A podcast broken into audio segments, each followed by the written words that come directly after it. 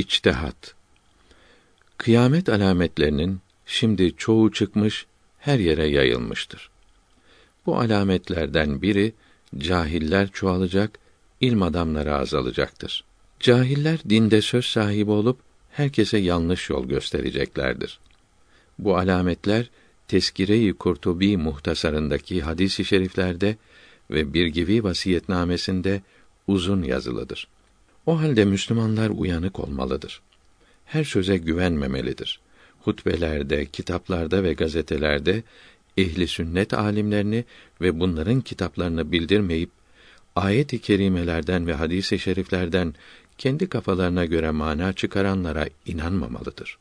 Mezhepsizler ya bid'at sahibi sapıktır yahut kâfirdir. Bunların her ikisi de her zaman din adamı kılığına girerek Müslümanları aldatmışlar, doğru yoldan çıkarmışlardır. Mezhepsizlerin bildirdikleri ayet-i kerimelere ve hadis-i şeriflere ehli sünnet alimlerinin nasıl mana verdiklerini aramalı, işin doğrusunu öğrenmelidir. Bunun için de güvenilen ilmihal kitaplarını okumalıdır. Ehli sünnet alimleri ayet-i kerimelerin ve hadis-i şeriflerin hepsini incelemiş, kılı kırk yararak doğru manalarını bulmuşlar, kitaplara yazmışlardır. Şimdi biraz Arabi bilen din cahilleri kendilerini müçtehit sanıyorlar. Biz fakülteyi de bitirdik, diploma aldık diyerek İslam alimlerini küçük görüyorlar. Halbuki bir zamanda yaşamış olan müçtehitlerin icma yani söz birliğiyle bildirmiş oldukları bir şey dinde zaruri olan şeylerdense yani cahillerin bile işittiği her yere yayılmış bilgilerdense bu şeye inanmak da uymak da farzdır. Böyle icmaa inanmayan kafir olur. İnanıp da uymayan fasık olur. İcma ile bildirilmiş olan şey zaruri bilinen şeylerden değilse buna inanmayan kafir olmaz. Bid'at sahibi sapık olur. Uymayan yine fasık olur, günah işlemiş olur. İbn Melek Usulü Fıkh kitabında icma bahsinde diyor ki: bir zamanda yaşamış olan müçtehitler bir şeyin nasıl yapılacağında söz birliğine varamamış. Başka başka söylemişlerse bunlardan sonra gelen alimlerin bunların sözlerinden birine uyması lazımdır. Başka türlü söylemeleri caiz değildir, batıldır. Böyle olduğunu bütün alimler söz birliğiyle beyan buyurmuşlar, icma hasıl olmuştur. Şimdi dünyanın hiçbir yerinde bir müçtehit yoktur. Müçtehit içtihat derecesine yükselmiş derin İslam alimi demektir. Şimdi yeryüzünde hiç müçtehit bulunmadığını kendiliğimizden söylemiyoruz. Bunu bütün alimler Mevdudi'nin yalancı şahit yapmaya kalkıştığı Şah Veliyullah Dehlevi Hazretleri de bildiriyor. Mesela İbn Abidin Dürrül Muhtar'daki müezzinlerin çok bağırmaları namazlarını bozar yazısını açıklarken Resulullah'ın sallallahu aleyhi ve sellem vefatından 400 sene sonra kıyas kalmadı. Yani kıyas yapan derin alim kalmadı. Bir işi başka işe benzeterek hüküm çıkarabilecek mutlak müçtehit kalmadı buyuruyor. Evet, her yüz senede bir içtihat derecesine yükselmiş olan derin alimler yani mücedditler geleceği hadis-i şerifte bildirilmiştir. Bu mücedditler mezhepte müçtehittir. Bunlar kıyaslar yapmak, yeni içtihatlarda bulunmak vazifesini üzerine almamışlar, bulundukları mezhebin imamlarının içtihatlarını tazelendirmeye, halkı irşad etmeye çalışmışlardır. Yeni içtihatlara ihtiyacı olmadığını görmüşler, ehli sünnet bilgilerini kuvvetlendirmeye ehemmiyet vermişlerdir. Müçtehit olmayan her Müslümana mukallit denir. Şimdi yeryüzündeki bütün Müslümanlar mukallidiz. Bir mukallit ne kadar alim olursa olsun bunun bir iş üzerinde önce gelmiş müçtehitlerin bildirdiklerinin dışında ayrı bir içtihatta bulunamayacağı İbn Melek'in rahmetullahi teala aleyh bildirdiği yukarıda yazılı söz birliğinden anlaşılmaktadır. Ümmetim dalalet üzerinde birleşmez hadisi şerifi alimlerin bu söz birliğinin hidayet olduğunu, doğru olduğunu göstermektedir. 46. Mevdudi Çeşdiye tarikatının büyüklerinden olan Hoca Kutbuddin Mevdudi Çeşdi'nin torunlarındandır. Ecmir'de metfun olan Muinüddin Çeşdi Kutbuddin'in halifelerinden Osman Haruni'nin halifesidir. Kutbuddin Mevdudi 527 miladi 1132'de Çeşt'te vefat etti. Çeşt Hirat kariyelerindendir. Mevdudi 1321 miladi 1903 senesinde Haydarabad'da doğdu. 1399 miladi 1979 Eylül ayında Amerika'da öldü. Pakistan'da defnedildi. Gazeteci olarak hayata atıldı. İlk olarak 1927'de İslam'da Cihat kitabını yazdı. Bu kitabında ihtilal fikirlerini yayıyordu. Arapçaya tercüme edilince Hasan el-Benna'nın düşüncelerine tesir ederek Mısır'da devlete karşı gelmesine ve öldürülmesine sebep oldu. Mevdudi'nin ilmi kifayetsizliği böyle sayısız Müslümanları maddi ve manevi ölüme sürüklemiştir. Çünkü hiçbir İslam alimi siyasete karışmamış, ihtilali hatırından bile geçirmemiştir. Milleti ilm ile nasihat ile irşad etmişlerdir. İslamiyetin ihtilal ile değil, ilm ile, adalet, ahlakla yayılacağını bildirmişlerdir. Mevdudi İslam'ın bütün ana prensiplerini kendi mantığıyla çözmeye kalkışmış, İslam alimlerinden ve İslam bilgilerinden hep ayrılmıştır. Kitapları incelenirse kendi mantığını, kendi düşüncelerini İslamiyet olarak yaymak çabasında olduğu kolayca sezilir. İslamiyeti modern hükümet şekillerine uydurmak için çeşitli kılıklara sokmaktadır. İslam'ın hilafet müessesesine de kendi hayaline göre şekil vermekte, halifelerin hemen hepsine hücum etmektedir.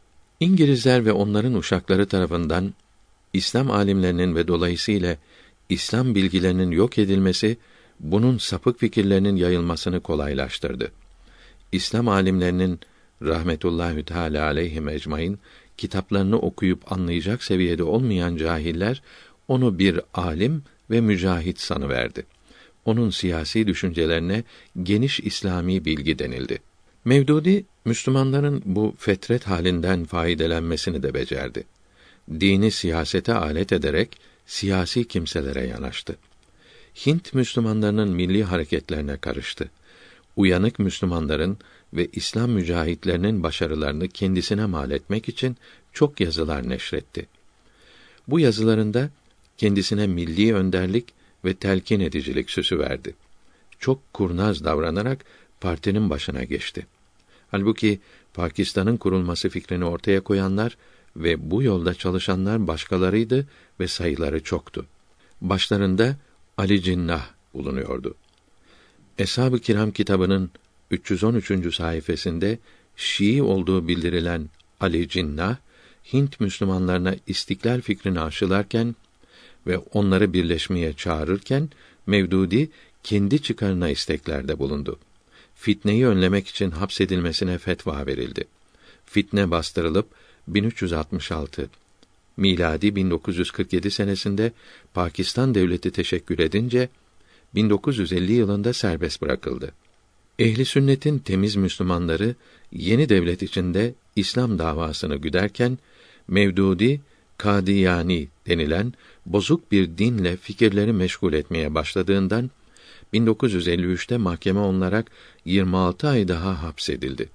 O hapisteyken Müslümanları koruyan anayasa hazırlanmıştı ve 1956'da kabul edildi.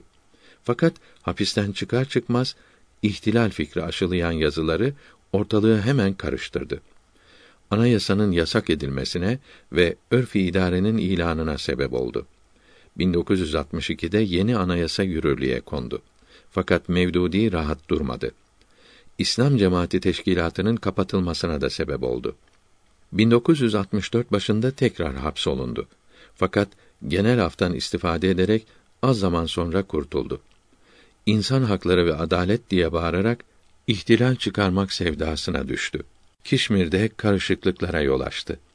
Hintliler bundan faydalanarak Kişmir'e saldırdı. Hükümet korkunç ve güç durumlarla karşılaştı. Bütün bu çılgınlıklarıyla kanaat edemeyen Mevdudi el altından Suudi Arabistan'la da işbirliği yaptı. Mezhepsizliği her İslam ülkesine yaymak için kurulmuş olan Medine'deki Vehhabi istişare heyetine aza oldu. Fakat Bir zalime yardım edene Allahü Teala o zalimi musallat eder. Hadisi şerifi tecelli ederek yanaşmak istediği kimseler tarafından yine hapsolundu. Karaşi Medresesi'nin müdiri ve Pakistan Medreseleri Vifakı'nın reisi Muhammed Yusuf Benuri 1397 miladi 1977 senesinde vefat etti. El Üstadül Mevdudi kitabında Ebül Ula Mevdudi'nin ehliyetsiz ve mezhepsiz olduğunu uzun anlatmaktadır. Bu kitap Arabi olup İstanbul'da offsetle bastırılmıştır. Yedinci sayfeden başlayarak diyor ki, Mevdudi, uğursuz bir tesadüf olarak çocukluğunda Niyaz Feth Puri isminde bir mülhidi katip yaptı. Bunun sapık fikirleriyle bozuldu. Bunun yardımıyla çeşitli mecmualara yazı vererek geçimini sağladı. Sonra Cemiyetü Ülemail Hint idaresini ele aldı. Müfti Muhammed Kifayetullah ve Şeyh Ahmet Said Dehlevi'nin yardımlarıyla Müslim mecmuasını çıkardı. 1352 miladi 1933'te Tercümanül Kur'an mecmuasını çıkardı. Sonra dört arkadaşıyla birlikte Darül İslam idaresini kurdular. Bu arkadaşları Muhammed Mavzur Numani, Ebul Hasan Ali Nedvi Lüknevi, Emin Ahsenü İslahi ve Mes'ud Alimül Nedvi idi. Nihayet 1360 miladi 1941'de El Cemaatül İslamiye idaresini tesis etti. Akıcı kalemiyle yazılar neşretti. Şeyh Münazır Ahsenül Geylani, Seyyid Süleymanün Nedvi, Abdülmacid Deryabadi gibi meşhur kimselerin met ve senalarına kavuştu. Fakat fikirlerini yaymaya başlayınca ileriyi gören ilim adamlarında tereddütler hasıl oldu. Kitaplarına karşı ilk reddiye yazan Şeyh Münazır Ahsenül Geylani oldu. Abdülmacid Deryabadi'nin çıkardığı Sıtkül Cedid mecmuasında yeni bir harici başlığıyla ilk reddiyesini yazdı. Sonra Süleymanün Nedvi ve Hüseyin Ahmedül Medeni Mevdudiye reddiyeler yazdılar. Mevdudi'nin sapıtmasına sebep din bilgilerini ehlinden öğrenmedi. Arabi ilimlerde maharet kazanamadı. Hakiki din alimlerinin sohbetlerine kavuşamadı. İngilizce ve Arabi lisanlarını okumakta ve yazmakta ve konuşmakta başarılı olmadı. Arabi olarak neşrettiği kitaplarının hepsini Urdu diliyle yazmış ve Şeyh Mesud Alimün Nedvi ve talebesi tarafından Arabiye tercüme edilmiştir. Üzerlerinde Mevdudi ismi yazılı olduğundan okuyanlar Mevdudi'nin Arabi olarak yazdığını zannetmektedirler. Mevdudi bir din adamı değildir. Bir siyaset adamıdır. Urdu dilinde akıcı bir kalemi vardır. Fakat kitaplarının zararı faydelerinden büyüktür. Şerleri hayırlarına galiptir. Bilhassa Urdu dilinde neşrettiği kitaplarında eshab-ı kirama dil uzatmaktadır. Halife-i Raşidinden olan Hazreti Osman'ı lekelemektedir. İslamiyetin ıstılahlarını ve ayet-i kerimeleri değiştirmektedir. Selef-i salihine hakaret etmektedir. Bütün yazıları mevki ve koltuk kapmak arzusunu açıkça göstermektedir. Vehhabilerin kurmuş olduğu Rabıtatül Alemil İslami teşkilatının azaları ve Neç'teki Riyad'daki mezhepsizler Mevdudi'yi seviyorlar. Arabi kitaplarını dünyaya yayıyorlar. Sarra sahibi Kusaymi ve Camiatül Medine müderrislerinden Nasır Albani bunlardandır. Pakistan'daki din adamlarından Muhammed Zekeriya da önce Mevdudi'nin yazılarını beğeniyordu. Sonra sapıklığını, dalaletini anlayınca kendisine nasihat mektubu yazdı. Sonra onun bozuk fikirlerini bildiren bir risale neşretti. Doktor Abdurrazzak Hezarevi Pakistani bunu Urdu dilinden Arabiye tercüme ve şerh ederek neşreyledi. Bunu okuyanlar Mevdudi'nin fikirlerini iyi anlar. Fikirlerinin bir kısmı fısktır, bir kısmı bid'attir, bir kısmı ilhattır. Bir kısmı dinde cahil olduğunu gösteriyor. Bir kısmı din bilgilerini iyi kavrayamadığını bildiriyor.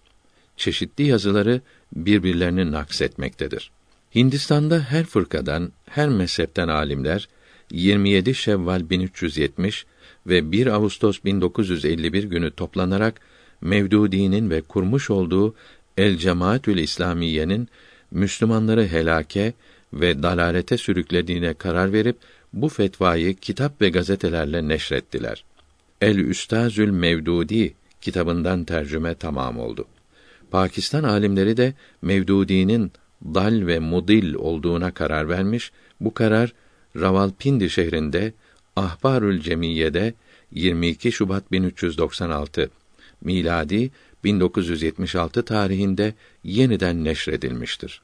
El Meclisül Alemi Lisiyanetil İslam Cemiyeti'nin 1409 miladi 1988'de Pakistan'ın Karaçi şehrinde çıkardığı Eş-Şakikan kitabında Mevdudi'nin ve Humeyni'nin sakalsız, başı açık resimleri var. Humeyni'nin Kur'an-ı Kerim'e hakaret eden ve peygamberleri küçülten ve ehli sünnet olan Müslümanların Yahudiden ve Hristiyandan daha kötü olduklarını bildiren yazıları ve Mevdudi'nin ve bunun kurduğu Cemaati İslamiye'nin mecmualarında Humeyniye metiyeleri var. Bütün bunlar Mevdudi'nin de Rafizi olduğunu gösteriyor demektedir. Mezhepsizler Muhammed Abduh'un, Mevdudi'nin, Seyyid Kutb'un ve Rafizi babalarından Humeyni'nin propagandalarını yapıyor. Onların İslamiyete aykırı yazılarını bir kahramanlık ve mücadele olarak tanıtıyorlar. 47. Seyyid Kutb'un tuttuğu yolu açıklamadan önce onun akıl hocası Abduh üzerinde de bilgi vermek faydalı olacaktır. Muhammed Abduh 1265 miladi 1849'da Mısır'da tevellüt ve 1323 miladi 1905'te orada vefat etmiştir.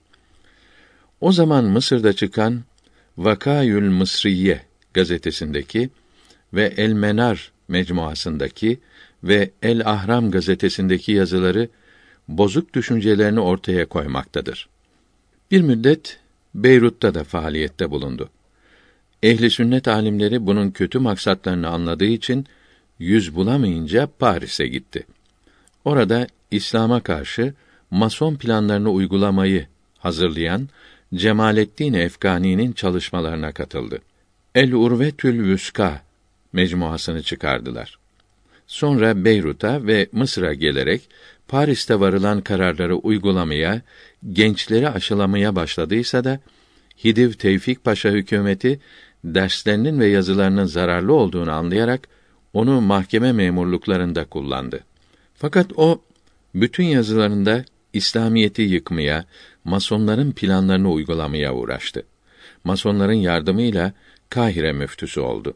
Ehli sünnete saldırmaya başladı. İlk iş olarak Camiül Eser Medresesi ders programlarını bozmaya, gençlere kıymetli bilgilerin okutulmasını önlemeye başladı. Üniversite kısmındaki dersleri kaldırdı. Lise ve orta kısımdaki kitaplar yüksek sınıflarda okutuldu. Masonlar daha önce Osmanlılarda da böyle yapmış, Tanzimatta medreselerden fen dersleri kaldırılmış, din dersleri de yüksek bilgilerden mahrum edilmişti.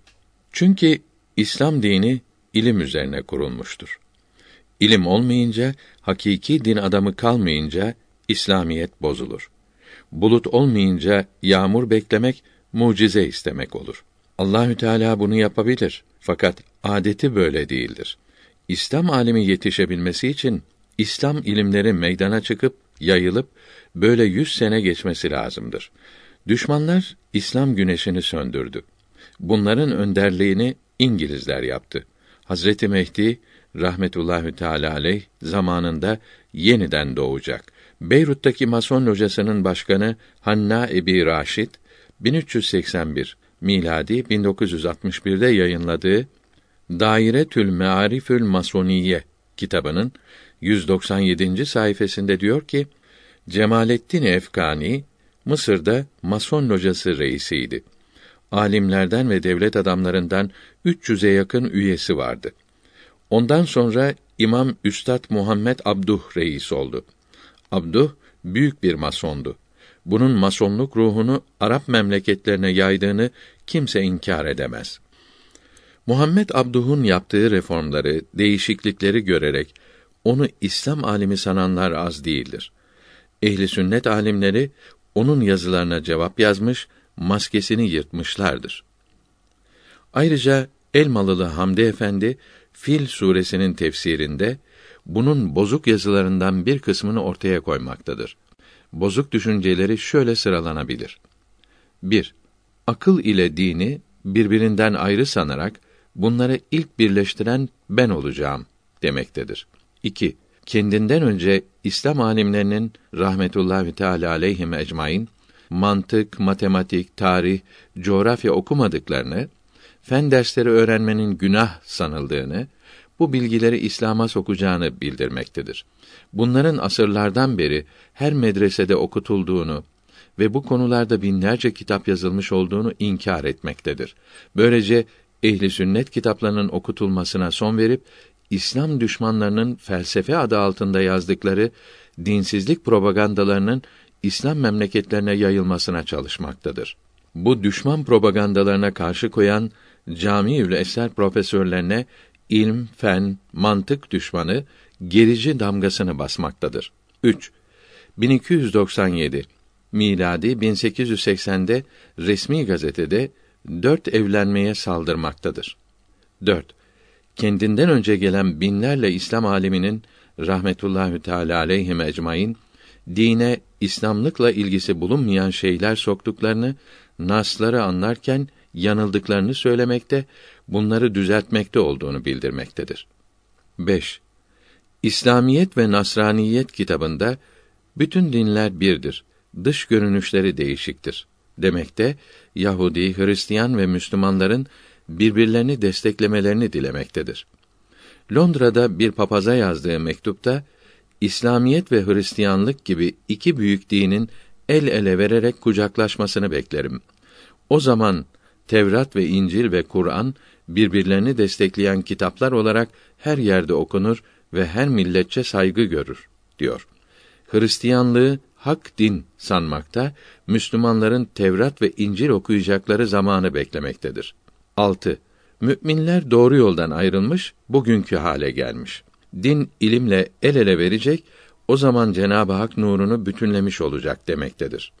Allahü Teala nurunu Resulullah sallallahu teala aleyhi ve sellem efendimin zamanında tamamlamamış, İslam alimleri ilm ile el ele vermemiş sanmaktadır. İslamiyet ve Nasraniyet kitabında bir kimseden yüz bakımdan kâfirliği, bir bakımdan imanı bildiren bir söz işitilse, o kimse imanlı kabul edilir.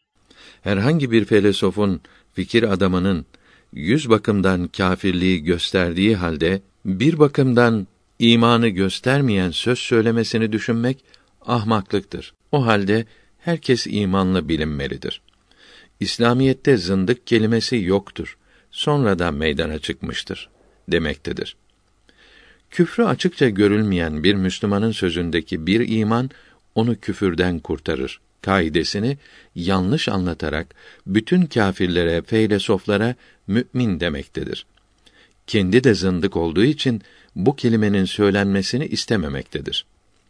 Künuz-ı Dekaik'ta ve Deylemi'de yazılı ümmetim arasında zındıklar çoğalacaktır. Hadisi şerifini inkar etmektedir. 8.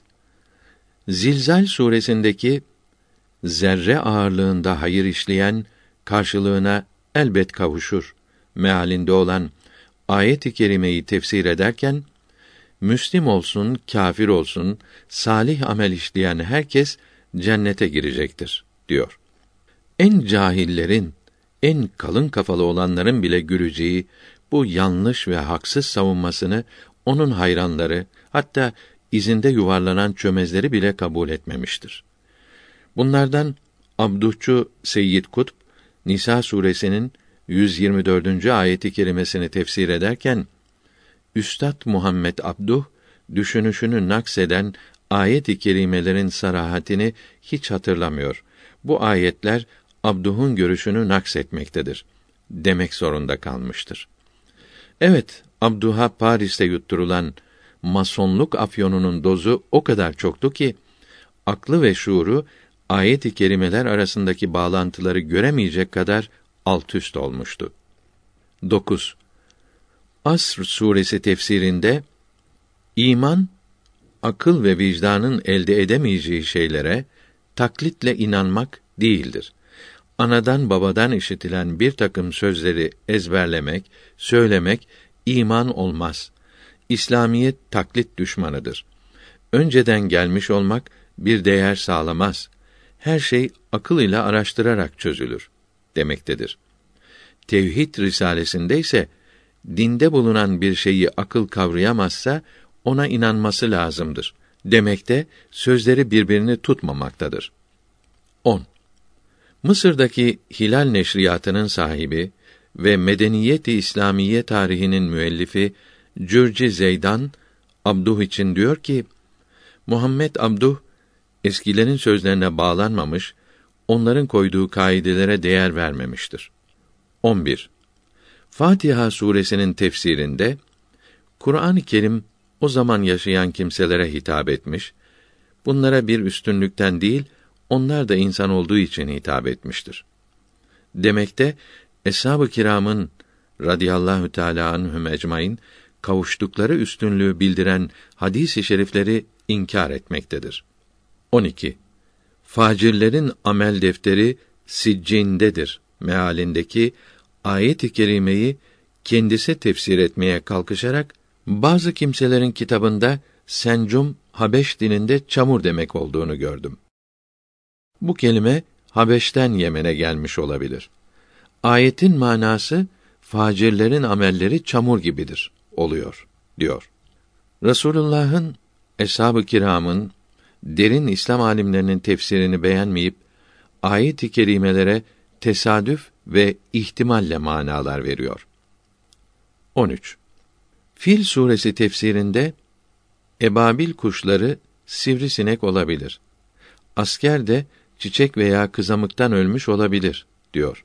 Yüz yıl daha sonra gelseydi kim bilir nasıl mana verecekti. Halbuki bunların manalarını Rasulullah sallallahu aleyhi ve sellem açıkça bildirdi. Tefsir alimleri o manaları bulup kitaplarına yazdı. 14. Vennas suresini tefsir ederken her insanın içinde bir şeytan vardır. Fakat bu insanın içinde kötülük arzularını doğuran bir kuvvet demektir. Cinne benzetilen bir tesirdir diyor. İslam alimlerinin kitaplarından, bilgilerinden haberi olmayan bu zavallı adam akla, ilme, fenne uymalı diyerek ortaya çıkmakta, mezhep imamlarını taklit etmeyi inkar etmekte, bütün din bilgilerini zamanının fen buluşlarına, felsefecilerin o günkü düşünüşlerine uydurmaya kalkışmaktadır. İslam alimlerinin kitaplarını okumak istemediği, fen tahsili de olmadığı için kısa görüşlerine ve işittiklerine göre din kitapları yazmakta, din bilgisi yaymaktadır.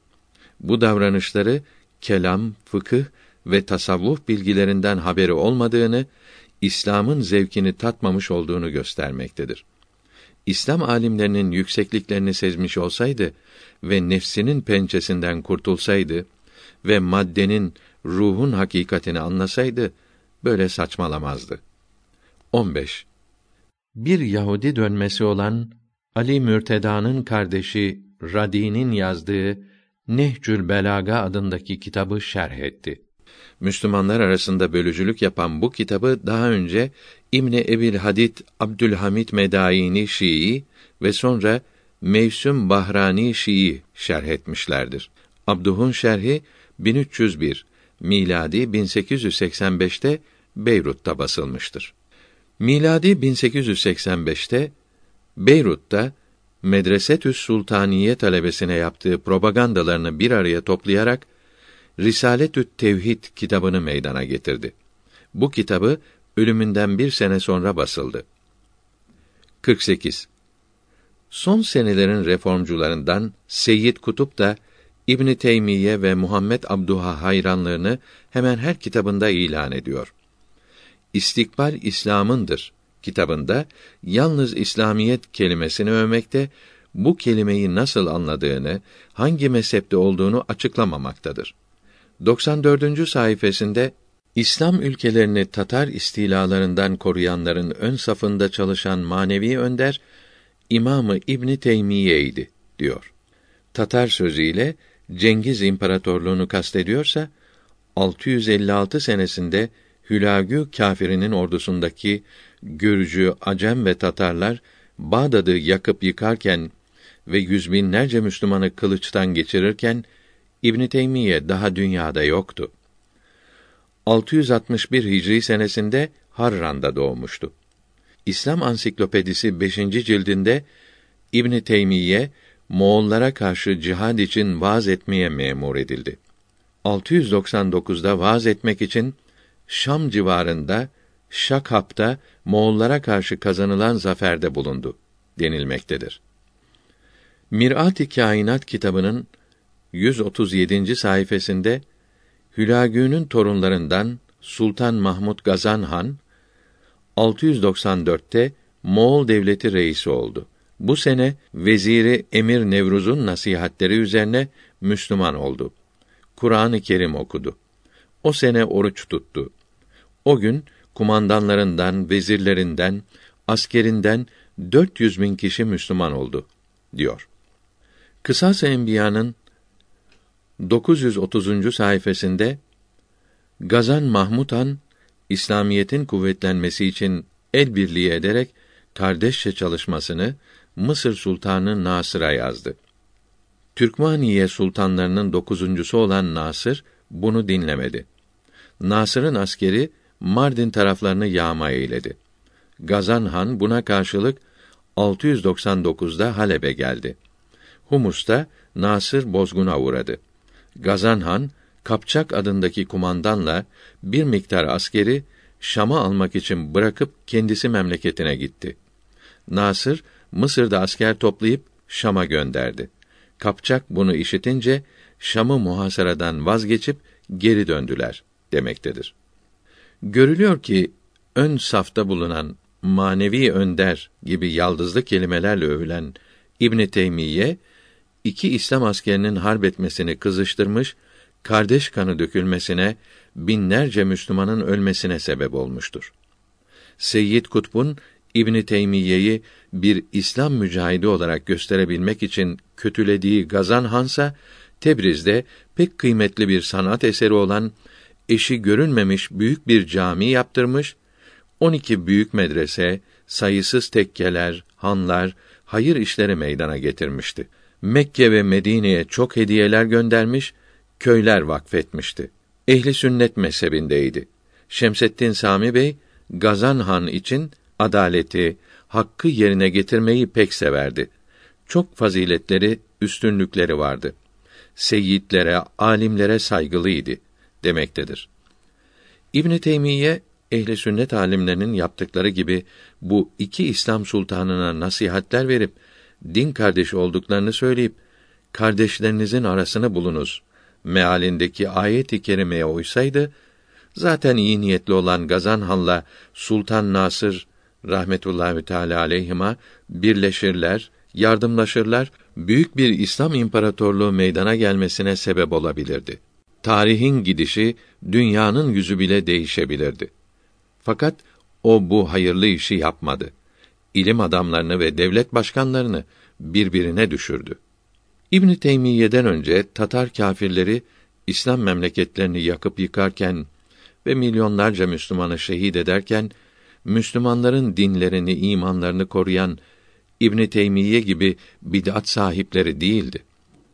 Burhanettin Şehit, Fahrettin Razi, Ömer Nesefi, Sadreddin Konevi, Şeyh Sadi Şirazi ve daha nice ehli sünnet alimlerinin vaazları ve kitaplarıyla Ahmet Rıfai, İmamı Gazali, Necmettin Kübra, Ahmet Namiki Cami ve Abdülkadir Geylani gibi müşritlerin rahmetullahi teala aleyhi ecmaîn yetiştirdikleri binlerce evliya idi.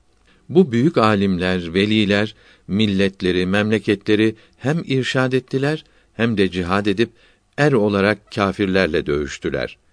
Çoğu şehit oldu. Tarih meydandadır. 49. İbn Teymiyye'nin doğru yoldan sapmış olduğunu 42. maddede bildirmiştik. Onun hayranlarının da doğru yolla ne kadar bağlılığı olabileceğini düşünmeye bile lüzum yoktur. Seyyid Kutb, Cihan Sulhü ve İslam kitabında da ona bağlılığını göstermekten geri kalmamıştır. Devletçilik sahasında çalışmalar henüz pek azdır. İslam'ın bu tarafı gereği kadar açıklanmamıştır, diyor. Bu bilgilerin kendi kitaplarından öğrenilmesini istiyor. 600 senelik Osmanlı Devleti'nin kanunları, anayasaları, fetvaları, arşivlerdeki vesikaları sayılmayacak kadar çoktur. İslam'da devletçiliği anlatan binlerce kitabı incelemek için ömür harcetmek lazımdır. Avrupalı müsteşrikler ve İsrail profesörleri şimdi İstanbul'da bunları inceliyor. Hayran kalıyorlar. İslam ve medeniyetin problemleri kitabında da İslam İslam diye yanıp yakılıp İslam toplumu ve ilahi yol ateşiyle tutuştuğunu anlatıp talebeyken işittiği garplı felsefecilerin yaldızlı sözlerini ve keskin zekalı diplomatların geniş fikirlerini uzun uzun yazarak gençlere bir kurtarıcı, bir mücahit gibi görünüyor. Sapık düşüncelerini çok kurnazca aşılamaya çalışırken İslam toplumunu inşa ederken bağlı olduğumuz şey İslam fıkhı değildir. Bu fıkha yabancı kalmıyor isek de bağlı olduğumuz şey İslam yolu, İslam düsturu, İslam anlayışıdır diyor. Fıkıh kitapları ve asırlar boyunca yazılmış olan devletçilik kitapları İslam yolu değil imiş de o kendi görüşü anlayışıyla İslam düsturu yapıyormuş. İslam alimlerinin mezhep imamlarının Kur'an-ı Kerim'den ve hadis-i şeriflerden çıkararak yazdıkları fıkıh kitapları bırakılacak, felsefeci kutbun düşünceleri bunların yerine konacakmış. Seyyid Kutb yine Cihan Sulhu kitabında İslam'a göre bütün insanlar birbirlerine yakın bağlarla bağlı bir ailedir. Irk ve din ayrımı yapmadan bütün beşeriyete mutlak adaleti emreder diyor. Gazali'nin Kimya-i Saadet kitabında bildirdiği hadis-i şerifte Rasulullah sallallahu aleyhi ve sellem buyurdu ki: İmanın temeli ve en kuvvetli alameti Müslümanları sevmek, kâfirleri sevmemektir. Cenab-ı Hak İsa aleyhisselama buyurdu ki: Eğer yerde ve göklerde bulunan bütün mahlukların ibadetlerini yapsan, dostlarımı sevmedikçe ve düşmanlarıma düşmanlık etmedikçe hiç faydası olmaz. Mücadele suresinin son ayetinde mealen Allahü Teala'ya ve kıyamet gününe iman edenler Allahü Teala'nın düşmanlarını sevmezler buyuruldu. Allahü Teala ve onun peygamberi müminlerle kâfirleri ayırmamızı emrediyor. Yalnız müminlerin kardeş olduklarını bildiriyor. Seyyid Kutupsa bütün insanların din ayrımı olmadan bir aileyi kuran kardeşler olduklarını yazmaktadır. 50. Seyyid Kutup yine Cihan Sulhü kitabında İslamiyet diğer dinlere nefret manasını taşıyan dini taassubu kabul etmez diyor. Kafirleri sevmemeye taassup damgasını vuruyor. Muhammed Masum Hazretleri 29. mektubunda buyuruyor ki: Kâfirleri sevmemek, onlara kalb ile düşmanlık etmek ve Darül Harp'te bulunanlarına sert davranmak ve onlarla muharebe etmek Kur'an-ı Kerim'de açık olarak emredilmiştir. Bunda şüpheye yer yoktur. Bakara suresi 256. ayetinde kimsenin ikrah ile ölüm ile tehdit edilemeyeceği yazılıdır. Cihad etmek bu ayeti kerimeye muhalif değil midir? Bunun cevabı tam ilmihal 20 ve 41. maddelerinde yazılıdır. Kur'an-ı Kerim'e uymamız farzdır. Zimmilere karşı adil olmak, onlara hiç kötülük yapmamak lazımdır. Seyyid Kutup Darül Harp'teki kâfirleri de zimmiler gibi sanıyor. Yine bu kitabında İslam insanlara zorla kabul ettirilmesi lazım gelen bir din değildir. Hiç kimseye zorla dini kabulü emretmez diyor. Halbuki cihat demek Allahü Teala'nın kullarının Müslüman olmalarına mani olan zalim diktatörleri yok ederek onları Müslüman yapmak demektir. İman edenler hakiki Müslüman olur. İman etmeyip teslim olanlar zimmi olur. Allahü Teala bütün kullarını zor ile Müslüman yapmak, zor ile cehennemden kurtarmak için cihadı emretti. Nisa suresinin 94. ayetinde mealen mallarını, canlarını feda ederek din düşmanlarıyla Allah'ın dinini yaymak için cihad edenler oturup ibadet edenlerden daha üstündür buyuruldu. Cihat, gaza, kâfirlere güç kullanarak emri maruf yapmaktır. Cihadı fertler değil, devlet yapar. Seyyid Kutb yine Cihan Sulhü kitabında İslam'ın hiçbir zamanında harpten gayesi zor ile Müslümanlığı insanlara kabul ettirmek değildir. Böyle bir zorlamaya İslam'ın ne nazari prensiplerinde ne de tarihi inkişafında rastlamak mümkündür. İslam, İslam'ı bilmeyen cahillerin ve İslam düşmanlarının zannettiği gibi asla kılınç ile intişar etmiş değildir. Dinin tabiatında olmayan harp hiçbir zamanda dine davet vesilesi olarak kullanılmamıştır diyor. Seyyid Kutb'un ayet-i kerimelerde ve hadis-i şeriflerde açıkça bildirilen ve milyonlarca kitapta söz birliğiyle yazılmış olan ve her milletin tarihlerinde sürülerce misalleri bulunan İslam cihadını tersine çevirmesi beyaza kara demek gibi şaşılacak bir şeydir. Yukarıdaki yazılar hiçbir Müslümanın hatta hiçbir okumuş insanın inanacağı bir şey değildir. Bunları ya hiç okumamış bir cahil veya bir ahmak yahut da İslamiyetle ilişiği olmayan Kadi yani Ahmediye adındaki Hindistan'da İngilizlerin ortaya koyduğu uydurma dindeki kimseler söyler. Kendisi de Nisa suresinin 73.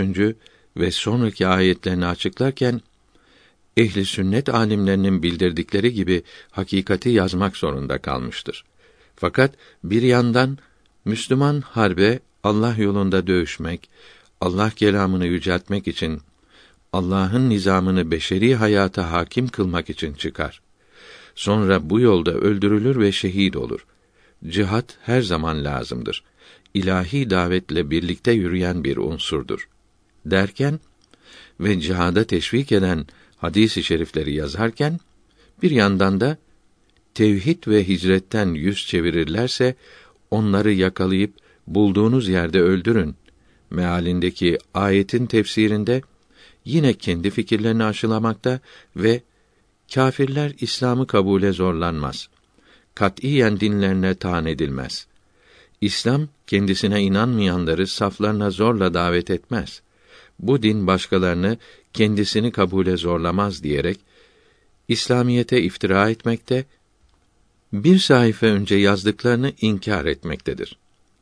Yüzüncü ayeti kerimeyi her kim Allah yolunda hicret ederse yeryüzünde bereket ve vüs'at bulur. Yolda ölürse Allahü Teala ecrini verir. Güzel tefsir ederek kafir memleketinde kalan Müslümanların Darül İslam'a hicret etmelerinin vacip olduğunu doğru anlatıyor. Görülüyor ki kafir memleketinde bulunanlar İslam memleketine hicret edecektir. Hükümete karşı çıkarak fitne uyandırmayacaktır.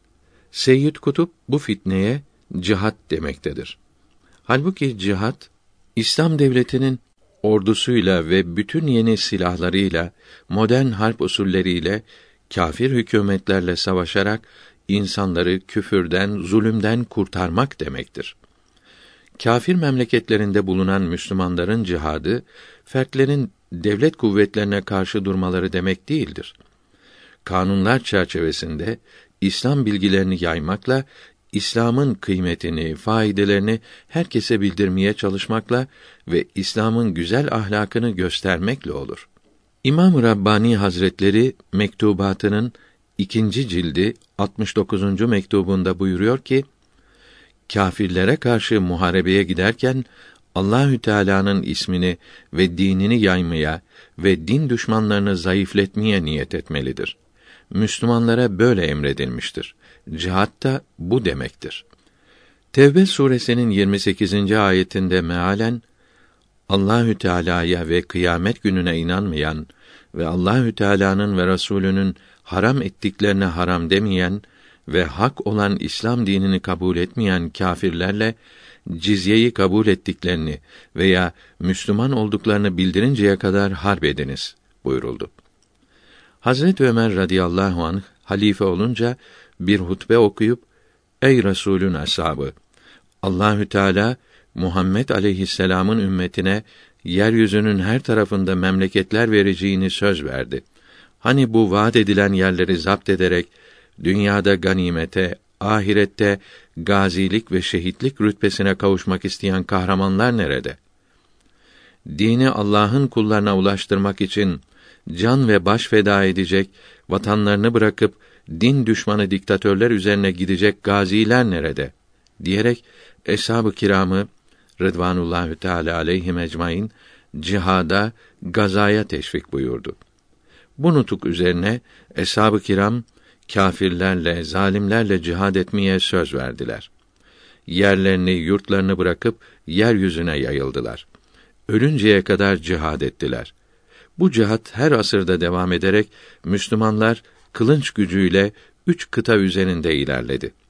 Aldıkları yerlerin ahalisi ya Müslüman oldu yahut cizye denilen vergiyi vermeyi kabul ederek İslam'ın adaletine sığınanları kendi ibadetlerinde serbest bırakıldı. Fakat bunlar da muamelatta ve ukubatta İslamiyete uymaya mecbur tutuldu. Böylece hükmen Müslüman sayıldılar. Rahat ve huzur içinde yaşadılar. İslamiyet dünyada iki türlü memleket vatan tanımaktadır. Darül İslam denilen İslam vatanı ve Darül Harp denilen kafir vatanı. Darül İslam'da Müslümanlar ve cizye vermeyi kabul eden kâfirler yaşar. Bu kâfirlere ehli zimmet veya zimmi denir. Bunlar Müslümanların hak ve hürriyetlerine tam malik olarak rahat ve huzur içinde yaşarlar. Kendi ibadetlerini serbestçe yaparlar. İslam'ın adaletine, kanunlarına uyarlar. Darül Harp denilen kâfir memleketlerine gelince İslamiyet bunların adaletine, emniyetine, rahatına, huzuruna hiç karışmaz. İslamiyet yalnız bunların iman ederek hakikaten Müslüman olmalarını veya cizyeyi kabul ederek hükmen Müslüman sayılmalarını ister. Bu ikisinden birine kavuşmaları için bunlara zulmeden diktatörlerle cihat yapılmasını Müslümanlara emreder. Güç kullanarak cihat yapmak devlet başkanının veya onun tayin edeceği kumandanın emriyle olur. Herkesin kendi kendine kâfirlere saldırması cihad olmaz. Fitne çıkarmak olur. Şaşılacak şeydir ki kendisi de Maide suresinin tefsirine başlarken bu iki memleketi doğru olarak açıklamakta kendi görüşlerini saklamaktadır. İmamı Muhammed'in Siyer-i Kebir kitabının tercümesi 82. sayfasında buyuruyor ki cihat emri yavaş yavaş geldi. İslamiyetin başlangıcında müşriklerle karşılaşmamak, onlardan uzak kalmak, onlara yumuşak davranmak emrolundu. Sonra ikinci emir gelerek kâfirlere yumuşak ve güzel sözlerle İslamiyeti bildir. Ehli kitap denilen Yahudilerle Hristiyanlara yumuşak, güzel karşılık ver denildi. Üçüncü emirle harp etmeye yalnız izin verildi. Dördüncü emirle kâfirler size eziyet verince onlarla harp ediniz diyerek karşı koymak farz oldu.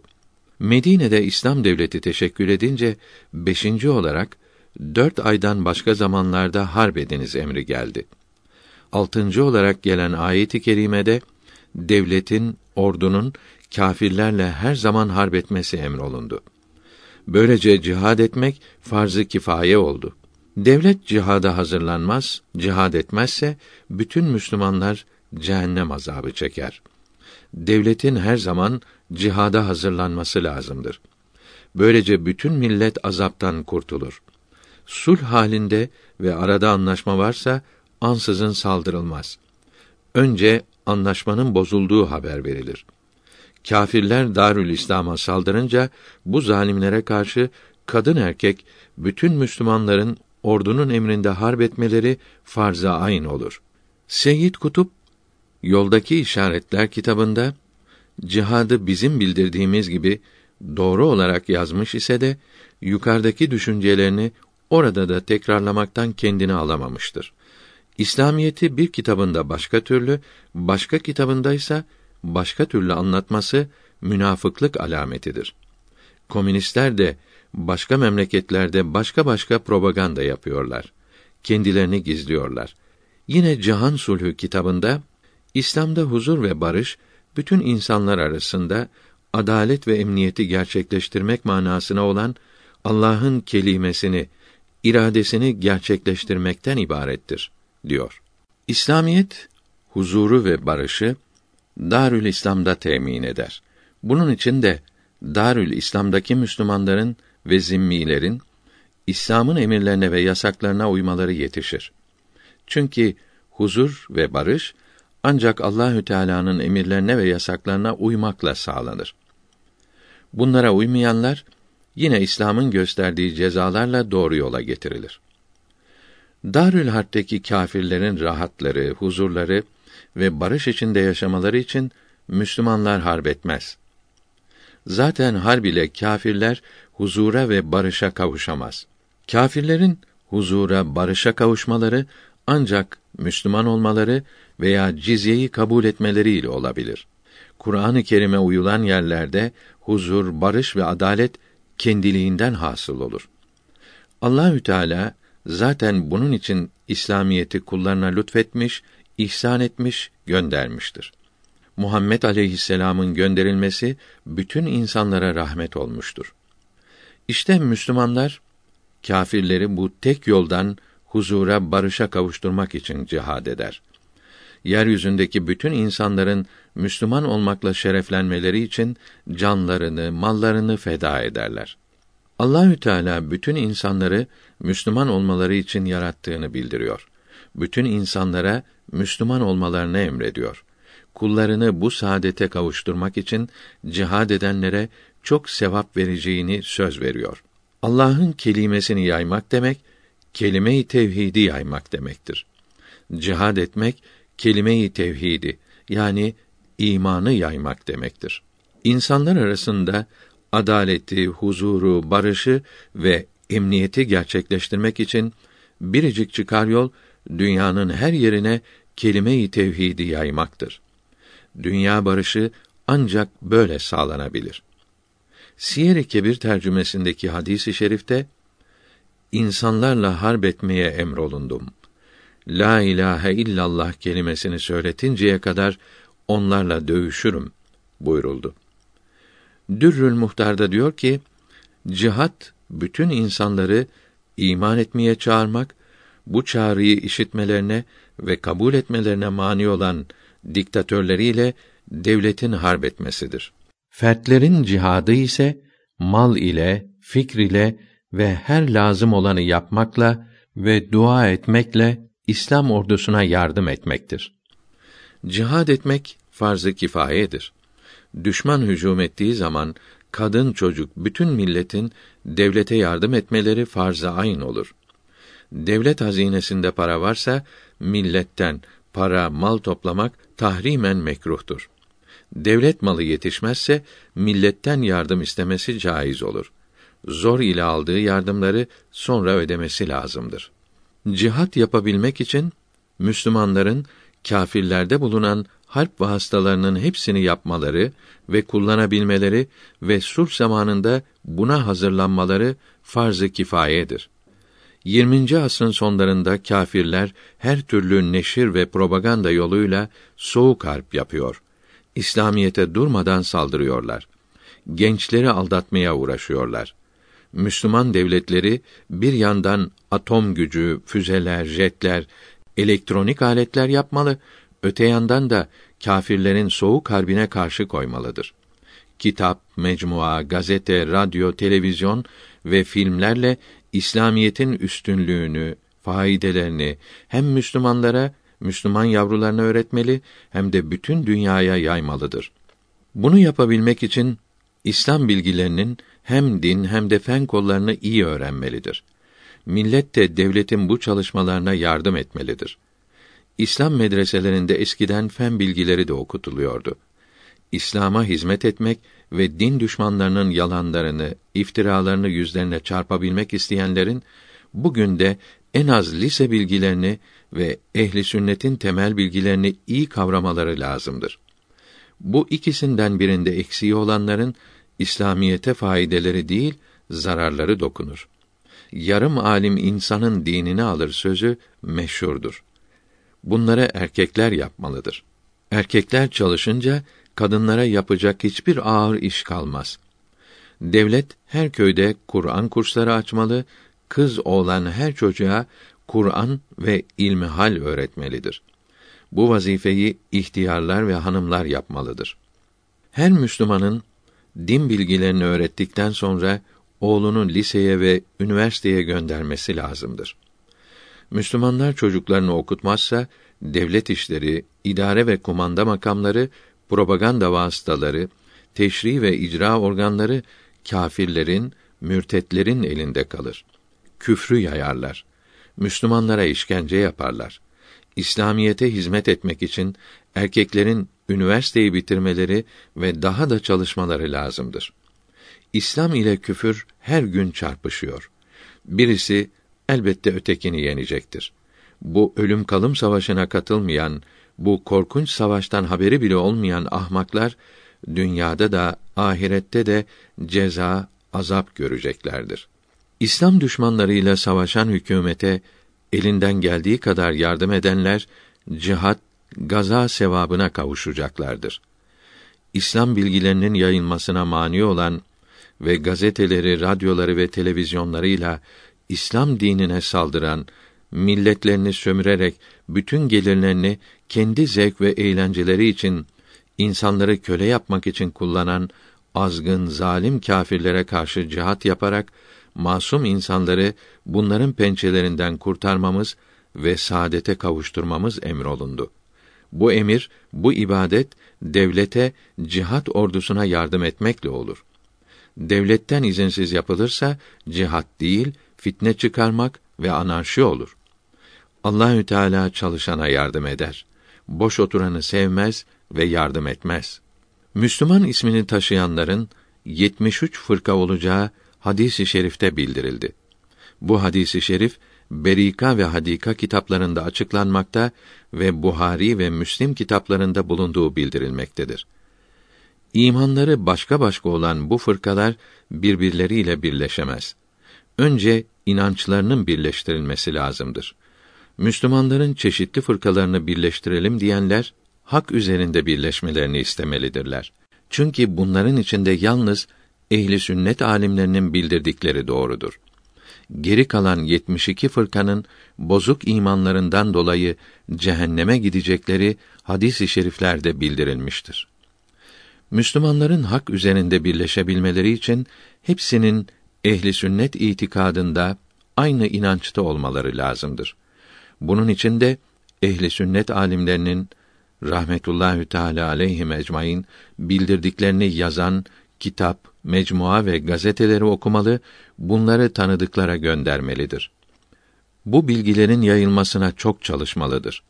Mektebe giden çocuğunu her akşam kontrol etmeli, ahlakını bozan, dinini ve imanını çalmaya çalışan soysuz öğretmeni varsa bunu mearif vekaletine bildirmeli, çocuğu vicdanlı, şerefli, ilim ve hak adamı öğretmenleri bulunan okula nakletmelidir. Evladının sonsuz felakete sürüklenmesini önlemeli, din düşmanlarının tuzaklarına düşmemesi için çok uyanık olmalıdır. Çocuklarını Kur'an-ı Kerim hocasına göndermelidir. Onların körpe dimalarının, temiz ruhlarının Kur'an-ı Kerim'in nuruyla aydınlanmasına çalışmalıdır. Çocuklar ancak böylece Müslüman yetişebilir. Bir memleket çocukların Müslüman yetişmesiyle Müslüman kalabilir. Bu yazılanlar fikirle olan cihattır. Bu cihatta savaşla olan cihat gibi farzdır. 51. Seyyid Kutb Cihan Sulhü ve İslam kitabında diyor ki, zekat her sene esas servetten yüzde iki buçuk miktarında tahsil edilir. Bu vergiyi her vergiyi tahsil ettiği gibi ancak devlet tahsil eder. Sarf edilmesiyle vazifeli olan da devlettir. Yüz yüze ve iki fert arasında meydana gelen bir muamele değildir. İşte zekat bir vergidir. Bunu devlet tahsil eder ve belirli yerlere sarf eder. Zekat elden ele geçen ferdi bir ihsan ve sadaka değildir. Eğer bugün bazı kimseler mallarının zekatını bizzat kendi elleriyle ayırıp yine kendi elleriyle dağıtıyorlarsa bu İslam'ın farz kıldığı bir şekil ve nizam değildir diyor. Seyyid Kutb zekat üzerinde de İbn Teymiye'nin sözlerini tekrar etmekten kendini kurtaramamış. Burada da ehli sünnet alimlerinden ayrılmıştır.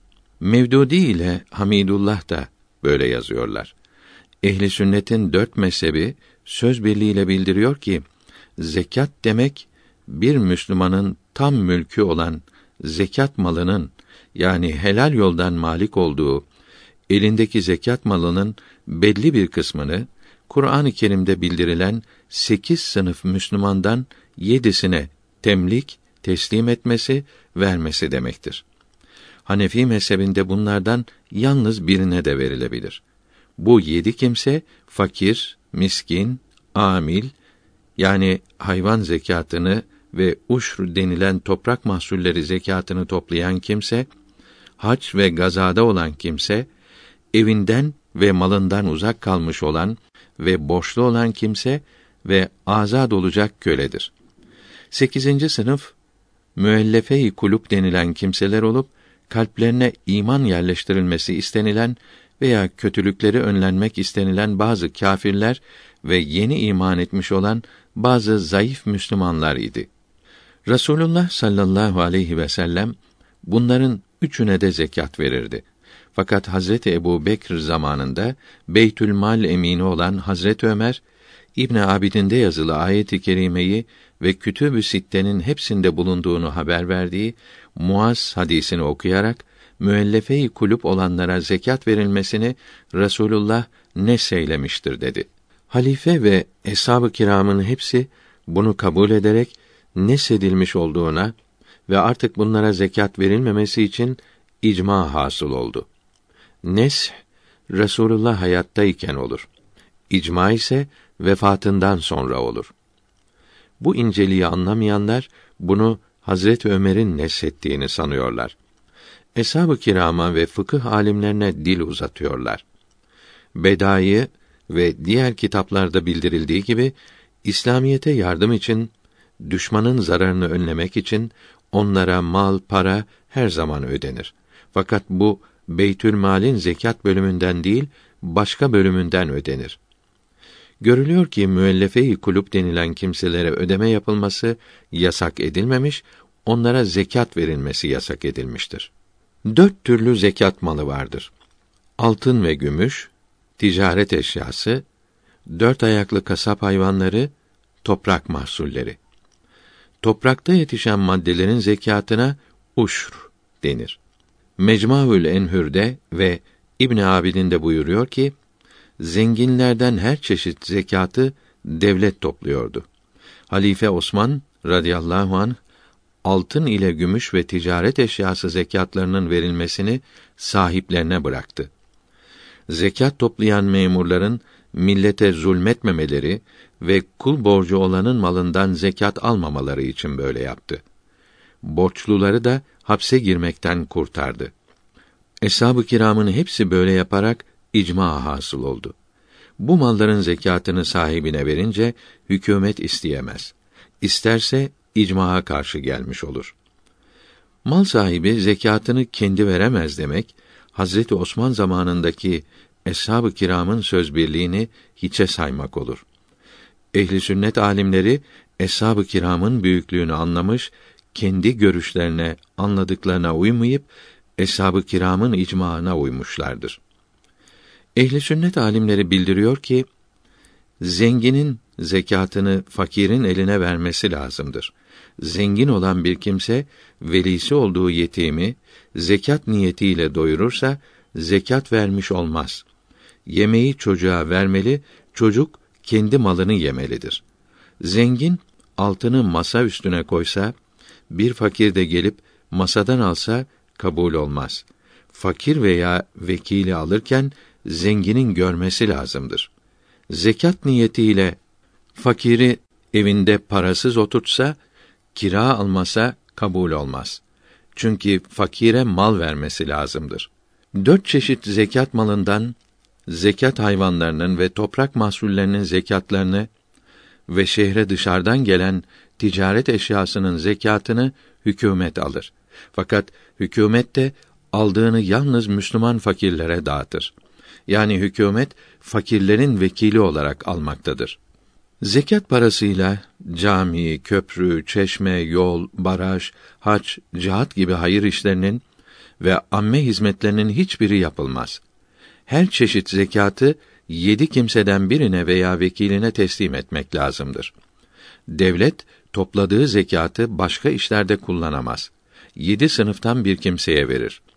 Zenginin zekatını fakir olan akrabaya, salihlere, ilm öğrenen fakirlere vermesi daha sevaptır. Hadis-i şerifte Ey ümmetim beni peygamber olarak gönderen Allahü Teala'ya yemin ederim ki fakir akrabası varken başkalarına verilen zekatı Allahü Teala kabul etmez buyuruldu. Yani sevabı olmaz. Müşebbihe gibi kafir olan bid'at sahiplerine mülhit denir. Mülhitlere zekat verilmez. Devleti devirip yok etmeye ihtilal denir. Meşru devletin emirlerine uymayan Müslümanlara asi, bagi denir. İbn Abidin de diyor ki, bagilerin veya zalim hükümetlerin baskısı altında veya Darül Harp'te bulunan Müslüman hayvan zekatını ve uşru onlara vermeyip fakirlere kendisi dağıtmışsa veya verdiğinin onlar tarafından yedi belli kimseden birine verilmiş olduğunu biliyorsa bu zekatları ve uşru meşru hükümet tekrar alamaz. Fakat altın ile gümüşün ve ticaret eşyasının zekatını almış iseler zenginin bunları tekrar fakirlere vermesi lazım olur. Bazı kitaplar bagilerin ve zalimlerin eğer Müslüman iseler her zekatı almaları ve başka yerlere de sarf etmeleri caiz olur demişlerdir. Bunları fakir saymışlardır. Buradan da zekatın fakirlere verilmesi lazım olduğu anlaşılmaktadır.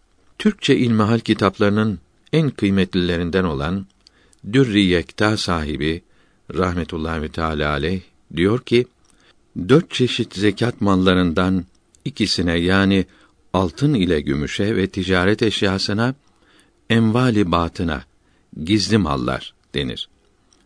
Bir kimsenin gizli mallarını araştırmak ve zekatlarını istemek caiz değildir.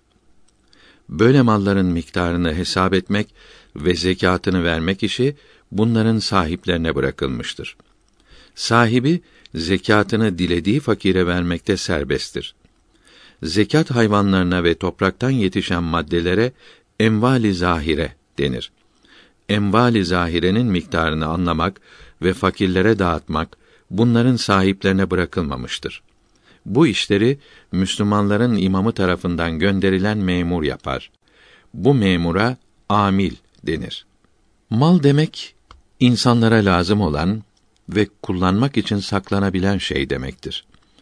Birkaç buğday tanesi, bir kaşık toprak, bir içim su mal değildirler.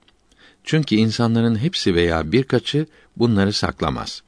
Kağıt paralar üzerinde yazılı kıymetle kullanılmazsa kendileri kıymetsiz olur. Çünkü para olarak kullanılması yasak edilen, çarşıda, pazarda geçmeyen bu kağıt parçaları bir işe yaramaz ve kullanmak için saklanılmaz. İbn Abidin rahmetullahi teala aleyh sarf yani sarraflık satışını anlatırken fülüs yani bakır paralar geçer akçe ise üzerindeki değere göre para olur. Üzerindeki değeri kaldırılırsa kıymetsiz mal olur. Kağıt liralar da böyledir. 13. sayfasında diyor ki: ödenecek senetlerin iki manası vardır. Üzerinde yazılı olan değeri ve kağıdın kendi değeri. Üzerindeki değer deyn olan yani insanın kendinde bulunmayan malını göstermektedir. Kağıdın kendi değeri ise pek azdır. Hükümetten alınacak aylıkların senetleri, çekleri üzerinde yazılı değerlerin deyn olan malı gösterdiği İbn Abidin'in 14. sayfası başında yazılıdır. Kağıt liraların üzerindeki değerler de böyledir. İnsanın tam mülkü olan yani tasarrufu, istifadesi caiz ve mümkün olan malın zekatı verilir. İnsanın tam mülkü değilse zekatı verilmez. Zekat malı insanın kendinde bulunuyorsa ayn denir. Başkasında bulunuyorsa deyn denir. Alışverişte malın ayn ve deyn olması başkadır. Mebi yani satın alınan mal akt yani sözleşme yapılınca müşterinin mülkü olur ise de teslim alınmadan önce kullanılması caiz değildir. Bunun için teslim almadan önce tam mülkü değildir. Teslim almadan zekat hesabına katılmaz. Satılan bir malın semeni yani karşılığı teslim alınmadan önce alışverişte aynı ise yani satış peşin ise herkese verilebilir. Semen söz kesilirken deyn ise yani satış veresiye ise yalnız borçluya yani satıcıya verilebilir. Bunun için semen teslim alınmadan önce de zekat hesabına katılır. İster aynı olsun, ister deyn olsun, tam mülk olan emvali batına nisap miktarı olduktan bir sene sonra elde bulunanın kırkta birini ayırıp zekat olarak vermek farz olur. Bunların zekatlarının beş şekilde verilebileceği Dürrül Muhtar kitabında şöyle yazılıdır. 1. Deyn olan mal, fakirde ise hepsi veya bir kısmı bu fakire bağışlanırsa, bağışlanan malın zekatı da deyn olarak verilmiş olur. Zengindeki mal, zengine bağışlanırsa, bunun zekatını ayrıca fakire aynı olarak vermek lazımdır. 2. Aynı olan malın zekatını aynı olarak vermek lazımdır. Yani hazır olan malın zekatını vermek için kendinde olan bu malın kırkta birini ayırıp fakire verir. 3. Deyn olan malın zekatı deyn olarak verilemez. Aynı olarak vermek lazımdır. Yani başkasında bulunan malının zekatını hazır olan malından vermek lazımdır. Hazır malı yoksa başkasındaki malından zekat miktarını isteyip teslim alıp sonra bunu fakire verir. 4. Aynı olan malın zekatını deyn olarak vermek caiz değildir. Yani hazır bulunan malın zekatı olarak fakirdeki alacağını bu fakire bağışlamak caiz değildir. Fakat yanındaki malın zekatı olarak başka birisindeki alacağını alması için fakire emretmesi caiz olur. Çünkü fakir o kimsedeki malı, altını eline alınca aynı olur. Aynı olan malın zekatı aynı olarak verilmiş olur. Fakirde deyn olan malın zekatı o deyn maldan verilemez. Çünkü geri kalanı fakirden aldığı zaman aynı olur. Aynın zekatı deyn olarak verilmiş olur. Bu ise caiz değildir. 5. Fakirden alacağı olan deynin bir kısmını bu fakire bağışlarsa bu kısmın zekatı da verilmiş olur. Geri kalan kısmın zekatını aynı olarak ayrıca vermek lazım olur. Bağışlamış olduğunu bu zekat yerine sayamaz. Çünkü geri kalanı teslim alınca aynı olur. Aynın zekatı deyn olarak verilmiş olur. Bu ise caiz değildir. Fıkıh bilgilerini dört mezhebe göre ayrı ayrı bildiren Kitabül Fıkh Alel Mezahibil Erbaa kitabını hazırlayan heyetin reisi Abdurrahman Ceziri rahmetullahi teala aleyh 1365 miladi 1946'da Mısır'da vefat etti. Diyor ki, kağıt paraların zekatını vermek üç mezhepte de lazımdır. Hanbeli mezhebinde ise karşılıkları olan altın veya gümüş ele geçince zekatları verilir. Kağıt liraların kendi değerlerinin değil, üzerlerinde yazılı değerlerin zekatı verilmektedir. Çünkü kendi değerleri pek az olup nisaba erişemez. Üzerlerindeki değerlerin de deyn olan malı göstermekte olduğu yukarıda bildirilmiştir. Deynin zekatı deyn olarak verilemeyeceği için kağıt liraların zekatı kağıt lira olarak verilemez. Aynı olarak vermek yani deyn olan malı teslim alıp da fakire vermek lazımdır. Bundan başka her türlü borç önce zekat malından ödenir. Zekat malı yani altın ve gümüş ve ticaret malı varken başka mal mesela evde kullanılan halı, inci gibi zekatı verilmeyen malı vererek borç ödemek caiz değildir. Kağıt liraların zekatı da fakiri olan borcudur. Bu borcu zekat malından ödemek lazımdır. Tüccar olmayıp yalnız kağıt parasıyla zengin olanın zekat malı altındır. Çünkü kağıt liralar altın karşılığıdır. Gümüş karşılığı değildir. Dürrül Muhtar'da ve İbn Abidin'de 8. sayfa başında diyor ki: Bir kimsede altın, gümüş ve ticaret eşyası ve zekat hayvanları gibi çeşitli zekat malları varsa borcunu önce altın ve gümüşten ödemesi lazım olur. Tüccar olmayan kimsenin satın alacağı mal ticaret eşyası olmaz. Bu kimsenin herhangi bir şeyi satın alıp bunu zekat olarak fakire vermesi caiz olmaz. Çünkü ticaret eşyası olmayan mal zekat olarak verilemez. Altın alıp vermesi lazım olur. Ticaret eşyasının zekatını vermek için alış fiyatı altın veya gümüş para üzerinden nisap miktarı ise eşyanın kendisinin veya kıymetinin kırkta biri verilir. Şen Bilali Dürer haşiyesinde diyor ki, fülüs denilen metal paralar geçer akça iseler veya ticaret malı iseler, bunların kıymetlerinden zekat vermek vacip olur. Hidaye kitabındaki hadisi i şerifte kıymet hesap edilip 200 dirhem için 5 dirhem gümüş verilir buyuruldu. Görülüyor ki fülüs veya kağıt paraların zekatı olarak kendileri değil, kıymetleri kadar altın verilir. Tüccar olmayanlar kağıt paralarının zekatını yalnız altın olarak vermelidir. Zekatı kağıt para olarak vermek caiz değildir. Tüccarlarsa kağıt paralarının zekatını altın olarak da ticaret yaptıkları maldan da verebilirler. Fakat başka maldan veremezler. Daha çok bilgi almak için Saadet Ebediye kitabına bakınız. Dikkat! Bir kimse çıkıp da zekata altın olarak vermek eski zamandaymış. Şimdi altın kullanılmıyor. Her yerde kağıt para kullanılıyor. Şimdi zekatı altın olarak vermek lazım demek Müslümanlara güçlük çıkarmaktır. Allahü Teala güçlük çıkarmayınız, kolaylık gösteriniz buyuruyor. Kağıt para kullanmak umumi belva olmuştur. Alimler umumi belva olan şeye izin vermiştir. Bunun için bugün zekat kağıt parayla niçin verilmesinmiş derse bu söz doğru değildir. Hem yanlıştır hem de İslam alimlerine iftiradır. Çünkü dinde güçlük göstermeyiniz demek kolayınıza geleni yapınız demek değildir. İslamiyetin izin verdiği caiz olan kolaylığı yapabilirsiniz demektir. Mesela hasta olduğu için veya çok soğuk olduğu için ayakları yıkamak güç olunca mest üzerine meshedilir. Çünkü İslamiyet buna izin vermiştir. Fakat kolaylık olsun diye ayakları yıkamadan mest giyilmez.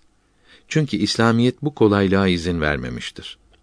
Hasta olan kimse başkasının yardımıyla yıkar. Soğuk ise suyu ısıtıp da yıkar. Meslerini bundan sonra giyer. İslamiyet bu kolaylığa da izin vermiştir. Din alimlerinin sözlerine ehemmiyet vermeyip de fıkıh kitaplarının gösterdiği kolaylıkların dışına çıkmak caiz değildir. İslamiyeti kendi aklına, kendi görüşüne göre çevirmek isteyenlere dinde reformcu veya zındık denir. Şimdi Mısır'da ve Hicaz'da böyle zındıklar çoğaldı. İslamiyeti istedikleri tarafa çekip çeviriyorlar. Bu zındıklara, bu sapıklara asrımızın derin alimi, müçtehit, müceddit ve şehit gibi parlak isimler takarak ve zihirli kitaplarını tercüme ederek satan, böylece milletin dinini, imanını yıkarak para kazanan din tüccarları da memleketimizde çoğalmaktadır. Alimlerimizin umumi belva olan yani her yere yayılan ve sakınılması güç olan şeylere izin vermesi de böyledir. Yani kitapları karıştırarak çeşitli içtihatlar arasında çok zayıf olsa bile en kolayını arayıp bulmuşlar ve millete bildirmişlerdir. Umumi belva olunca müçtehitlerin en zayıf sözleriyle fetva vermek caiz olur. Fakat hiçbir alim hiçbir zamanda hiçbir müçtehidin caiz demediği bir şeye caiz dememiştir ve diyemez. Dinde reformcular yani mezhepsizlerse akıllarına gelen her şeyi yazarlar. Bunlara uyanların ibadetleri de dinleri de bozulur. Zekatı altın olarak vermek çok kolaydır. Hiç de güç değildir. Sarrafa gitmeye, altın satın almaya lüzum da yoktur. Zekatını fakirlere kağıt para olarak dağıtmakta ısrar eden bir zengin, Eşbah ve Reddül Muhtar kitaplarının sahiplerinin rahmetullahü teala aleyhima fakirdeki alacağını ona zekat olarak bırakmak isteyen bir zengin için bildirdikleri gibi yapar. Dağıtmak istediği nisaptan az kağıt paranın değerinde altını zevcesinden veya başkasından ödünç alır. Salih bir fakire birkaç tanıdığıma ve sana zekat vereceğim. Dinimiz zekatın altın olarak verilmesini emrediyor. Altınları kağıt paraya çevirmekte size kolaylık olmak için senin zekatını almak ve dilediği kimseye hediye etmek üzere şunu vekil yapmanı istiyorum. Böylece benim İslamiyete uymamı sağlamış olacaksın. Bunun için de ayrıca sevap kazanacaksın der. Zenginin güvendiği bir kimse vekil yapılır. Altınları fakirin yanında olmayarak bu vekile zekat niyetiyle verir. Fakirin bu vekili altınları teslim alıp birkaç dakika sonra bu altınları zengine hediye eder. Zengin de kağıt paralarını o fakire ve başka fakirlere, Kur'an-ı Kerim kurslarına ve dine hizmet eden Müslümanlara dağıtır. Caiz olmayan kimselere ve namaz kılmayanlara verirse, zekat vermemek azabından kurtulursa da sevaplarına kavuşamaz. Altınları ödünç almış olduğu kimseye geri verir. Daha çok zekat vermesi icap ediyorsa bu işi tekrar eder. İmanı kuvvetli olana ibadetler güç gelmez, kolay ve tatlı gelir. 52. Yine Cihan Sulhü kitabında Seyyid Kutup diyor ki, bazı kimseler din namına şöyle derler. Zekatı verilmiş olan mal, herhangi bir mal veya para, biriktirilmiş mal sayılmazlar. Çünkü malın hakkı zekattır. Zekatı verdikten sonra malın tedavülden çekilmesinde yani hiçbir yerde kullanmamakta bir suç yoktur derler. Bu doğru değildir. Şahsi mülkiyetin sahibi malı tedavülden çekip saklayamaz. Beytül malin ihtiyacını kapatmak için devlet ona el koyabilir. Fazlasını alıp fakirlere taksim edebilir diyor. Bu sözü de bir bilgi, bir anlayışın ifadesi değil, kendi görüşü ve düşüncesidir. İslamiyeti kendi görüşüne, siyasi düşüncesine uydurmak istemektedir. Mevdudi'nin de övmek zorunda kaldığı İmam-ı Rabbani Hazretleri Mektubat kitabının birinci cilt 165. mektubunda buyuruyor ki: Ebedi saadete kavuşmak isteyen Muhammed aleyhisselama uymalıdır. Ona uymakla şereflenmek için dünyayı büsbütün bırakmak lazım değildir. Farz olan zekat verilince dünya terk edilmiş sayılır. Mal zarardan kurtulur. Çünkü zekatı verilen mal zarardan kurtulur.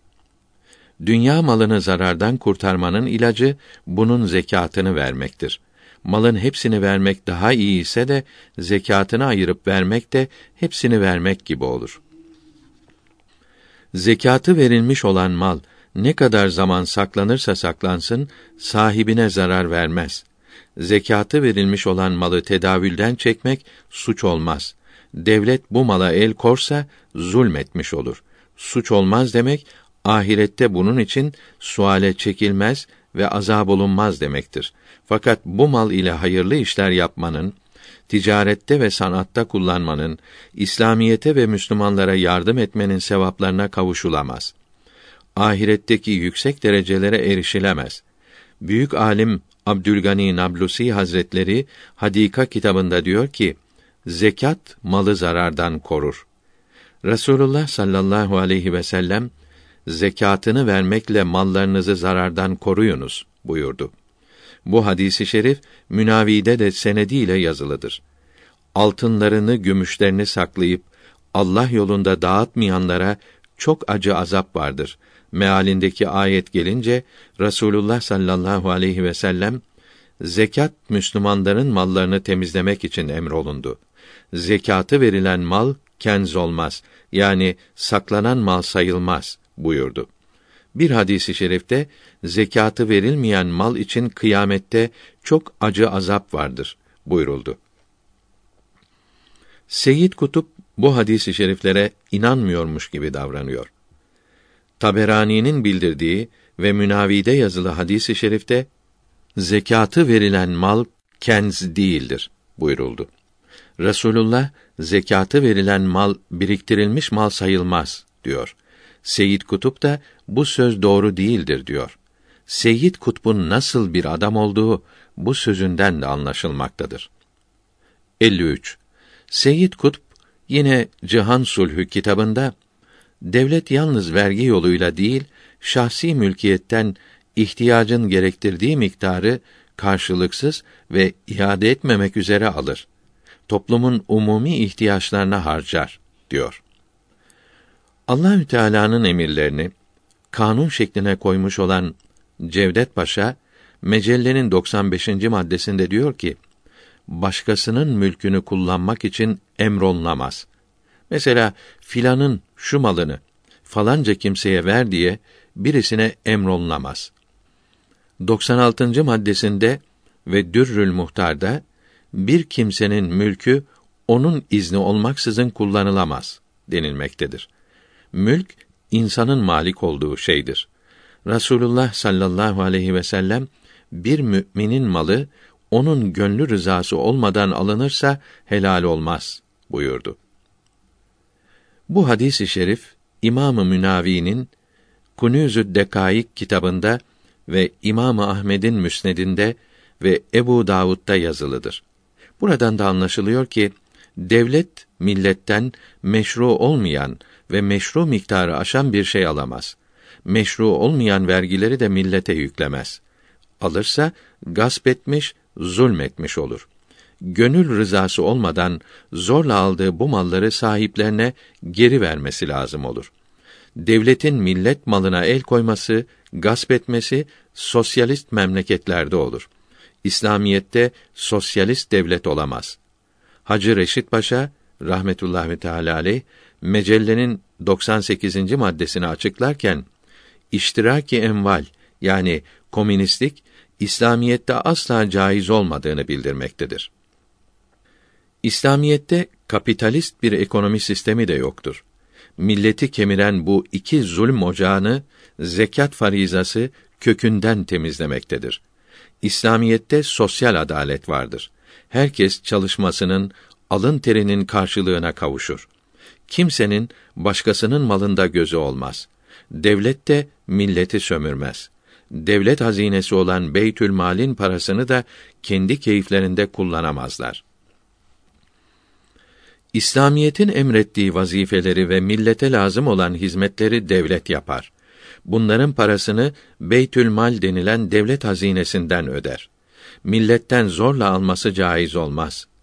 İslam devletinin bütçesi Beytül Mal'dir. Devletin gelirleri Beytül Mal'in gelirleridir. Devlet Beytül Mal'in kaynaklarını kurutmamalı ve israf etmemeli, gayrimeşru yerlere harcetmemelidir. Cihad için ve hizmetler için Beytül Mal'in gelirleri yetişmezse adalet üzere milletten ödünç istemesi caiz olur.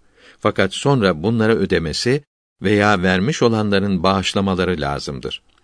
Beytül Mal'in kaynaklarını işletmezse ve Beytül Mal'i gayrimeşru yerlere harcederse zulmetmiş olur. Dürrül Muhtar sahibi rahmetullahi teala aleyh 5. ciltte bu konuda geniş bilgi vermektedir. Devlet Beytül Mal'in gelirlerini sağlar ve kullanırsa bütün işlerini yapmaya yetişir. Milletten yardım istemek zorunda kalmaz.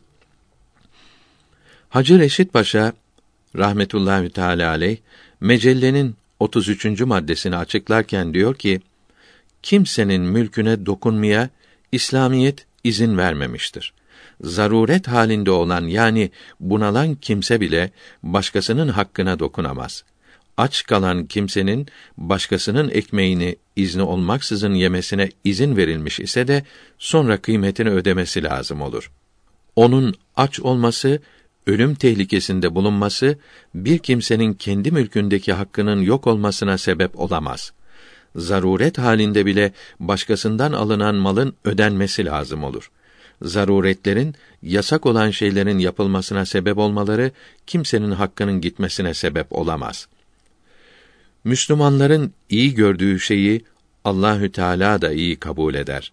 Hadisi i şerifindeki Müslüman derin alim yani müçtehit olan Müslüman demek olduğu berikada yazılıdır. Bu alimlerin rahmetullahi teala aleyhim ecmaîn bildirdiklerine uygun olmayan şeyler hiçbir zaman kabul edilmez. 58. maddenin şerhinde diyor ki: Hükümetin emriyle birinin mülkü kıymetiyle satın alınıp yola katılabilir. Fakat değeri ödenmedikçe elinden zorla alınamaz. Hükümet emredince zorla satın alınır. Fakat parası verilmeden alınamaz. Komünistlik yeni bir şey değildir. Burhanı Katı Lügat kitabının sahibi rahmetullahi teala aleyh Zerdüşt'ün milattan yedi asır evvel kurduğu ve Sasaniler devrinde Mecdek adındaki birinin neşrettiği Mecusi yani ateşe tapma dinini anlatırken diyor ki Mecdek Acem Şahı Kubat zamanındaydı. Buna göre ateşe tapılacaktır. Her şey herkesin malıdır. Zevceleri değiştirmek helaldir. Herkesin malları ve yaşayışları eşittir. Herkes birliktedir. Şahsi tasarruf yoktur. Bütün insanlar müsavi ve her şeyde ortaktırlar. Biri birinin zevcelerini isterse ona vermesi lazımdır. Zenginler malları fakirlere vermeli, onların ihtiyaçlarını gidermelidir derdi. Bu din tembellerin, serserilerin ve hele kadına düşkün olan aşağı kimselerin işine geldiğinden çabuk yayıldı. Kubat Şah da böyle zevkine düşkün biriydi. Bu da komünizmi kabul etti. Oğlu Nüşirvan hükümeti ele alınca Mecdek alçağını 80 bin adamıyla birlikte kılınçtan geçirerek komünizm belasını ortadan kaldırdı. Nüşirvan Şah'ın adaleti hadis-i şerifte övülmektedir. 1917'de Rusya'da komünist ihtilalini hazırlayarak binlerle vatandaşın birbirini öldürmesine ve koca bir milletin küçük bir azılı azınlık elinde köle olmasına sebep olanların Nuşirvan Şah'ın yok ettiği ahmakların yolunda oldukları anlaşılmaktadır. İslam devletinin vazifesi milletin mallarını, canlarını ve ırzlarını korumaktır. Mazlumların haklarını zalimlerden almaktır milletin malına, canına, namusuna yani karısına dokunmaya devletin hiçbir zaman hakkı yoktur. 54. Yine Cihan Sulhü kitabında yağma, soygunculuk, gasp, hırsızlık, rüşvet, hile ve faiz, ihtikar ve bunlara vesile olan yollardan şahsi mülkiyet meydana gelmez. Devlet istediği zaman bunu tamamen veya kısmen hazineye alabilir tarihi örnekler bu hakkın tamamen devlete verildiğini göstermektedir diyor. Bu sözü de pek yanlıştır. Evet, bu haksız kazançlar helal olmaz. Devletin bunları geri alması lazımdır. Hem de istediği zaman değil, hemen alması lazımdır. Fakat geriye aldığı devletin olmaz. Bunları sahiplerine ulaştırması lazımdır. Devletin vazifesi acizin hakkını zalimden alıp ona yardımcı olmaktır bunları mazluma ulaştırmayıp hazineye alırsa devlet de zalim olur. İbn Abidin 5. ciltte kadınlara Beytül Mal'den aylık verilmesini anlatırken haramdan elde edilen mesela gasp edilen mallar sahiplerine geri verilir. Böyle mallar Beytül Mal'in olmaz. Bütün Müslümanların ortak malı da olmaz buyurmaktadır milletten gayrı meşru toplanan mesela gasp edilen mallar da devletin olmaz. Sahiplerine, sahipleri ölmüşse varislerine geri verilir. Sahipleri bilinmiyorsa fakirlere dağıtılır. Bunu bilenlerin de almaları, kullanmaları haram olur. Haram malı sahibini bildiği halde geri vermeyip bununla bir ibadet yapan, mesela cami yaptıran, sadaka veren kimse bundan sevap beklerse kafir olur. Başkaları da bunun haram mal olduğunu bilerek sevap kazandığını söylerse kafir olurlar. Çünkü bu malı eğer bozulmuşsa benzerini, benzeri yoksa değerini sahibine veya varislerine geri vermesi, bunları bulamıyorsa sevabın onlara olmasını niyet ederek fakirlere dağıtması farzdır. Başka yerde kullanılması haramdır. Başkalarının da bu malı haram olduğunu bilerek almaları ve kullanmaları haram olur. Haram olarak gelen malı haramdan veya helalden gelmiş olan başka malla karıştırıp bu karışımdan sadaka vererek sevap beklerse kafir olmaz. Çünkü karışınca kendi habis mülkü olur. Sahibine borçlu olur. Mislini veya kıymetini ödemeden önce kendi kullanması haram ise de başkasının bundan alması ve kullanması haram olmaz. 55. Seyyid Kutb Cihan Sulhü kitabında Müslümanlar ihtilalci olur.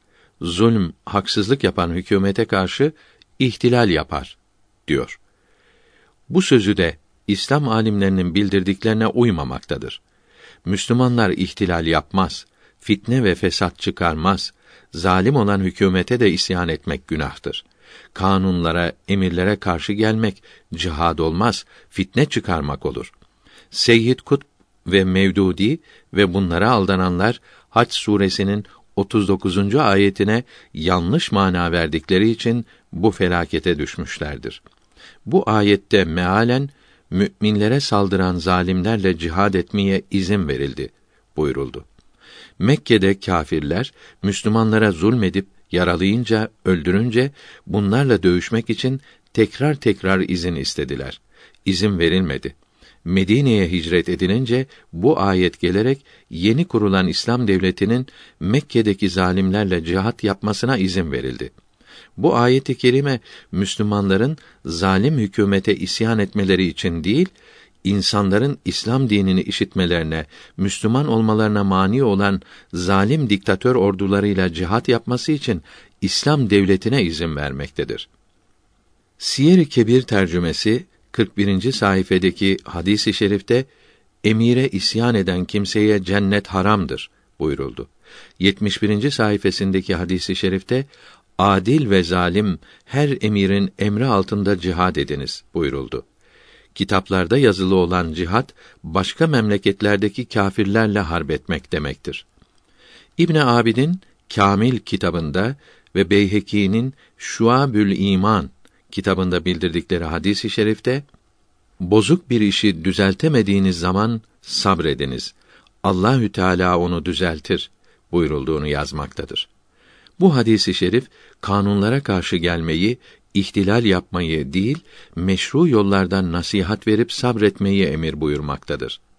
Künuz-u Dekaik kitabında ve Tirmizi'de ve Taberani'de bildirilen hadisi şerifte cihadın en kıymetlisi zalim sultan yanında doğru yolu gösteren bir söz söylemektir buyuruldu. Alimlerin gücü yettiği kadar hükümet memurlarına emri maruf yapması lazımdır. Fakat emri maruf yaparken fitne çıkmamasına çok dikkat etmelidir. Görülüyor ki Müslümanlar ihtilal yapmaz. Fakat zulme, haksızlığa da teslim olmaz. Meşru yollardan hakkını arar. Hükümetin meşru emirlerine uymak her Müslümana vaciptir. Hiç kimsenin haram olan emirleri yapılmaz. Fakat buna isyan edilmez. Fitne çıkarılmaz. Zalimlere karşı gelmemeli, onlarla münakaşa etmemelidir. Mesela namaz kılmamak en büyük günahlardandır. Amir, kumandan, kafir ve zalim olup emri altında olana namaz kılma derse baş üstüne kılmam demeli, senin yanında kılmam demeyi düşünmelidir. Çünkü fitne çıkarmak yani Müslümanların ezilmelerine sebep olmak haramdır. O zalimin yanından ayrılınca namazı hemen kılmalıdır. Hindistan'daki İslam alimlerinin büyüklerinden Abdülhak Dehlevi 1052 miladi 1642'de vefat etmiştir. Çok kıymetli hadis kitabı olan Mişkatül Mesabihi Farisi olarak şerh etmiştir. Eşiyatül Lemaat ismindeki bu şerhte Kitabül Fiten kısmında diyor ki: Eshab-ı kiramdan Huzeyfe radıyallahu anh diyor ki, Resulullah'a sallallahu aleyhi ve sellem ileride hasıl olacak fitnelerden sordum. Çünkü bunların şerrine yakalanmaktan korkuyordum. Zararlı şeyden sakınmak, faydalı şeye kavuşmaktan daha mühimdir. Buradaki fitne insanlar arasında karışıklık, dövüş demektir. Haram işlemenin yayılması da fitne ise de bunu sormaya lüzum yoktur. Çünkü haramlar bellidir. Ya Resulallah, biz Müslüman olmadan önce kötü kimselerdik. Allahü Teala senin şerefli vücudunla İslam nimetini, iyilikleri bizlere ihsan etti. Bu saadet günlerinden sonra yine kötü zaman gelecek mi dedim. Evet, gelecek buyurdu. Bu şerden sonra hayırlı günler yine gelir mi dedim. Yine evet gelir. Fakat o zaman bulanık olur buyurdu. Yani bu zamanda iyilik kötülükle karışık olur. Kalpler ilk zamanlarda olduğu kadar saf ve tertemiz olmaz. İtikatların sahih, amellerin salih ve idarecilerin adaletleri birinci asırdaki gibi olmaz. Kötülükler, bid'atler her tarafa yayılır. İyiler arasına kötüler, sünnetler arasına bid'atler karışır. Bulanıklık ne demektir dedim. Benim sünnetime uymayan ve benim yolumu tutmayan kimselerdir. İbadet de yaparlar, günah da işlerler buyurdu. Hayır da yaparlar, şer de yaparlar. Bid'at işlerler. Bu hayırlı zamandan sonra yine şer olur mu dedim. Evet, cehennemin kapılarına çağıranlar olacaktır. Onları dinleyenleri cehenneme atacaklardır buyurdu. Ya Resulallah, onlar nasıl kimselerdir dedim. Onlar da bizim gibi insanlardır. Bizim gibi konuşurlar buyurdu. Yani Arabi konuşurlar. Ayet ve hadis okuyarak vaaz ve nasihat ederler. Fakat kalplerinde hayır ve iyilik yoktur. Onların zamanlarına yetişirsek ne yapmamızı emredersin dedim. Müslümanların cemaatine ve hükümetine tabi ol buyurdu. Müslüman cemaati ve Müslüman hükümeti yoksa ne yapalım dedim. Bir kenara çekil, aralarına hiç karışma, ölünceye kadar yalnız yaşa buyurdu. Bir hadisi şerifte benden sonra öyle hükümetler olur ki benim yolumdan ayrılırlar. Kalpleri şeytan yuvasıdır. Bunlara da itaat ediniz. Karşı gelmeyiniz. Sizi dövse de mallarınızı alsa da karşı gelmeyiniz. Yani zalim olan malınıza, canınıza saldıran hükümete de isyan etmeyiniz. Fitne çıkarmayınız. Sabredip ibadetinizle meşgul olunuz. Şehir içinde fitneden kurtulamazsanız ormana sığınınız. Fitnecilere karışmamak için ormana gidip ot, yaprak yemek zorunda kalırsanız ormanda kalınız da fitnecilere karışmayınız. İyi dinleyin ve bana itaat edin buyurdu. Bu son emir hükümete karşı gelmemek, fitne çıkarmamak için çok dikkatli olunuz demektir. Eşiyatül Lemaat'tan tercüme tamam oldu. Bu hadisi şeriflerden ve İslam alimlerinin açıklamalarından anlaşılıyor ki din adamları devlete şekil vermek, kanun yapmak işlerine karışmaz. Siyasetle uğraşmaz. Politikacılara alet olmaz. Şu veya bu devlet şeklinin savunuculuğunu yapmaz. Ehli sünnet alimleri bu yasağa titizlikle uymuşlar, din adamlarının siyasete karışmasının yakıcı ateşi tutmak gibi olduğunu bildirmişlerdir. Kuvvete karşı gelmek, devlete karşı isyan etmek ahmaklıktır. Kendini tehlikeye atmak olur. Bu ise haramdır. Kafir memleketlerinde misafir olan Müslümanın da kâfirlerin mallarına, canlarına ve ırzlarına dokunması ve hükümetlerine isyan etmesi caiz değildir. Kâfirlerin gönüllerini hoş ederek onlardan faydelenabilir. Darül İslam'da yaşayan zimmi kâfirlerin ve misafir gelen harbi kâfirlerin yani turistlerin ve tüccarların haklarını gözetmek Müslümanların haklarını gözetmekten daha mühimdir bunlara saldırmak hatta bunları gıybet etmek, çekiştirmek bile Müslümanlara saldırmaktan daha kötüdür. Müslümanlar boş yere hiç vakit geçirmez. Din bilgilerine ve fen bilgilerine çok çalışarak kuvvetlenir. Böylece galip ve hakim olurlar. Bir Müslümanın cihat yapması demek ihtilal, isyan yapması değil, din bilgilerini yayması demektir. İbn Abidin buyuruyor ki: sultan veya başka zalimler ikrah ederek, zorlayarak, ölümle, hapsle, işkenceyle korkutarak emredince belli günahları işlemek mübah hatta farz olur. Emrini yapmamak günah olur. Berika'da 91. sayfede diyor ki, hadis-i şerifte emirlerinize itaat ediniz buyuruldu. Emir en aşağınız olsa dahi İslamiyete uygun olan emirlerine uymak vaciptir. Hiç kimsenin günah olan emrine itaat edilmez. Fakat isyan etmek fesada sebep olursa bu emrine de itaat olunur.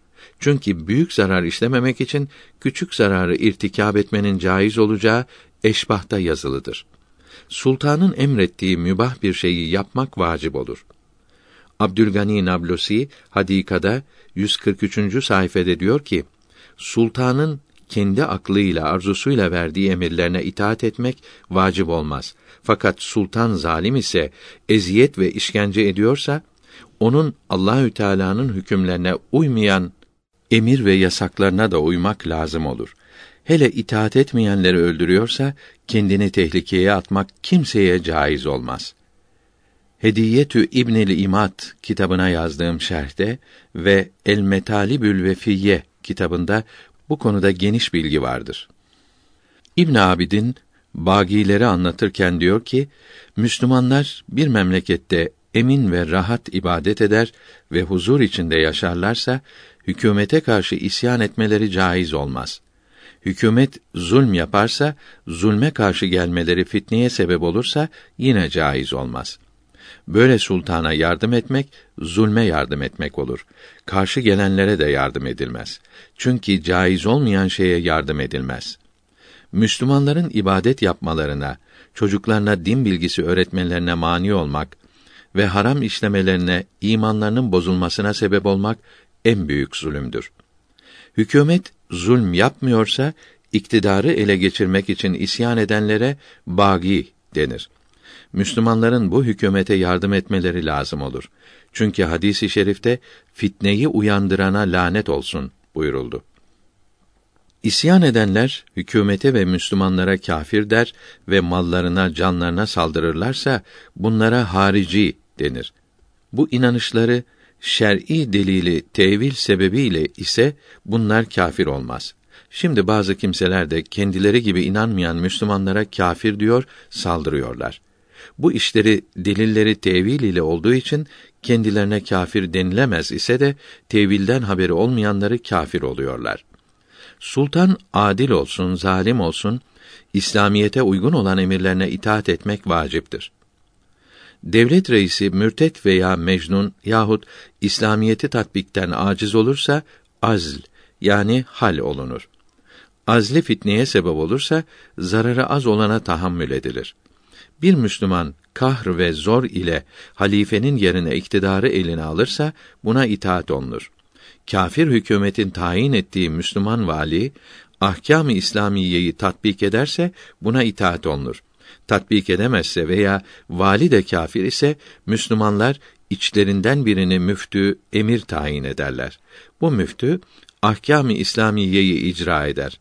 Buna da imkan olmazsa esaret hayatı olur fitneye sebep olmamak lazım olur. İbn Abidin'den tercüme tamam oldu.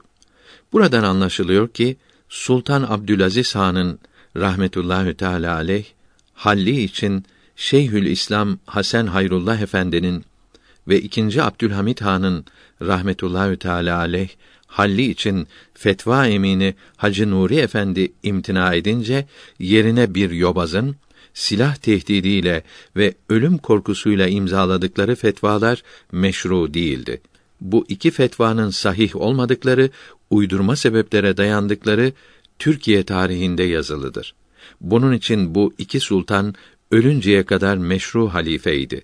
Yine bunun için meşhur 93 harbinde ve Balkan ve Birinci Cihan harplerinde Osmanlılar mağlup oldu. Çünkü bu üç harbi İslam hükümetiyle zil İslam'dan nasibi olmayan komiteciler çıkarmış ve idare etmişlerdi. 56. Bir hürriyet kahramanı şekline sokulmuş olan Seyyid Kutbun İslami Etütler kitabının tercümesinde 32. sayfede diktatörlerin ve taşkınların yüzüne durarak haykırmayanlar ya büyük bir günah işliyorlar ya münafık oldukları için böyle davranıyorlar ya da bunlar hakiki İslam'ı bilmeyen kara cahillerdir diyor. Böylece Müslümanlar arasında fitne ve ihtilal çıkarmayı körüklüyor. Halbuki hadisi şerifte fitne uykudadır. Fitneyi uyandırana Allah lanet etsin buyuruldu. Bir hadisi şerifte bir münker gördüğünüzde bunu değiştiremezseniz sabredin. Allahü Teala onu değiştirir buyuruldu. İmam Rabbani Hazretleri emri marufu yumuşak olarak yapmalıdır buyuruyor. Bir hadisi şerifte zalimin zulmünü değiştiremeyen oradan hicret etmelidir buyuruldu. Seyyid Kutb 33. sayfede İslamiyet bir mücadele, sonsuz bir savaştır. Dualar mırıldanmak, tesbih tanelerini şıkırdatmak, aman Allah'ım sen koru sözlerine dayanarak gökten hayır yağacağına güvenmek İslamiyet değildir diyor. İmam-ı Rabbani Hazretleri 3. cildin 47. mektubunda Seyyid Kutb'un da yazısına çok güzel cevap vermektedir. Bu mektup Saadet Ebediye kitabının ikinci kısmında vardır. Okununca Seyyid Kutb'un nasıl bir yolda olduğu hemen anlaşılır. Allahü Teala dua ve tevekkül etmeyi emrediyor. Dua edenleri, tevekkül edenleri severim diyor. Seyyid Kutup ise dua edenlerle, tevekkül edenlerle alay ediyor. Ayet-i kerimeler ve hadis-i şerifler tesbih söylemeyi emrediyor. Tesbih okuyanları övüyor. O ise bunu reddediyor. Savaşa hazırlanmak, sebeplere yapışmak, en modern korunma vasıtalarını yapmak elbet lazımdır. Dinimiz bunu emretmektedir. Fakat bu Müslümanlarda ve kâfirlerde ortak olan bir iştir. Müslümanlarda ayrıca tevekkül ve dua silahı da vardır. İbn Hacer Mekki rahmetullahi teala aleyh Fetavai Fıkhiye kitabının 149. sayfasında buyuruyor ki İslam alimlerinin çoğuna göre duayı inkar eden kafir olur. Kur'an-ı Kerim'e inanmamış olur. Dua ile istenilen şey ya kabul olup verilir yahut ahirette verilir. Yahut günahın affedilmesine sebep olur. Allahü Teala kulunun dua etmesini, yalvarmasını sever. Duanın kabul olması için şartlar vardır. Bunlardan biri helal yemek, helal giymektir. Biri de kalb ile yani gönülden istemektir. Hadisi şerifte buyuruldu ki Allahü Teala çok dua edenleri sever. Dua edip ümmidini kesmeyen, vaad olunan üç şeyden birine elbette kavuşur. Tesbih kullanmanın sünnet olduğu aynı kitabın 152. sayfasında yazılıdır. Hadis-i şeriflerle bildirilen ibadetlerin İslamiyet olmadığını söylemesi Seyyid Kutb'un nasıl bir reformcu olduğunu açıkça göstermektedir.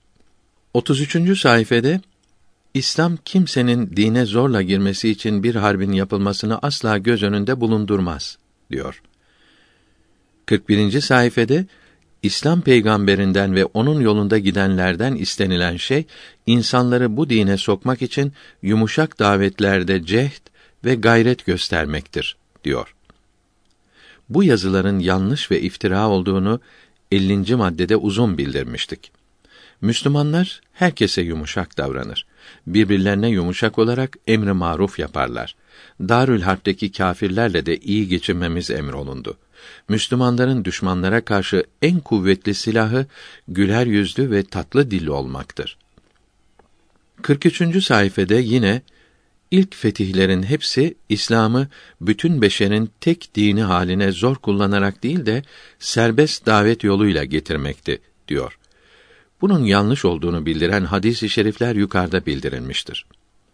45. sayfede İslamiyet herkese yeryüzünde adaletin tahakkukunu emreder diyor. Müslümanların arasını bulun mealindeki ayet-i kerimeyi bütün insanlar arasına yaymaya çalışmaktadır. İslamiyet yeryüzündeki kâfir memleketlerinde adaletin tahakkukunu emretmez. Buralara imanın, İslam adaletinin ulaştırılmasını, yerleştirilmesini emretmektedir. 59. sayfede Arap ülkelerinde içtimai tesanüdü tahakkuk ettirmek için dini inançları ahlaki eğitimin esası olarak alırsak bu ülkelerde revaçta olan yalnız İslam değil bütün dinlerin bize yardımcı olacaklarını göreceğiz diyor. Bir ayet-i kerimede mealen doğru olarak yalnız İslam dini vardır buyuruldu. Bu Mısırlı yazarsa bütün bozuk kötü dinleri İslam dini derecesine çıkarmaktadır. İslam dini varken bozuk dinlere, düşüncelere lüzum olmadığını anlayamamıştır. 69. sayfede mal cemiyetin mülkiyetinde olduğundan fert malını ihtiyacı olanlara faizsiz ödünç vermekle mükelleftir diyor. Mal yalnız sosyalist ve komünist memleketlerde cemiyetin mülküdür. İslamiyette mal ferdin mülküdür. Bunu 53. maddede uzun bildirmiştik. İslamiyette ferdin malına başkaları karışamaz. Cemiyet yani devlet kimsenin malına el koyamaz. Karışırsa zulmetmiş, gasp etmiş olur. Kimse kimseye ödünç vermeye zorlanamaz. 72. sayfede zekat fertlerin vicdanlarına bırakılmayan bir ödemedir. Devlet onu alır. Zekat elden ele verilen ferdi bir bağış değildir diyor. Bu düşüncesinin de çok yanlış ve saçma olduğunu 51. maddede bildirdik. 75. sayfede İslam cemiyetin nizamını kurmuş, dünya nizamlarını silah zoruyla değil, fikir gücüyle yenmiştir diyor. Bu düşüncelerin de İslamiyete uygun olmadığını 50. maddede vesikalarla ispat ettik. Cihan Sulhü kitabında devletçilik sahasında çalışmalar henüz pek azdır. İslam'ın bu tarafı gereği kadar açıklanmamıştır dediğini 49. maddede bildirmiştik. Burada ise İslam cemiyet nizamını kurmuş diyor. Sözleri birbirini bozmaktadır. Her ilim kolunda da böyle yeteri kadar bilgisi olmayanların derme çatma yazdıkları sık sık görülmektedir. 77. sayfede bugün onları peygamberin zamanında yapmış olduğu şekilde kısa ve mufassal bilgilerle İslam'a davet etmemiz asla kifayet etmez. O devrelerde bugünkü gibi İslam nazariyesi karşısında duran teferruatlı içtimai nazariyeler yoktu diyor. İslamiyeti nazariye insan düşüncesi sanmaktadır.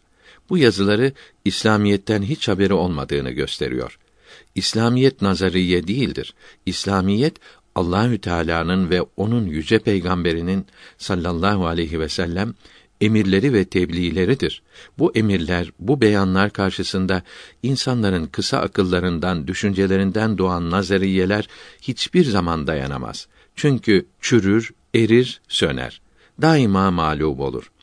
Seyyid Kut denilen kimse ehli sünnet alimlerinin rahmetullahi teala aleyhim ecmaîn kitaplarını okuyup biraz anlamış olsaydı haddini bilir, edebini takınırdı. Kendi bozuk düşüncelerini, İslam'ın ruhuna uymayan saçma sözlerini İslamiyet olarak gençliğe sunmaktan belki çekinirdi. Ehli sünnet alimlerinin ayet-i kerimelerden ve hadis-i şeriflerden çıkararak yazdıkları kıymetli kitaplarındaki bilgilere uymayan böyle saçma yazıları İslamiyet olarak yazmak ve yaymak İslamiyeti bozmaya, içerden yıkmaya kalkışmak demektir.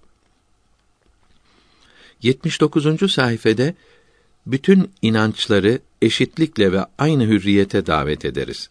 İnanç hürriyetini korumak Müslüman devletin vazifesidir bütün vatandaşlar gelir kaynaklarından müsavi hakka sahiptirler. Ferdi mülkiyet sınırlıdır. Fazla malları alma hakkı cemiyetindir diyor. Bu düşünceleri de İslamiyetle taban tabana zıttır. Yukarıda İslamiyeti yaymalıdır diyordu. Burada ise her dine hürriyet verilmesini istiyor. Sözleri birbirini tutmuyor. Bir taraftan da İslamiyeti sosyalizme ve komünizme çevirmeye çalışmaktadır. Bunların cevabı birkaç sayfa önce uzun bildirildi.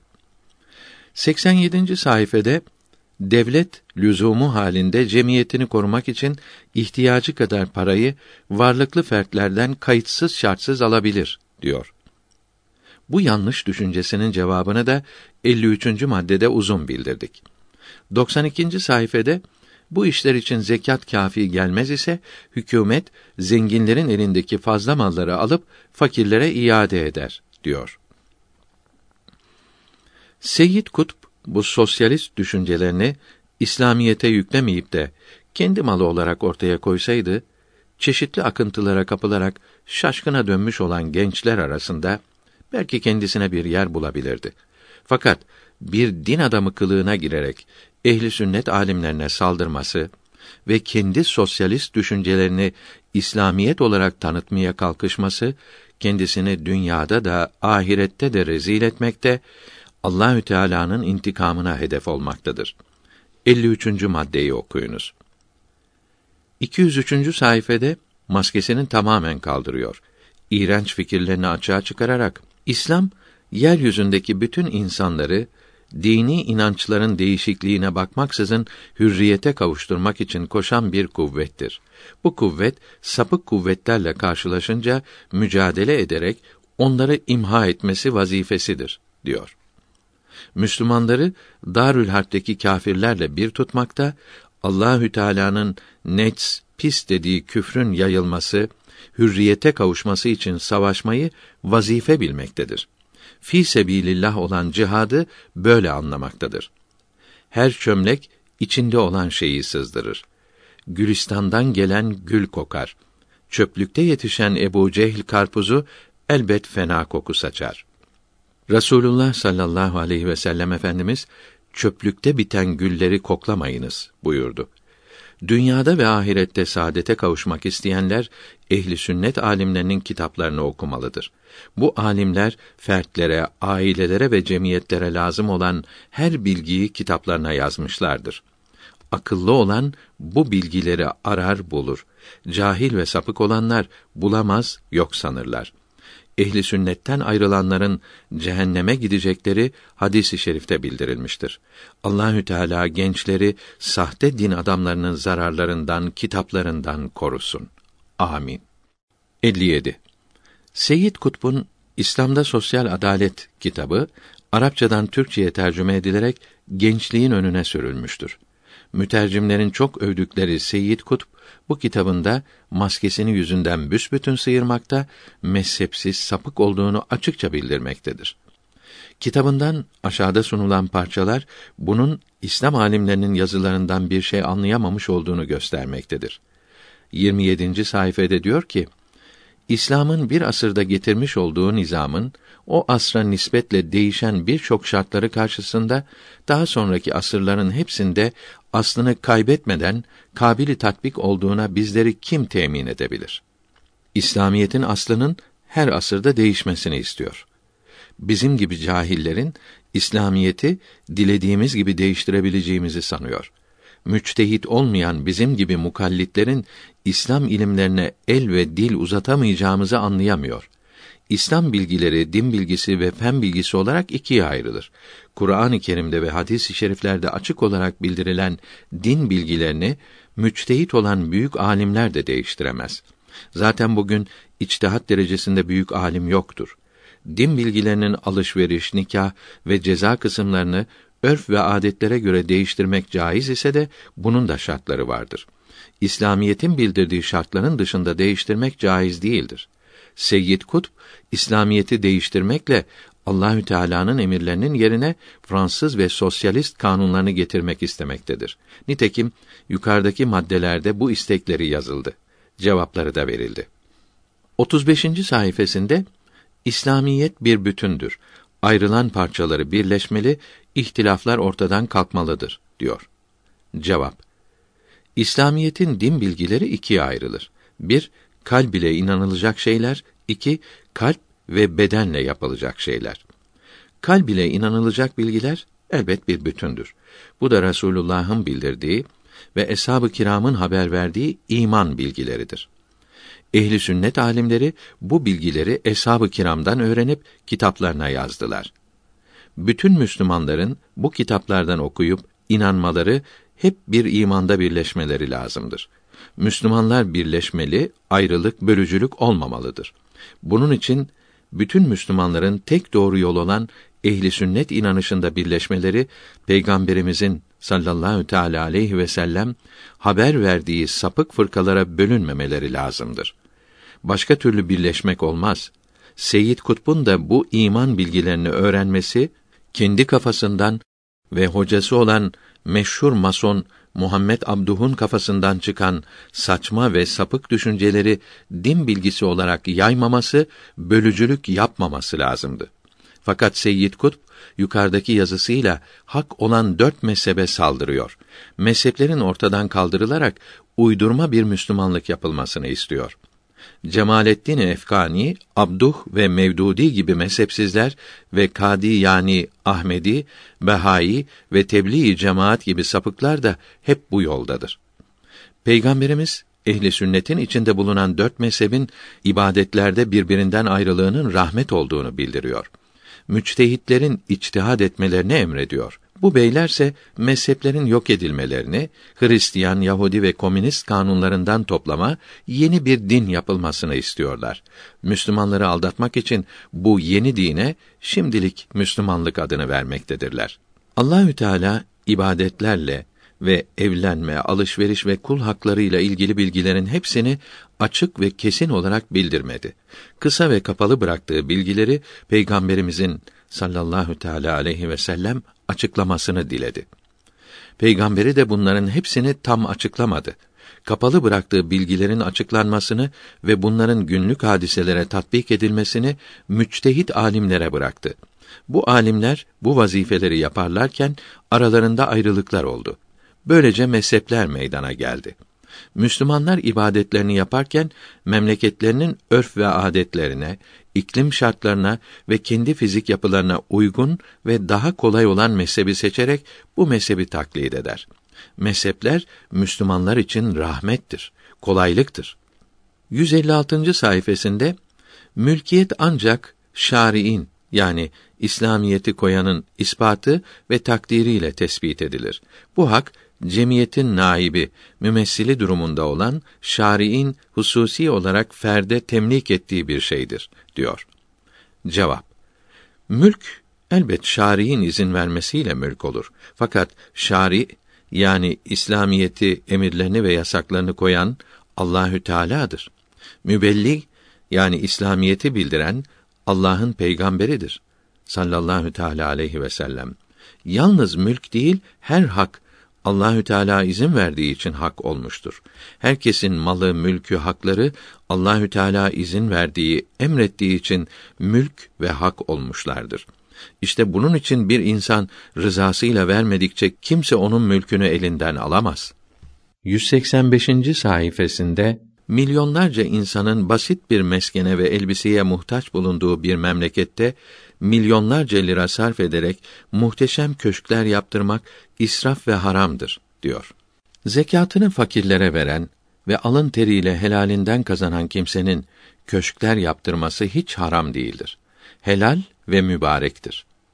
Tembel oturup çalışmayıp fakir kalmak yahut kazandıklarını haram şeylere verip basit meskende kalmak uygun değildir. Böyle tembellerin ve malını haramlara israf edenlerin yüzünden çalışkanlar niçin suçlu olsun? Zekatını verenlerin köşklerde oturmaları, şık giyinmeleri, fennin bulduğu bütün kolaylıklardan faydelenmeleri helaldir. Bir ayet-i kerimede mealen verdiğim nimetleri kullanmalarını severim buyuruldu. Allahü Teala çalışana veririm buyuruyor. Çalışıp kazanmak ibadettir. Zenginlik günah değildir. Allahü Teala şükreden zenginleri sever. Zengin olduğu için kendini beğenmek, kendini başkalarından üstün görmek haramdır. Kısas-ı Enbiya kitabında diyor ki, aşere-i mübeşşereden yani cennete gidecekleri müjdelenen on kişiden Zübeyir bin Avvam radıyallahu teala anh tüccar idi. Medine'de, Basra'da, Küfe'de ve Mısır'da mülkleri ve geniş arazisi vardı. Bin hizmetçisi vardı. Fakat bütün gelirini fakirlere dağıtırdı. Cennetle müjdelenenlerden Talha radıyallahu teala anh da zengindi.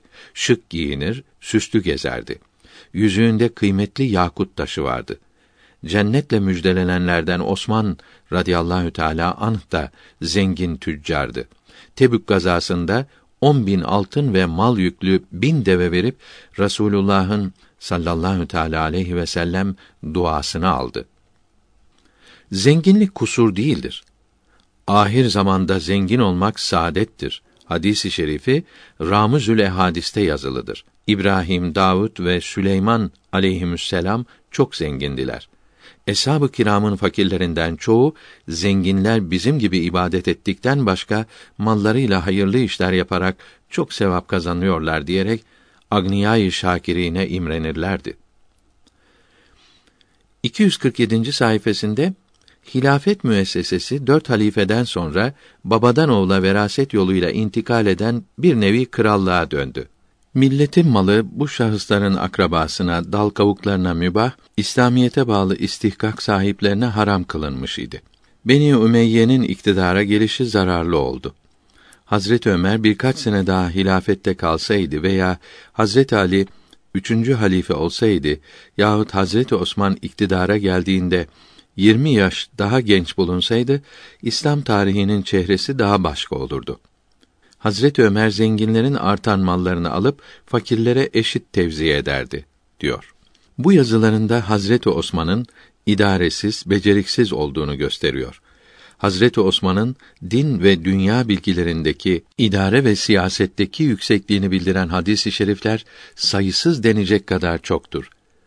Bunlardan en meşhurunu burada da bildirelim. Eshabımın en üstünü Ebu Bekir'dir, sonra Ömer'dir, sonra Osman'dır, sonra Ali'dir. Hadis-i şerifindeki üstünlük her bakımdan üstünlüktür. Hudeybiye'de düşman harp hazırlığı yaparken o tehlikeli zamanda peygamberimiz düşmanlarla konuşup anlaşmak için Hazreti Osman'ı sefir olarak seçti. Hazreti Ömer vefat edeceği zaman kendinden sonra halife olmaya layık ve muktedir gördüğü altı kişi arasında Hazreti Osman da vardı. Peygamberimiz sallallahu aleyhi ve sellem Allahü Teala doğru sözü Ömer'in dili üstüne koymuştur buyurdu. İşte hep doğru, isabetli konuşan bu Ömer radıyallahu an Osman halife olmaya layıktır, muktedirdir diyerek tavsiye ediyor. Seyyid Kutupsa hayır, layık değildi. İslamiyetin gelişmesi onun yüzünden durakladı diyor. Hazreti Osman'ın halifeyken idari, siyasi ve askeri başarıları Hak Sözün Vesikaları kitabının beşinci kısım beşinci maddesinde uzun bildirilmiştir. Lütfen oradan okuyunuz. Seyyid Kutb'un İslam halifelerini kâfirlerin krallarına benzetmesi ve milletin malını İslamiyete bağlı olan istihkak sahiplerine haram ettiler demesi de İslam halifelerine iftiradır. Bunun cevabını 44. maddede uzun bildirmiştik. İnsaflı yazılmış olan tarihlerin ve din alimlerinin kitaplarının sahifeleri onun bu iftiralarını çürüten yazılarla doludur.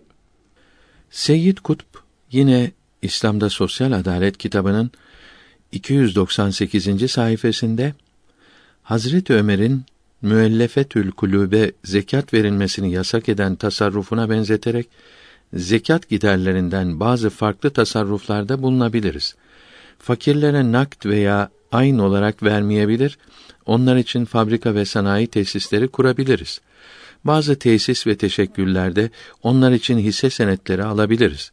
Onlara bugünün medeni icaplarıyla bağdaşmayan ve heba olup giden muvakkat ihsan manasından uzak daimi bir rızk ve gelir kaynağı temin edilmiş olur diyor. Eshab-ı kiramın hepsi derin alim, müçtehit idi. Hele dört halife Rasulullah'ın sallallahu aleyhi ve sellem hayatında müşavirleri, vefatından sonra da vekilleriydi. Hadis-i şerifte benim ve benden sonra dört halifemin yoluna sarılınız. Onların yolu doğru yoldur buyuruldu. Eshab-ı kiramın söz birliğine uymamız lazımdır. Söz birliğiyle bildirdikleri bilgilerden Müslümanlar arasına yayılmış olanlarına inanmayan kafir olur. Seyyid Kutb kendisini Hazret Ömer gibi müçtehit sanıyor. Zekatın verileceği yerleri değiştirmeye kalkışıyor. Zekatın kimlere verileceğini ve nasıl verileceğini dinimiz açıkça bildirmiştir. Bin seneden beri hiçbir alim bunu değiştirmeye kalkışmamıştır. Dinimiz zekatla fakirlere gelir kaynağı nasıl yapılacağını da çok güzel bildirmektedir. İslamiyeti iyi anlamış olan bir Müslüman zekat parasıyla İslamiyete uygun olarak fabrika ve sanayi müesseseleri nasıl kurulabileceğini ve cihat için, hayır cemiyetleri için nasıl yardım edileceğini hemen anlar. Bunların nasıl yapılacağı Saadet Ebediye kitabında yazılıdır. İslamiyet her asırda Müslümanların nasıl çalışacağını ve çağın buluşlarından faydelenme yollarını göstermiştir. Seyyid Kutb gibi mezhepsizlerin İslamiyeti değiştirmeye kalkışmalarına sebep ve lüzum kalmamıştır. Dört çeşit zekat malından toprak mahsulleriyle hayvan zekatını ve aşir denilen zekat memurunun ithalatçı tüccardan topladığı zekatı Müslümanların devlet başkanı alır ve yerlerine sarf eder. Şahısların ve kurumların ve Müslüman olmayan hükümetlerin bu zekatları toplamaya ve sarf etmeye hakları yoktur. Bunlar zekat toplama merkezleri, zekat bakanlığı kuramazlar. Bunlara verilen zekatlar kabul olmaz. Müslüman olmayan hükümetin idaresinde yaşayan Müslümanın her çeşit zekatı Kur'an-ı Kerim'de bildirilen kimselerden birine veya vekil ettikleri bir kimseye kendisinin veya vekilinin vermesi lazımdır. İbadetleri ehli sünnet alimlerinin rahmetullahi teala aleyhi ecmaîn kitaplarına göre yapmalıdır. 305. sayfasında Nisa suresinin 8. ayetinin meali olan miras taksim olunurken mirasçı olmayan akraba, yetimler, yoksullar da hazır bulunurlarsa kendilerini ondan bir şey vererek rızıklandırın hükmünü yazıyor. Bu ayet-i kerime akraba, yetimler ve fakirlerin mirasta hisse alacağını açıkça ifade etmektedir. Tabii olarak mirasta değişiklikler ve tahsisler yapılabilir. Bazı hisseler varislerin ve toplumun haline göre tayin edilebilir. Ayet-i kerimede hazır bulunursa diyor. Bu mevcud olmak manasındadır diyor. İslam alimleri bu ayeti kerime için bir emir olmayıp sevap ve ihsan olduğunu bildiriyor dediler. Emirdir diyenler varsa da bu alimlerde sonra gelen miras ayetleriyle bu ayetin hükmü nes oldu, kalmadı buyurdular. Tefsir Hüseyini de diyor ki bu ayet-i kerime miras dağılırken orada hazır bulunanlar içindir o mecliste hazır bulunan yetimlere, fakirlere göz hakkı olarak bir şey sadaka verilmesi iyi olur. Senavullah Dehlevi Hazretleri Tefsir-i Maseri'de buyuruyor ki miras taksim olunurken hazır bulunan akrabaya, yetimlere ve fakirlere sadaka olarak bir şey verilir. Said bin Cübeyr ve Dahhak bu ayet-i kerimenin Yusikumullah ayeti gelince ne sedildiğini bildirdiler nesedilmedi diyen alimler de vardır.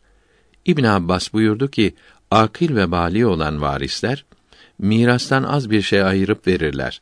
Varisler küçük ise vasi ve velileri verir veya yetim malıdır diyerek özür dilerler. Muhammed İbn Sirin diyor ki: Ubeyde Tül Selmani yetimlere miras taksim etti.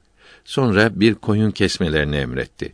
Pişirilip bu ayette bildirilenlere yedirildi ve bu ayet olmasaydı koyunun parasını ben verirdim dedi. Bunlara bir şey verilmesi farz olmayıp müstahap olması sahihtir. Görülüyor ki varisler diledikleri kadar verirler. Kendilerinden zorla bir şey alınamaz. Seyyid Kutb ayet-i kerimedeki hazır bulunmak kelimesini herhangi yerde mevcud olmak şeklinde değiştirmektedir. Şimdiye kadar hiçbir İslam alimi böyle değişiklik yapmamıştır. Kitabı Arapçadan Türkçeye tercüme eden de Seyyid Kutb'un hatasını anlamış olacak ki varislerden veraset vergisi alıp varis olmayanlara verilmesi mümkündür diyerek ayet-i kerimeyi büsbütün değiştirmektedir. Cahillerin dinde söz sahibi olduğu yerlerde şeytana iş kalmadığını din alimleri çok önceden bildirmişlerdir. Fi Zilalil Kur'an adındaki kitabında Maide suresinin 33. ayetini tefsire kalkışırken dört mezhebin içtihatlarını bildirip biz bu hususta İmam-ı Malik'in fikrini tercihe şayan görüyoruz. Onun fikrine taraftarız demektedir. Bu yazısı da onun mezhepsiz olduğunu, kendisini mezhep imamlarının üstünde gördüğünü ve usulü fıkh ilminden haberi olmadığını göstermektedir. Birkaç sayfa sonra hırsızın cezası verilmesinde dört mezhebin içtihatlarını bildirirken fakat İmamı Ebu Yusuf İmam-ı Azam'a karşı çıkar. Her iki görüşten farklı üçüncü bir fikir ortaya atar. Diyerek mezhep imamlarına ve içtihatlara karşı terbiyesiz kelimeler kullanmaktadır. İçtihatları fikir, düşünce zannetmektedir. İslam dini edep ve güzel ahlak dinidir. İslam alimleri rahmetullahi teala aleyhim ecmaîn terbiyede ve güzel ahlakta İslam dininin mümessili olmuşlardı. Onu dünyaya böyle tanıtmışlardı. Seyyid Kutb bu bakımdan da İslam alimlerinden ayrılmaktadır. Maide suresinin 93. ayetini tefsir ederken Kur'an-ı Azimüşşan'da varit olan bu ifadenin geliş tarzı üzerinde insanın içini rahatlatacak bir tefsir tarzını müfessirlerin zikrettikleri arasında bulamadım. Okuduklarım içerisinde en fazla hoşuma giden her ne kadar hissen beni rahatlatacak durumda değilse de İbn Cerir Taberi'nin zikrettiğidir diyor. Halbuki mesela müfessirlerin baş tacı Beydavi'nin tefsiri ve bunun Şehzade haşiyesi bu ayet-i kerimeyi daha geniş ve rahatlatıcı olarak açıklamaktadır. Büyük İslam alimi, rasih ilimli ve tasavvuf mütehassısı Seyyid Abdülhakim Efendi bu ayet-i kerimeyi İstanbul'da Bayezid Camii'nde hem Beydavi haşiyesinden hem de Ebu Suud ve Nimetullah tefsirlerinden günlerce açıklayarak dinleyen kültürlü gençlere hayran etmiş, gönüllere ferahlık vermişti. Seyyid Kutb da böyle Zülcenahayn bir derin İslam aliminin derslerinde ve sohbetlerinde senelerle bulunmakla şereflenip ilm ve marifet deryasından birkaç damlaya kavuşsaydı ayet-i kerimelerin sarahatinden, ifadesinden, işaretlerinden, delaletlerinden, iktizasından ve tezammunlarından bir şeyler anlayabilirdi. Tefsir ve müfessir ne demek olduğunu belki sezerdi. O derslerin feyizleri taş gibi katı, zift gibi kara olan kalpleri yumuşatıp teskiye edip hakkı batıldan ayırabilecek İslam alimlerinin selef-i salihinin büyüklüğü karşısında titreyebilecek bir hale getirir. Evet, ehli sünnet alimlerinin yüksekliklerini öyle anlar ki saadet ebediyeye kavuşmak için onlara uymaktan başka çare olmadığına tam inanır. İmam-ı Rabbani Ahmet Faruki rahmetullahi teala aleyh de Mektubat kitabında peygamberlerin varisleridir ve mürekkepleri şehitlerin kanından daha ağır gelecektir. Hadis-i şerifleriyle met olunan alimlerin ehli sünnet alimleri olduğunu muhtelif mektuplarında tekrar tekrar bildirmektedir. Seyyid Kutb'un Maide suresindeki ayet-i kerimeyi ileri sürerek yüzlerce tefsir alimini küçümsemesi, yalnız İbn Cerir'i ayırarak onu övmesi kendisinin mezhepsiz olduğunu ortaya koymaktadır. Fethül Mecid ismindeki meşhur Vehhabi kitabının 249. sayfasında de İbn Cerir bakınız nasıl övülmektedir. Yeryüzünde Muhammed bin Cerir bin Yezid Taberi'den daha alim kimse yoktur müçtehitlerden idi. Kimseyi taklit etmezdi. Kendi mezhebinde yetiştirdiği çok talebesi vardı. 310 senesinde vefat etti. Bunların İbn Cerir'i met etmeleri doğrudur. Fakat bunu ileri sürerek başka tefsirleri ve müçtehitleri küçümsemeleri mezhepsiz olduklarını göstermektedir. Hadika'nın 460. sayfasında buyuruyor ki, itikatta taklit ederek işittiğine iman etmek caiz ise de nazar ve istidlal etmediği için yani inceleyip araştırmadığı için günah işlemiş olur. Amelde, ibadetlerde araştırmadan bir mezhep imamına tabi olmak söz birliğiyle caizdir. Uzun zamandan beri müçtehit olmak için lazım olan şartları kendinde toplayacak kimse kalmadığı için her Müslümanın dört mezhepten birini öğrenmesi lazımdır. Bu da ancak güvenilen bir kitabı okumakla veya salih olan alimden sorup anlamakla mümkün olabilir. Mutlak müçtehit kalmadı. Bir mezhep içindeki meselelerde içtihad ederek fetva verebilecek mezhep için müçtehitler kıyamete kadar bulunacaktır. Herhangi bir din kitabını okuyarak ve din adamı geçinen herkese sorup anlayarak din bilgisi öğrenmek caiz değildir. Din adamı denilenler arasında cahiller, din bilgisi olarak kendi düşüncelerini yazan zındıklar, fasıklar, münafıklar, İslamiyeti içerden yıkmak isteyenler ve bunlara alet olarak geçinenler her zaman vardır. Hakiki din adamı olmak için hem ilm, hem amel, hem de ihlas yani takva lazımdır. Din adamının insanı saadete kavuşturabilmesi için en önce ehli sünnet itikadında olması lazımdır. Yani eshab-ı kiramın radıyallahu teala anhum ecmaîn izinde bulunması ve icmai ümmete uyması lazımdır. Seyyid Kutb'a gelince dikkat edilirse o bir gazetecinin ve bir politikacının tabii sanatı olan yaldızlı, heyecanlı yazılarıyla okuyucularını vecde getiren bir hatiptir. O kapalı bir hazineyi satışa çıkaran dellal gibi İslamiyeti yalnız övmekte, içini açıp cevherleri teşhir etmeyip İslam alimlerini ve onların kitaplarını sanki gençlerden saklayıp kendi görüşlerini din bilgisi olarak teşhir etmektedir. Bir artist rolüyle okuyucularını tesire çalışırken çok yerde tezatlara düştüğünü, kendi kendini yalanladığını anlayamamıştır. Bir talebenin getirip gösterdiği şu yazısının okuyucularını küfre kadar götürmesinden çok korkulur. Maide suresinin 115. ayetini tefsir ederken semadan sofra inme kıssası Hristiyan kitaplarında Kur'an-ı Kerim'de varit olduğu gibi zikredilmez. Hazreti İsa'nın vefatından çok sonra kaleme alınmış olan bu İncil'lerde demektedir. Halbuki Hazreti İsa'yı öldürmediler. Onu asmadılar. Ayet-i kerimesini daha önce kendisi uzun açıklamıştı. Ayet-i kerimeler İsa aleyhisselamın öldürüldüğünü asla bildirmiyor. Maide suresi 115. ayetinde İsa'yı öldürmediler ve asmadılar buyruluyor. Diğer ayet-i kerimede teveffi edildiğini yani göğe çıkarılma işinin tam olduğunu haber veriyor. Seyyid Kutb'un tefsir alimi, din adamı değil, Arapçası kuvvetli ve keskin zekalı, geniş hayalli, becerikli bir yazar olduğunu bütün kitapları haykırarak haber veriyor. Politikacılar emellerine kavuşmak için sevilen ve sayılan şeyleri ele alarak öyle canlandırırlar ki yazılarında samimi olup olmadıklarını ancak o şeyi yakından tanıyanlar anlayabilir.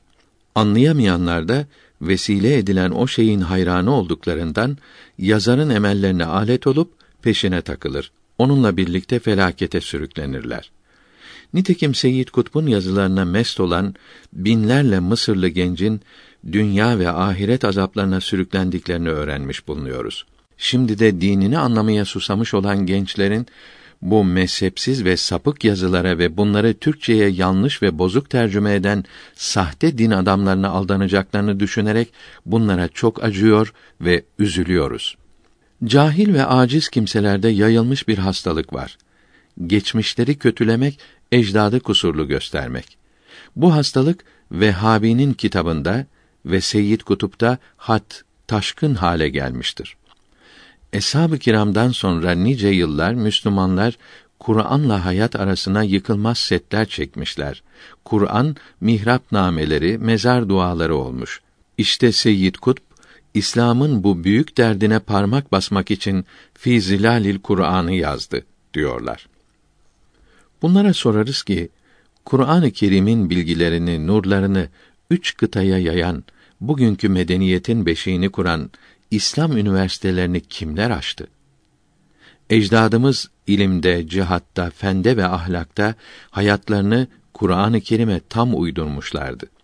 Yazdıkları binlerle kitap ve kurdukları çeşitli İslam medeniyetleri dünya tarihlerinde övülmektedir. Ecdadımızın ölülere Kur'an okumalarıyla alay eden Seyyid Kutupçular şunu iyi bilsinler ki kabir ziyaretini ölülere Kur'an okumayı Resulullah emretmiş ve kendileri de yapmıştır. Ecdadımız bu emre, bu sünnete uymak için ölüleri ziyaret etmiş ve ruhlarına Kur'an-ı Kerim okumuşlardır. Böylece her işlerinde Kur'an'a ve sünnete sarılmışlardır. Seyyid Kutb'un kitabı rivayetler silsilesi değildir diyenler onu övdüklerini sanarak yüz karasını ortaya çıkarmaktadırlar. Çünkü Resulullah'tan sallallahu teala aleyhi ve sellem ve eshab-ı kiramdan Rıdvanullahü Teala aleyhim ecmaîn rivayet edilmeyen din bilgilerine bid'at denir. Hadis-i şerifte bizden rivayet edilmeyen, sonradan meydana çıkarılan din bilgileri bid'attir. Hepsi sapıklıktır buyuruldu. Başka bir hadisi şerifte bid'at ortaya çıkaranların hiçbir ibadetleri kabul olmaz. Onlar cehenneme gideceklerdir buyuruldu. Bu hadisi şerifler Seyyid kutupçuların çok aldandıklarını, yalnız ehli sünnetin kurtulacağını açıkça göstermektedir. Çünkü Seyyid Kutb selef-i salihinden gelen rivayetleri kabul etmiyor. Ehli sünnetse selef-i salihinin Rasulullah'tan getirdikleri rivayetlere sarılıyor. Bir gibi vasiyetnamesi şerhinde buyuruyor ki ehli sünnet mezhebini ve bu alimlerin bildirdiği itikadı öğrenip itikadını buna göre düzeltmek her Müslümana farzdır. Bunu herkes öğrenmelidir. Cahil kalmamalıdır. Zira İslamiyete uymayan itikadın büyük zararı vardır. Zamanımızda bid'atler her tarafa yayıldı. Ehli sünnet vel cemaat itikadını bilen az kaldı. Bu cahillik bütün dünyayı kapladı. İlmiyle amel eden alimlerin sözlerine güvenilir. Çok kimseler vardır ki ilmden mahrumdur. Fakat alim şekline girmiş, şöhret sahibi olmuşlardır. Bunların şekillerine ve şöhretlerine aldanmamalıdır. Yarım din adamı din yıkar, yarım doktor beden yıkar sözü meşhurdur. Zamanımızda birçok cahil şeyh ve mürşit adıyla ve büyük din alimi adıyla Müslümanları aldatıyor. Allahü Teala Müslümanları bunlara aldanmaktan korusun. Bu sapıklardan çok sakınmalıdır. Din adamı geçinen herkesin sözüne ve kitabına uymamalıdır. Fıkıh kitabından alınmamış, modaya göre verilmiş olan fetvalara, kararlara uymamalı, ehlini arayıp bulup ondan sormalı, doğrusunu öğrenmelidir. İslam alimlerinin bu nasihatlerini her Müslüman kulağına küpe yapmalı, aklını başına toplayıp sapık kitapların yaldızlı reklamlarına, şaşırtıcı propagandalarına aldanmamalıdır. Seyyid Kutb'un sapık fikirlerine dirayet tefsiri diyenlere ne kadar şaşılır. Kur'an-ı Kerim'den Seyyid Kutb'un çıkardığı bozuk fikir kırıntılarına değil, Kur'an-ı Kerim'den Allah'ın Resulü'nün anlayıp bildirdiği ve ehli sünnet alimlerinin bu bilgileri toplayarak meydana getirmiş oldukları hakiki tefsir kitaplarına sarılmalıdır. Kur'an-ı Kerim'in gölgesine sığınmak, böylece saadete kavuşmak isteyenler şunun bunun yazdığı tefsirlere değil, ehli sünnet alimlerinin doğru tefsirlerine inanmalıdırlar. İnsanı saadete kavuşturacak Seyyid Kutb'un varisleri değil, Rasulullah'ın varisleri olan ehli sünnet alimleridir. Seyyid Kutpçular ona Şafii diyorlar. Halbuki dört mezhepten birinde olmak için önce ehli sünnet itikadında olmak lazımdır. Ehli sünnet alimlerinden rahmetullahi teala aleyhi ecmaîn ayrılan ve hele ehli sünneti beğenmeyen kimsenin dört mezhepten birinde olduğunu söylemesi Müslümanları aldatmak olur. Seyyid Kutb'un tefsirinin tercümesine bakan bir Müslüman ayet-i kerimelerin meallerini okuyunca cidden zevk alıyor, ruhu ferahlıyor. Çünkü bu mealler ehli sünnet alimlerinin tefsirlerinden alınmıştır. Fakat Seyyid Kutb'un yazılarını onun İslam'ın ana kaynaklarına uymayan sapık yazılarının tercümelerini okuyunca Müslümana sıkıntı basıyor, kalbi kararıyor, seviyesinin düşüklüğü hemen duyuluyor. İmanı, İslam'ı felsefi düşüncelerle açıklamaya özendiği görülüyor. Bunun içindir ki ehli sünnet alimlerinin rahmetullahi teala aleyhi ecmaîn ruhlara hayat veren kitaplarını okuyup bu yüce alimlerin büyüklüğünü sezebilen insaflı müminler bugün de hakiki tefsir kitaplarını okumakta, o marifet deryalarından feyz almaya uğraşmakta, Seyyid Kutb'un kitaplarını övmek şöyle dursun, bunları okumaktan gençleri korumaya çalışmaktadırlar. Sapık fikirlerini tefsirinin her yerine serpiştirmiş ise de okuyucularımızı tatmin etmek için birkaçını kısaca bildirmeyi faydalı gördük. 1. Bakara suresinin tefsirine başlarken her surenin kendine has bir musiki tesiri ve ahengi vardır diyor. Resulullah sallallahu teala aleyhi ve sellem gına yani musiki kalpte münafıklığı arttırır buyuruyor. Kur'an-ı Kerim hiç böyle tesir eder mi? O musikinin hasıl ettiği zulmetleri temizler. Kalbi, ruhu nurlandırır. Bir gibi vasiyetnamesi şerhinde buyuruyor ki, musiki ile okunan şeyleri dinlememelidir. Zamanımızdaki tarikatçılar çok cahil ve inatçıdırlar. Teganni ederek şiir okuyorlar. Musikiden hasıl olan şehvet lezzetlerine ibadette lezzet hasıl oldu diyorlar. Feyiz hasıl oldu diyorlar. Böyle kitapsız, mezhepsiz sapıklar Deccal askerinin başlangıcıdırlar. Müminlere vasiyet ederim ki bunlara aldanmayınız. Dinden çıkarsınız. Ehli sünnet alimlerinin yolundan ayrılmayınız. Kur'an-ı Kerim'i, ezanı, zikri ve duayı teganni ile okuyanları dinlemeyiniz. Bunları susturunuz. Tatarhaniye fetva kitabı bunları teganni ile okumanın haram olduğunda söz birliği bulunduğunu yazmaktadır. Haram olduğuna fıkıh alimleri çok senet, vesika ortaya koymuşlardır. 2. Medine'ye hicret bir mecburiyet altında yapıldı diyor.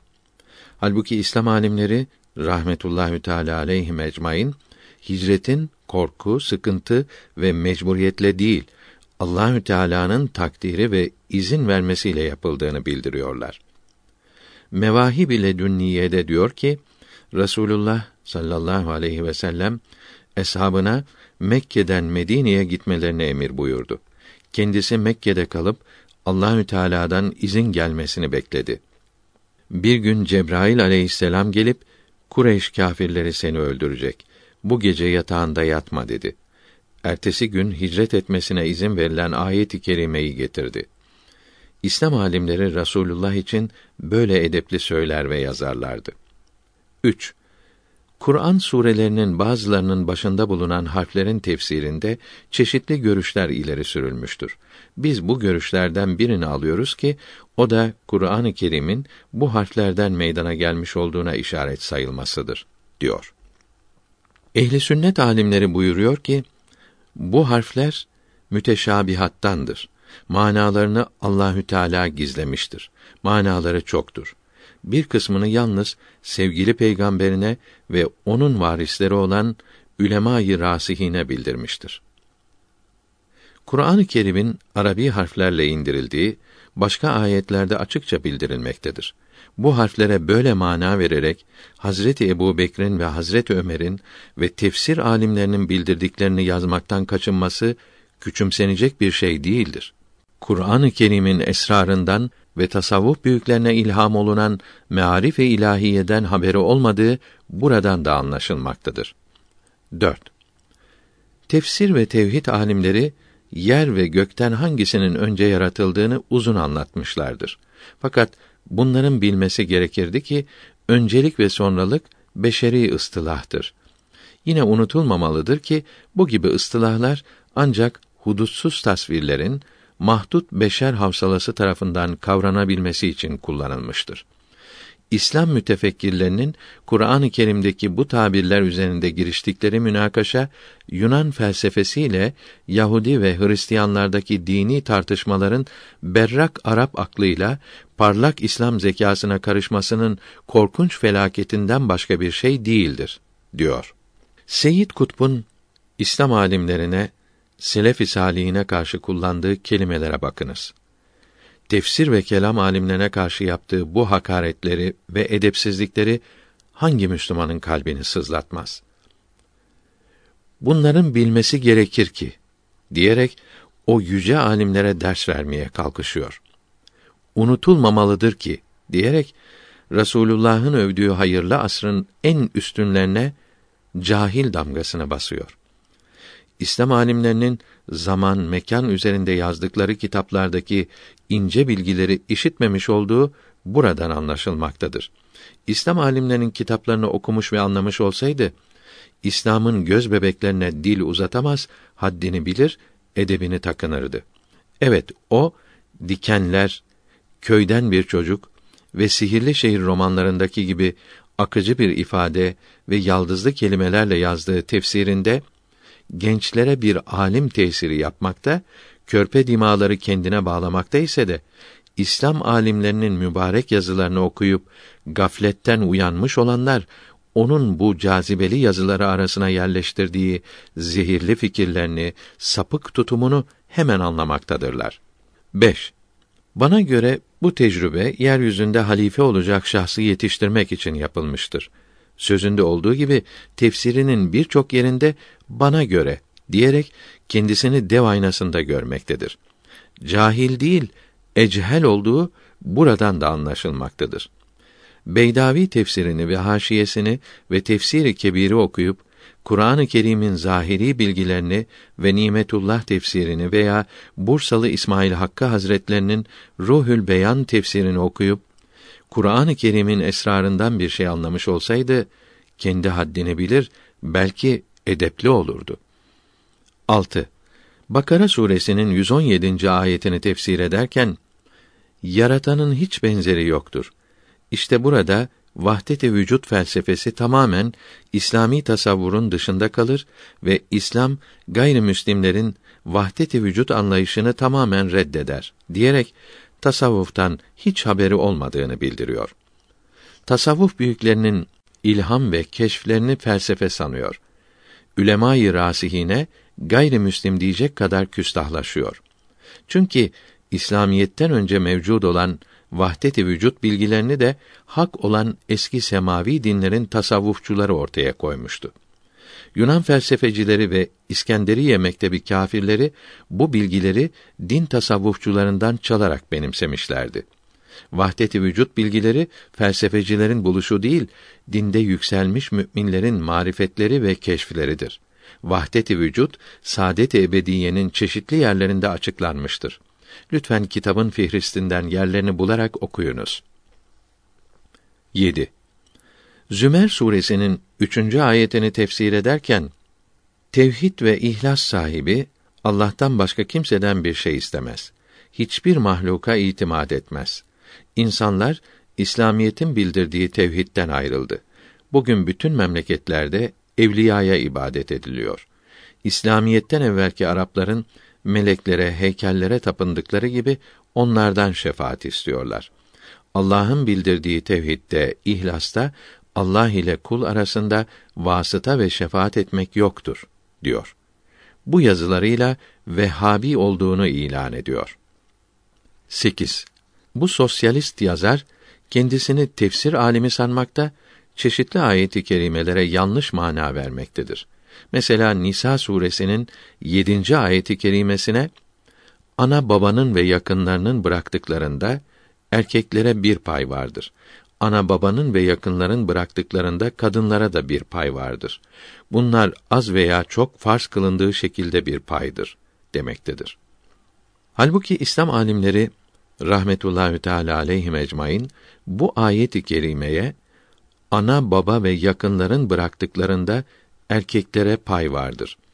Ana babanın ve yakınlarının bıraktıklarında kadınlara da pay vardır.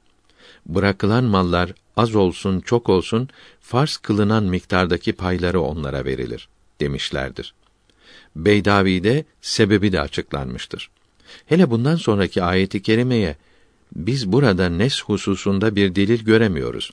Bizim görüşümüze göre bu ayet muhkemdir. Gereği şekilde amel etmekte farzdır diyerek kendi görüşüne göre tefsir yaptığını yazmaktan da sıkılmamaktadır. Halbuki tefsir alimleri bu ayet-i celileye vacip diyenler olduğu ise de nettir. Yani müstehaptır demişlerdir. Bütün İslam memleketlerinde de böyle yapıla gelmiştir. Bundan önceki ayet-i kerimeyi bildirdikten sonra Allahü Teala mal ve mülkü cemiyete tevdi etmiştir. Cemiyet bu malları güzel kullanmakla mükelleftir. Cemiyet başlangıçta bütün malların sahibidir.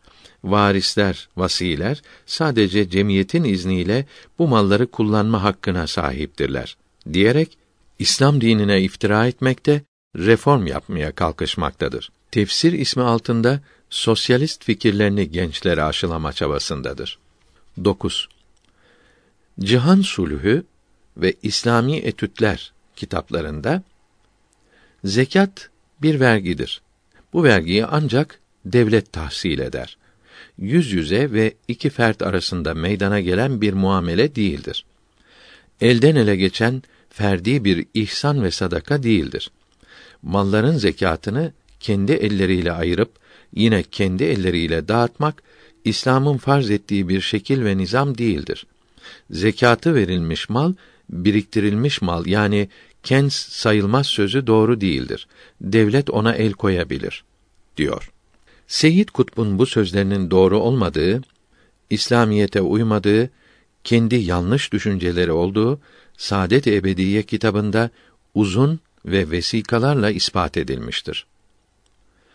Zekatı verilmiş malın kenz olmadığı, hükümetin bu mala hiçbir sebeple el koyamayacağı bütün kitaplarda yazılıdır.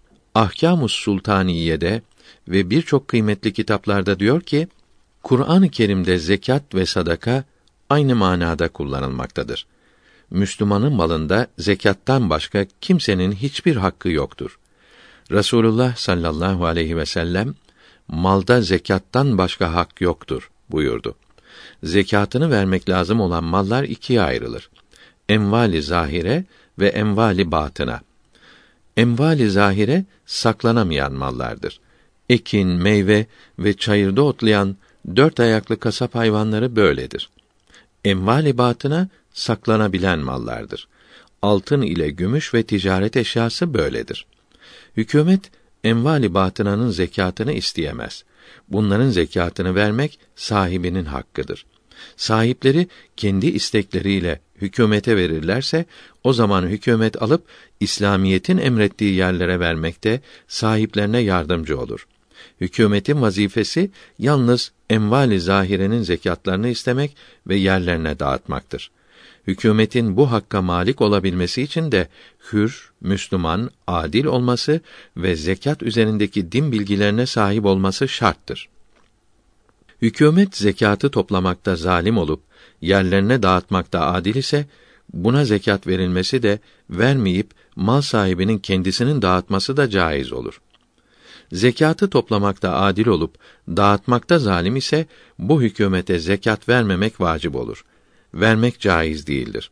İstekle veya zorla alırsa zekat verilmiş olmaz. Mal sahiplerinin ayırıp hakkı olanlara kendilerinin tekrar dağıtmaları lazım olur. Resulullah sallallahu aleyhi ve sellem toplanan zekatları uygun gördüğü yerlere dağıtırdı. Sonra Allahü Teala zekat verilecek yerleri birer birer bildirip başka yerlere sarf edilmemesini emreyledi. Kafire zekat verilmeyeceği söz birliğiyle bildirildi. Ahkamdan tercüme tamam oldu. Dürrül Muhtar kefalet bahsinin sonunda buyuruyor ki, Tarsusi dedi ki, sultanın yani hükümetin kimsenin malına el koyması caiz değildir. Yalnız Beytül Mal amilleri yani zekat toplayan memurlar, valiler ve Beytül Mal katipleri Müslümanların mallarını kendi zimmetlerine geçirirlerse, millete hıyanet ederlerse, hükümet bunların haksız edindikleri mallarına el koyabilir. Evkaf katipleri, memurları da böyledir. Bunlar da aşırı harcamalar yapar, çalgılı, oyunlu, sefahet hayatı yaşarlarsa, apartmanlar yaparlarsa, hükümet bunların mallarına el koyar ve vazifeden azleder. Haksız ele geçirdikleri mallarını vakfa iade eder. Hangi vakıftan aldıkları belli olmazsa Beytül Male verir. Halife Ömer radıyallahu anh Ebu Hureyre'yi radıyallahu anh zekat toplamak için Bahreyn'e vali göndermişti. Sonra onu bu işten azletti. Mallarına el koydu. 12 bin lirasını aldı. Bir zaman sonra ona yine bu vazifeyi vermek istediyse de kabul etmedi. Böyle olduğunu hakim ve başkaları haber vermektedirler. İbn Abidin bu satırları açıklarken buyuruyor ki, hükümetin Beytül Mal memurlarının mallarına el koyması demek, onların kendi zimmetlerine geçirdikleri zekat mallarını ellerinden geri alarak Beytül Mal'e vermesi yani yerine koymasıdır. Yoksa hükümet bu malları başka yerlere harcedemez. Ebu Hureyre buyuruyor ki Ömer radıyallahu anhuma zekat toplamak için beni Bahreyn'e gönderdi. Sonra vazifemden azletti ve 12 bin liramı aldı. Bir zaman sonra yine bu vazifeyi vermek istedi. Kabul etmedim. Ebu Hatem bunu işitince Yusuf aleyhisselam senden çok üstün, yüce bir peygamber olduğu halde bu vazifeyi yapmayı dilemişti. Sen için kabul etmedin dedi. Cevabında o Yusuf aleyhisselam idi. Peygamber idi. Peygamber oğlu idi. Peygamber torunu idi. Peygamber torununun oğlu idi. Ben ise Ümeyye oğluyum. Bilmediğim şeyi söylemekten, bilmediğim işi yapmaktan, böylece Rabbime ve onun kullarına karşı rezil olmaktan ve malıma el konmasından korkarım buyurdu. Ebu Hureyre Hazretlerinin mezhebine göre zekat memurlarının hediye kabul etmesi caiz idi. Hazret Ömer'in mezhebinde ise caiz olmadığı anlaşılmaktadır. Hazret Ömer kendi mezhebine göre hareket ederek hediye olarak topladığı malları elinden aldı. Görülüyor ki Hazret Ömer zenginlerin mallarına el koymadı. Bilakis zenginlerin mallarına el uzatan memurların haksız kazançlarını geri alıp sahiplerine vermiştir.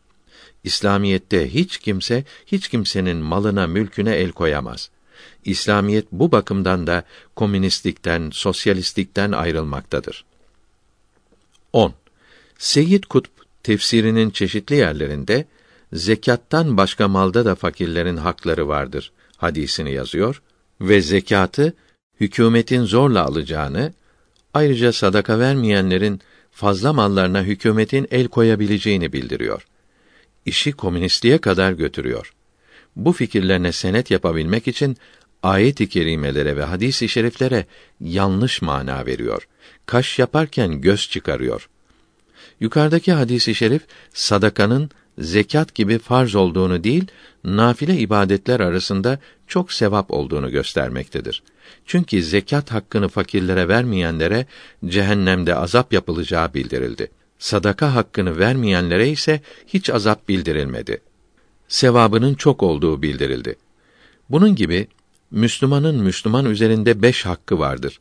Hadis-i şerifinde bildirilen selam vermek, hasta ziyaret etmek ve davet olunan yemeğe gitmek haklarının da farz olmadıklarını İslam alimleri söz birliğiyle bildirmişlerdir. Halbuki zevacirden aldığımız aşağıdaki hadisi şerifler zekatın böyle olmadığını açıkça gösteriyor. Mallarınızı zekat vermekle koruyunuz. Hastalarınızı sadaka vererek tedavi ediniz. Dua ile beladan korununuz. Ve zekatı verilen mal yer altına gömülse de kens yani Allahü Teala'nın kötülediği define sayılmaz. Zekatı verilmeyen mal açıkta bırakılsa da kenz olur ve müminin kalbinde buhl yani cimrilikle iman bir arada hiç bulunamaz. İbn Hacer Mekki Hazretleri bu hadisi şerifleri açıklarken hadisi şeriflerde kötülenen buhl yani hasislik zekat vermemek demektir diyor. 11. Biz onlara aşağılık maymunlar olunuz dedik. Mealindeki ayeti kerimede cumartesi günü balık tutmuş olan Yahudilerin maymun yapıldıkları açıkça bildirildiği halde bu ayeti de değiştirmeye kalkışmış, maymun derekesine düştüler.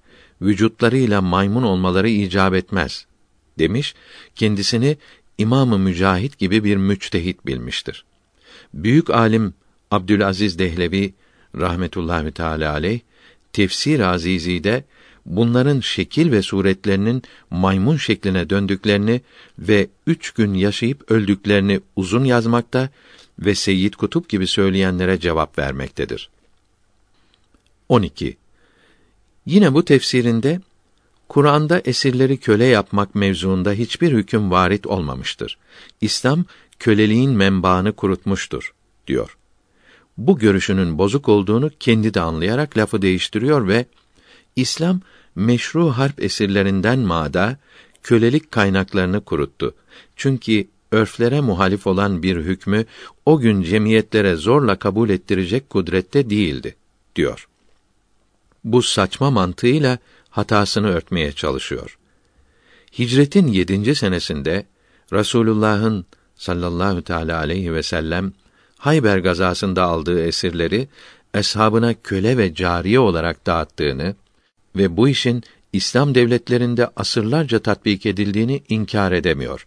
Fakat İslamiyetin kafir cemiyetlerine ahkam getirdiğini sanarak çok feci bir fikir de yürütüyor. İslam hükmünü kabul ettirecek kudrette değildi diyor. Bu kudretsizliğin Allahü Teala'ya varacağını, küfre sebep olacağını düşünemiyor.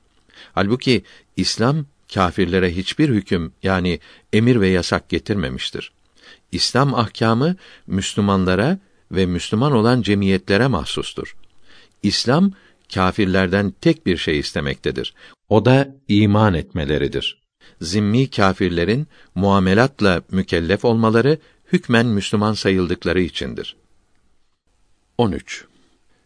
Seyyid Kutup kitaplı kâfir kadınlarıyla evlenmekte de kendi görüşlerini ileri sürmekte, müçtehitlerle boy ölçüşmeye kalkışmaktadır. Tefsir yapmakta ve din kitapları yazmakta tek sermayesi memleketi icabı Arabi bilmesidir. Tek hüneri iyi bir tercüman olabilen bu yazarın en büyük hatası din bilgilerinde mukallit olduğunu anlayamamış olmasıdır. Halbuki nasları açıklamakta ve nas bulunmayan bilgilerde yalnız müçtehitlerin görüşlerine değer verilir. Müçtehit olmayanların yani bizim gibi mukallitlerin görüşleri din bilgisi olamaz. Müçtehitlerin görüşlerine uymayan görüşler ileri süren din cahillerine dinde reformcu veya zındık denir. Bunlar din adamı görünerek perde arkasından dini yıkmak isteyen kimselerdir. Hakiki din adamı demek uzun seneler dirsek çürütüp müçtehitlerin açıklamalarını, görüşlerini öğrenerek bunları zamanındaki insanların anlayışlarına göre aktaran, bildiren halis Müslüman demektir. Seyyid Kutup memleketi icabı Arapçayı iyi bildiği için 40 seneden beri incelediği ve hayran olarak savunduğu sosyalist bilgilerini Kur'an-ı Kerim'le karşılaştırmaya kalkıştı. İslam alimlerinin kitaplarını okumadığı için ve Mısır Mason Locası Başkanı Mehmet Abduh'un tesiri altında kalarak ömrünün son yıllarında mezhepsizliği ve Vehhabiliği tervic eden kitaplar yazmaya başladı. Miladi 1948'de çıkardığı İslam'da Sosyal Adalet kitabı bu yıkıcı, sapık fikirleriyle doludur. Kur'an-ı Kerim'e sarılmalı diyerek gençleri kendi sapık fikirleri arkasında sürükledi. Keşke kendi zamanında bulunan Abdülkadir Udeh gibi ve Ahmedi Advi Eseri gibi İslamiyeti iyi incelemiş ve anlamış mücahitlerin yazılarını okumuş olsaydı. Ehli sünnet alimlerinin yüksekliklerini öğrenir, bunların biricik kurtuluş yoluna sarılmak saadetine kavuşabilirdi. Fakat ona dini bütün İslam alimi diyenler de ilmi ve felsefi araştırmaları kendisine sarsılmaz bir iman bahşetti. Sözünü gizleyememişler. Onun imanının İslam bilgilerine değil, felsefi düşünceler üzerine kurulmuş sapık bir yol olduğunu bildirmişlerdir. Din adamı geçinen bazı kimseler Seyyid Kutb'un reformcu, sapık fikirlerine aldanmakla kalmıyor. Onun İslamiyete uymayan fikirlerini gençler arasına yaymaya uğraşıyorlar. Bu çalışmalardan kazanç sağlamayı düşünen bazı kimseler de onun tefsirini ve kitaplarının bazı yerlerini yanlış tercüme edip yüksek fiyatla satıyorlar. Kazançlarına engel olduğu için hakikati ortaya koyan, gençleri uyandıran kitaplarımıza saldırıyorlar. Ehli sünnet alimlerinin kitaplarından tercüme ettiğimiz kitaplarımıza ilim ile vesika ile karşı çıkamadıklarından yalan ve iftiradan başka çare bulamıyorlar. Böyle yalan söyleyenlere bu sözünüz kitaplarımızın neresinde yazılıdır deyince bir yer gösteremiyorlar. İftiraları, yalanları ortaya çıkıyor. Seyyid Kutb'un Fi Zilalil Kur'an tefsirinin bozuk ve zararlı olduğunu göstermek için İslam alimlerinin büyüklerinden Ahmet İbni Hacer Mekki Hazretlerinin fetvasını okumak yetişir. Fetva şudur: İslam alimlerinin tefsirlerinden almayıp da kendi anladığını ve kendi görüşlerini tefsir olarak yazan ehliyetsiz kimselerin tefsirlerini milletin önüne sürenlere mahkemeler mani olmalıdır. Böyle tefsirler batıldır, bozuktur. Bu tefsirleri milletin önüne süren din adamları sapıktır. Başkalarını da doğru yoldan saptırmaya çalışmaktadırlar. Fetavai Hadisiye'deki bu fetvayı okuyan bir Müslüman, cahil, sapık din adamlarının sözlerine aldanmamalı, onların kötüledikleri ehli sünnet kitaplarına sarılmalı, yaldızlı sözlerle, planlı usullerle övdükleri sapıkların bozuk, zehirli kitaplarını almamalı, okumamalıdır. 58. Tebliğ cemaat adıyla İslam memleketlerini dolaşıp Müslümanlara vaaz ve nasihat eden kimseler görülüyor. Bunlar Hindistan'dan, Pakistan'dan üçer beşer kişilik kafileler halinde çıkarak dünyanın her yerine gidiyor. İslamiyeti yaymaya çalışıyoruz diyorlar. Eshab-ı kiramın yolunda olduklarını söylüyorlar. Hanefi mezhebinde olduğunu, İbn Teymiye'yi çok beğendiğini söyleyenleri de var. Faydalı ve doğru konuşuyorlar ise de İslam alimlerinin isimlerini ve sözlerini ağızlarına almamaları ve ehli sünnet bilgilerinden bir kısmını örtbas eder görünmeleri şüphe ve üzüntü uyandırdığından Hindistan'da ve Pakistan'daki bazı din adamları bunların sapık olduklarını yazmaktadırlar. Kendilerine cemaatü tebliğ diyorlar. Merkezleri Delhi'dedir. Pakistan'ın Karaşi ve Lahor şehirlerinde de büyük şubeleri vardır. Her gittikleri yerde namaz kılmak üzerinde çok duruyorlar. Faydalı ve lüzumlu din bilgileri söylüyorlar. Bu çalışmalarına Urdu lisanında kest diyorlar. Bunların teşkilatını kuran Mevlana Muhammed İlyas isminde bir Hintli olduğunu söylüyorlar. Bu adam hicretin 1303 ve miladın 1886 senesinde Kantla şehrinde doğmuştur. Reşit Ahmet Kenkühi'nin talebesiydi. Onun yanında on sene kaldığı Mevlana İlyas Uranki Dini Davet kitabının 43 ve 49. sayfelerinde bildirilmektedir. Bu kitabı İlyas'ın yakın talebesinden biri yazmıştır. Reşit Ahmet 1323 miladi 1905'te ölünce Halil Ahmet Seharempuri'den okudu. Halil Ahmet 1346 miladi 1928'de Medine-i Münevvere'de öldü. Urdu lisanında yazdığı kitapta iblisin Rasulullah'tan sallallahu aleyhi ve sellem daha alim olduğunu bildiriyor. Reşit Ahmet Berahin-i Katıah kitabında 51. sayfasında Halil Ahmet'in bu kitabı için mübarek bir kitaptır diyor. Ve Beyt-i Aynı İslam denilen yerde saklıyor. Reşit Ahmet Hacı İmdadullah Medeni'nin halifesiydi. Hacı İmdadullah 1317 miladi 1899'da Mekke'de öldü. Reşit Ahmet önce İsmail Dehlevi'den okudu. Bu İsmail Abdülvehhab oğlunun Kitab-ı Tevhidini Urdu diline tercüme ederek Takviyetül İman ismini vermiştir. 38. sayfasında Rasulullah sallallahu aleyhi ve sellem öldü, çürüdü, toprak oldu. Rasulullah'ın sallallahu aleyhi ve sellem kıyamette şefaat edeceğine inanan kâfir olur, müşrik olur diyor. İlyas'ın bir hocası da Eşref Ali Tehanevi'dir. Bu da Çeşdiye tarikatinden Hacı İmdadullah'ın halifelerindendir. Urdu diliyle yazdığı Behişti Ziver adındaki kitabında birinci kısmında Rasulullah'ın sallallahu aleyhi ve sellem yüksek derecesini çocuk, deli ve hayvanlar derekesine düşüren çok çirkin şeyler yazmaktadır. İlyas'ın üç hocası da kitaplarındaki böyle yazılarıyla Müslümanları hayrete düşürmüşlerdir. İlyas bunları övmekte, büyütmekte ve aşırı saygı göstermektedir. Onlar için zamanın evliyası, kutupları demektedir. Melfuzat-ı Hazreti Mevlana İlyas rahmetullahi aleyh ismindeki kitabın 114. sayfası bu metiyelerle doludur. Şeyhi Reşit Ahmet için eğer onu görmeseydim kalbim itminana kavuşmayacaktı. Gece uyanınca onun yatak odasına gider, onun yüzüne bakar, gelir uyurdum. Onun sevgisi damarlarımdaki kan gibi her yerime işlemiştir demektedir. Bu sözleri Mevlana İlyas Uranki kitabının 44. ve 49. sayfelerinde yazılıdır.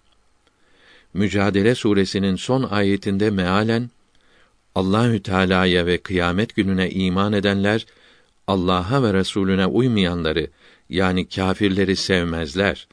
Babaları, oğulları, kardeşleri, akrabaları olsalar da kâfirleri sevmeyenlerin kalplerini Allahü Teala imanla doldurur buyuruldu. Tebliğ cemaatçilerin hepsi İlyas'ı ve hocalarını çok büyütüyorlar, çok övüyorlar. İsimlerini söyleyince ve işitince rahmetullahi aleyh diyorlar. Yukarıda bildirdiğimiz kitaplarını her yere yayıyorlar. Ehli sünnet alimleri tebliğ cemaatçileri reddetmek, sapık olduklarını ortaya koymak için çok kitap yazdılar. Onlar bu kitaplara hiç cevap veremedi. Abdülalim Sıddıki İlyas'ın ve hocalarının İslamiyeti içerden yıkmakta olduklarını yazmaktadır. El Müstenet ve El Mütenebbiül Kadyani ve El Üstazül Mevdudi ve Et Devletül Mekkiye ve Hediyetül Mehdiyin kitabının sonunda da uzun yazılıdır. Bu beş kitap Arabidir. 1395 miladi 1975 senesinde İstanbul'da Hakikat Kitabevi tarafından ofset yoluyla tekrar bastırılmıştırlar. İlyas 1363 miladi 1944'te öldü. Yerine oğlu Muhammed Yusuf geçti. Yusuf 1335 miladi 1917'de Delhi'de tevellüt ve 1394'te Lahor'da vefat etti. Delhi'de defnedildi. Hayatü's Sahabe ismindeki üç cilt kitabı 1395 miladi 1975'te Türkçeye tercüme ve neşredilmiştir. Bu kitabında eshab-ı kiramı çok övmüş olduğundan okuyanların takdirlerini çekmektedir. Fakat aynesi iştir kişinin. Lafa bakılmaz sözü meşhurdur. Eshab-ı kiramın üstünlüklerine inanan ve onları seven kimsenin onların yolunda bulunması lazımdır. Onların yolu ehli sünnet alimlerinin gösterdikleri yoldur. Eshab-ı kiramı sevmenin alameti ehli sünnetin dört mezhebinden birinin fıkıh kitaplarını öğrenmek ve bu bilgilerin yayılmasına çalışmak ve bunlara uygun yaşamaktır. Muhammed Yusuf'un yerine Hindistan'da Seharenpur şehrindeki Mezahir Ulum Medresesi'nde hadis muallimi olan Şeyh İnamül Hasan geçti. Hindistan'da Lucknow şehrinde 1310 miladi 1891'de kurulmuş olan Nedvetül Ulema'nın emiri, reisi olan Ebul Hasan Ali Nedvi 1395 miladi 1975'te Lucknow'da basılmış Ed-Davetül İslamiye kitabında İmam-ı Rabbani Ahmet Serhendi'yi ve hizmetlerini övdükten sonra 1246'da öldürülmüş olan İsmail Dehlevi'yi ve 1320'de ölen Nezir Hüseyin Dehlevi'yi ve Hacı İmdadullah'ın halifelerinden Muhammed Kasım Nanavtavi tarafından 1288 miladi 1871'de kurulmuş olan Diobent medresesini ve 1362'de ölen Eşref Ali Tehanevi'yi ve tebliğ cemaati ve kurucusu Muhammed İlyas'ı çok met ve sena etmektedir. Muhammed Kasım Nanavtavi 1317 miladi 1899'da öldü. İsmail Dehlevi'nin Takviyetül İman kitabının 1396 miladi 1976 senesinde Pakistan'da basılmış olan Takvimül Beyan adındaki Farisi tercümesini okuduk.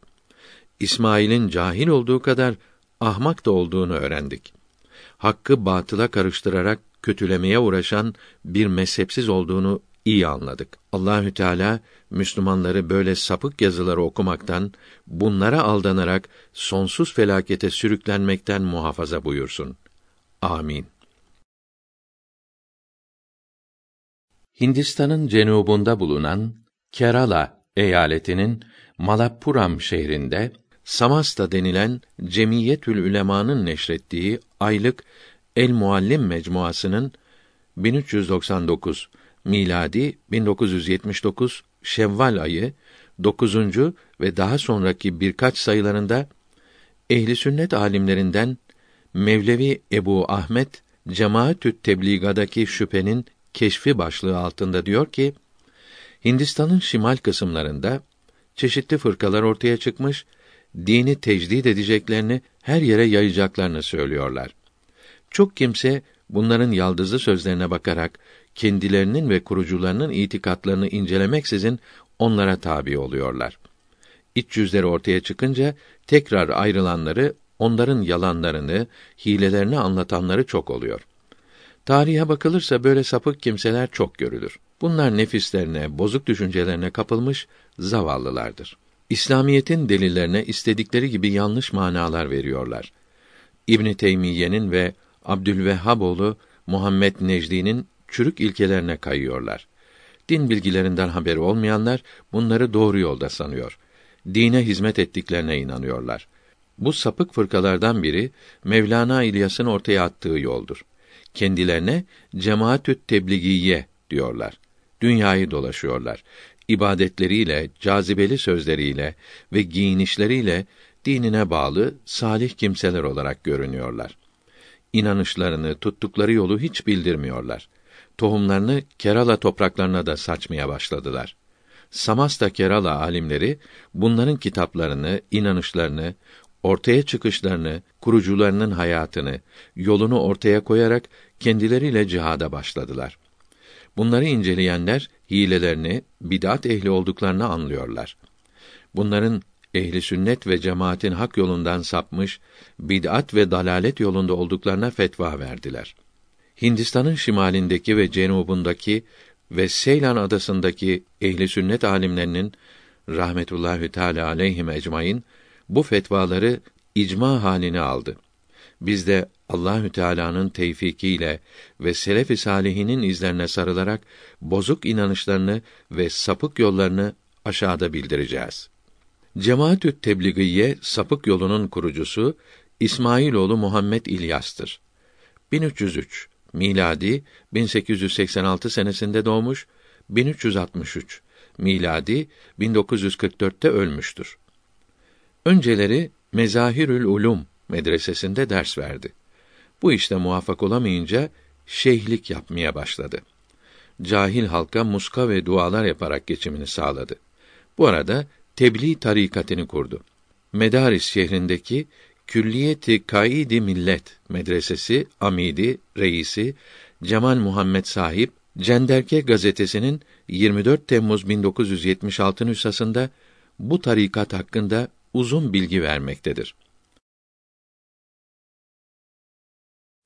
Delhi'de bulunan Cemaatü't Tebliğiye reisi ve arkadaşı Muhammed İdris Ensari, Delhi'de Cemal matbaasında basılmış olan Tebliği Düsturul Amel risalesinde bu tarikatın kuruluş sebebini şöyle bildiriyorlar.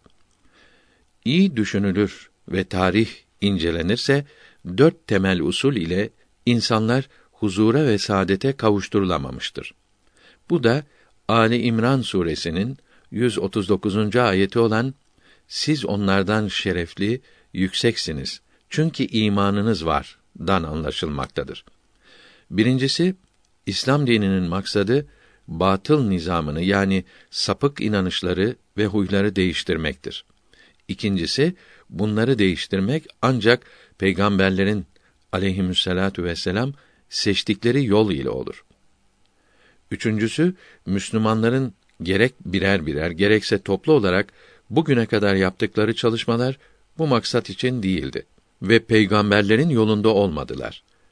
Dördüncüsü bunun için salih olan bir cemaat yani cemaat-i İslamiye kurmak ve bunun İslam'ın gösterdiği yolda çalışması lazımdır. İşte bu işi Allah'ın salih kullarından Muhammed İlyas yaptı. İslam yolunda çalışmak isteyenleri toplayarak Cemaatü Tebligiye denilen yeni bir topluluk meydana getirdi diyorlar. Şu laflara bakınız. Ümmeti Muhammediye'nin 1400 seneden beri gerek birer birer gerekse toplu olarak yaptıkları çalışmalar peygamberlerin aleyhissalatu vesselam yolu değilmiş ve insanlar arasına yayılmış olan batıl inanışları değiştirmek için değilmiş. Bunun için yeni bir cemaat kurmak lazım olmuş. Bunu Cemaati Tebligiye'nin emiri bildiriyor. Ümmeti Muhammediye'yi parçalamak, ehli sünnetin dışında yeni sapık bir çığır açmak isteyenler hep böyle söyleyerek ortaya çıktılar. Ümmeti İslamiyenin hepsi doğru yoldan ayrıldı. Hidayet yolundan saptılar diyerek yeni bir tarikat kurdular. Uydurdukları bozuk, kötü ilkeleri böylece ortaya koydular. Yine bunun gibi son zamanlarda Ebul Ala Mevdudi ismindeki kimse Pakistan'da Cemaat-i İslami denilen bir teşkilat kurdu. Bunu kurmasının sebebini Urdu dilinde çıkardığı Min Müslümanür Mevcudühü Siyasi risalesinin 15. sayfasında şöyle anlatıyor. Çok araştırmış, incelemiş. Bugünkü İslam halkasını boynundan çıkarmaya karar vermiş. Eğer böyle yapmasaymış, o da ilhat ve dehriye denilen dinsizlerin yolunda kalırmış. Ecdadından, dedelerinden gelen din ilhat ve dehrilik imiş. Bunun için kelime-i tevhidin manasına tam uygun olarak yeni bir din ortaya koymuş. Bulunduğu zamanın ilk hakiki Müslümanı kendisiymiş. Müslüman olsun olmasın herkesi bu yeni dine çağırıyormuş. Muhammed İlyas da böyle söylüyor. Bu ümmeti Muhammediyenin asırlardan beri yaptıkları her şey peygamberlerin yoluna uygun değilmiş. Muhammed Manzuri Numani İlyas'ın ümmeti Muhammediyenin şimdi yaptıkları ibadetler hep rüsum ve adetlerdir. Din öğretenler, din idarecileri rüsum ve adetlere bağlı kalmışlardır dediğini Melfuzat Risalesinin 12. sayfasında bildirmektedir. Tebliğ cemaat önderlerinden Muhammed Hasan Han Miftahü't Tebliğ ön sözünde diyor ki: Zamanımızda din işleri başıboş kaldığı için çok kimse şirk, küfür ve ilhat akıntısına kapılmıştır. Allahü Teala insanların bu halini acıyıp mucize olarak Müslümanları gafletten uyandırmak ve onlara din ruhunu aşılamak için Şeyh Muhammed İlyas'ı gönderdi. Bu mücahit Delhi şehrinin cenubundaki Mivat kasabasında zamanın şartları izin verdiği kadar insanları uyandırmaya çalıştı diyor. Bütün ümmet küfürde dalalette olunca İlyas doğru yolu acaba nereden buldu denirse buna cevap vermeleri kolay olmayacaktır sanırız. Yukarıda bildirilenlerden anlaşılıyor ki tebliğ cemaat fırkası diğer eşkıya arkadaşlarının söyledikleri gibi bu ümmeti Muhammediye dalalete düştü. Doğru yoldan ayrıldı diyorlar. Bu sözleri peygamberimizin sallallahu aleyhi ve sellem bildirdiğine taban tabana zıttır. Çünkü Tirmizi'nin bildirdiği hadisi şerifte ümmetim dalalet üzerinde birleşmez buyurdu. Bu hadisi şerif müçtehitlerin yani İslam alimlerinin söz birliği yaptıkları bilgilerin hep doğru olacağını kesin olarak bildirmektedir. Yalnız alimler değil, aklı başında olan herkes böyle olduğunu hemen anlar. Şimdi bu Cemaatü't Tebliğiye fırkasının nasıl teessüs ettiğini bildirelim. Hindistan'ın meşhur din ve tarih adamlarından Ebul Hasan Ali Nedvi Cemaatü't Tebliğiye'nin kurucusu İlyas'ın sözlerini şöyle bildiriyor. 1345 miladi 1926 senesinde Medine-i Münevvere'deyken bu işe başladım. Bu hareketi senin elinde gerçekleştireceğiz diye rüyada müjdelendim. Bunlar Muhammed İlyas'ın Dine Daveti kitabının 77. sayfasında Urdu diliyle yazılıdır. Bir sayfa sonra da Medine'den Hindistan'a döndükten sonra insanları dine davet etmeye başladı. Bu iki satır yazıdan anlaşılıyor ki bu davet Allahü Teala'nın emriyle başlamış ve Allah tarafından kendisine rüyada müjdelenmiş. Bu yolun iç yüzü İlyas'ın Melfuzatı kitabında geniş açıklanmaktadır. Bu kitapta talebesinden Muhammed Manzur Numani arkadaşlarına hocasının şu müjdesini vermektedir. Rüya peygamberliğin 46 parçasından biridir. Riyazetler çekmekle, mücahedeler yapmakla hasıl olmayan terakkiler bazı seçilmişlere rüyada hasıl olmaktadır. Bunlara rüyada hasıl olan bilgiler peygamberliğin parçalarıdır. Bunlarla terakki hasıl olmaz mı? İlim marifeti arttırır. Marifet de insanı Allah'a yaklaştırır. Bunun için Allahü Teala Ya Rabbi ilmimi arttır demeyi emretti. Rüyada insana sahih ilimler verilir. Bundan dolayı bu emirinizin çok uyuması için dua ediniz. Asabım bozularak uykum azaldığı zamanlar uykumu arttırmak için tabibe müracaat ediyor, verdiği ilaçları kullanıyorum. Bu tebliğ ile davet etmek yolu bana rüyada gösterildi. Siz ümmetlerin en iyisi oldunuz. İnsanların iyiliği için yaratıldınız. İyilik yapılmasını emreder, kötülükten nehyedersiniz. Mealindeki ayetin tefsiri bana rüyada bildirildi. Ben peygamberler gibi insanları davet için yaratıldım. Ayetteki yaratıldığınız sözü bu davetin yalnız bir yerde yapılmasıyla bir şehirde kalmakla tamam olmayacağını, bulunduğu yerden çıkarak şehirleri, evleri dolaşmak lazım olduğunu gösteriyor. Bunlar kitabın 50. sayfasında yazılıdır. Şu sözlere bakınız. Kur'an-ı Kerim rüyada tefsir ediliyor. Rüyada kendisine sahih ilimler verildiğini, bunların mücahede ve riyazetle elde edilemeyeceğini iddia etmektedir. Ayet-i kerimedeki uhricet kelimesinden hiçbir müfessirin bildirmediği yeni bir mana çıkarmaktadır. Talebesinden kendisinin çok uyması için çalışmalarını istemekte ve yazısından anlaşılacak daha nice şeyler bildirmektedir. Bunlar Kur'an'ı kendi reyi, görüşüyle tefsir etmek değil midir? Peygamberimiz sallallahu aleyhi ve sellem Kur'an'ı kendi reyi ile tefsir edenin yeri cehennem ateşi olsun.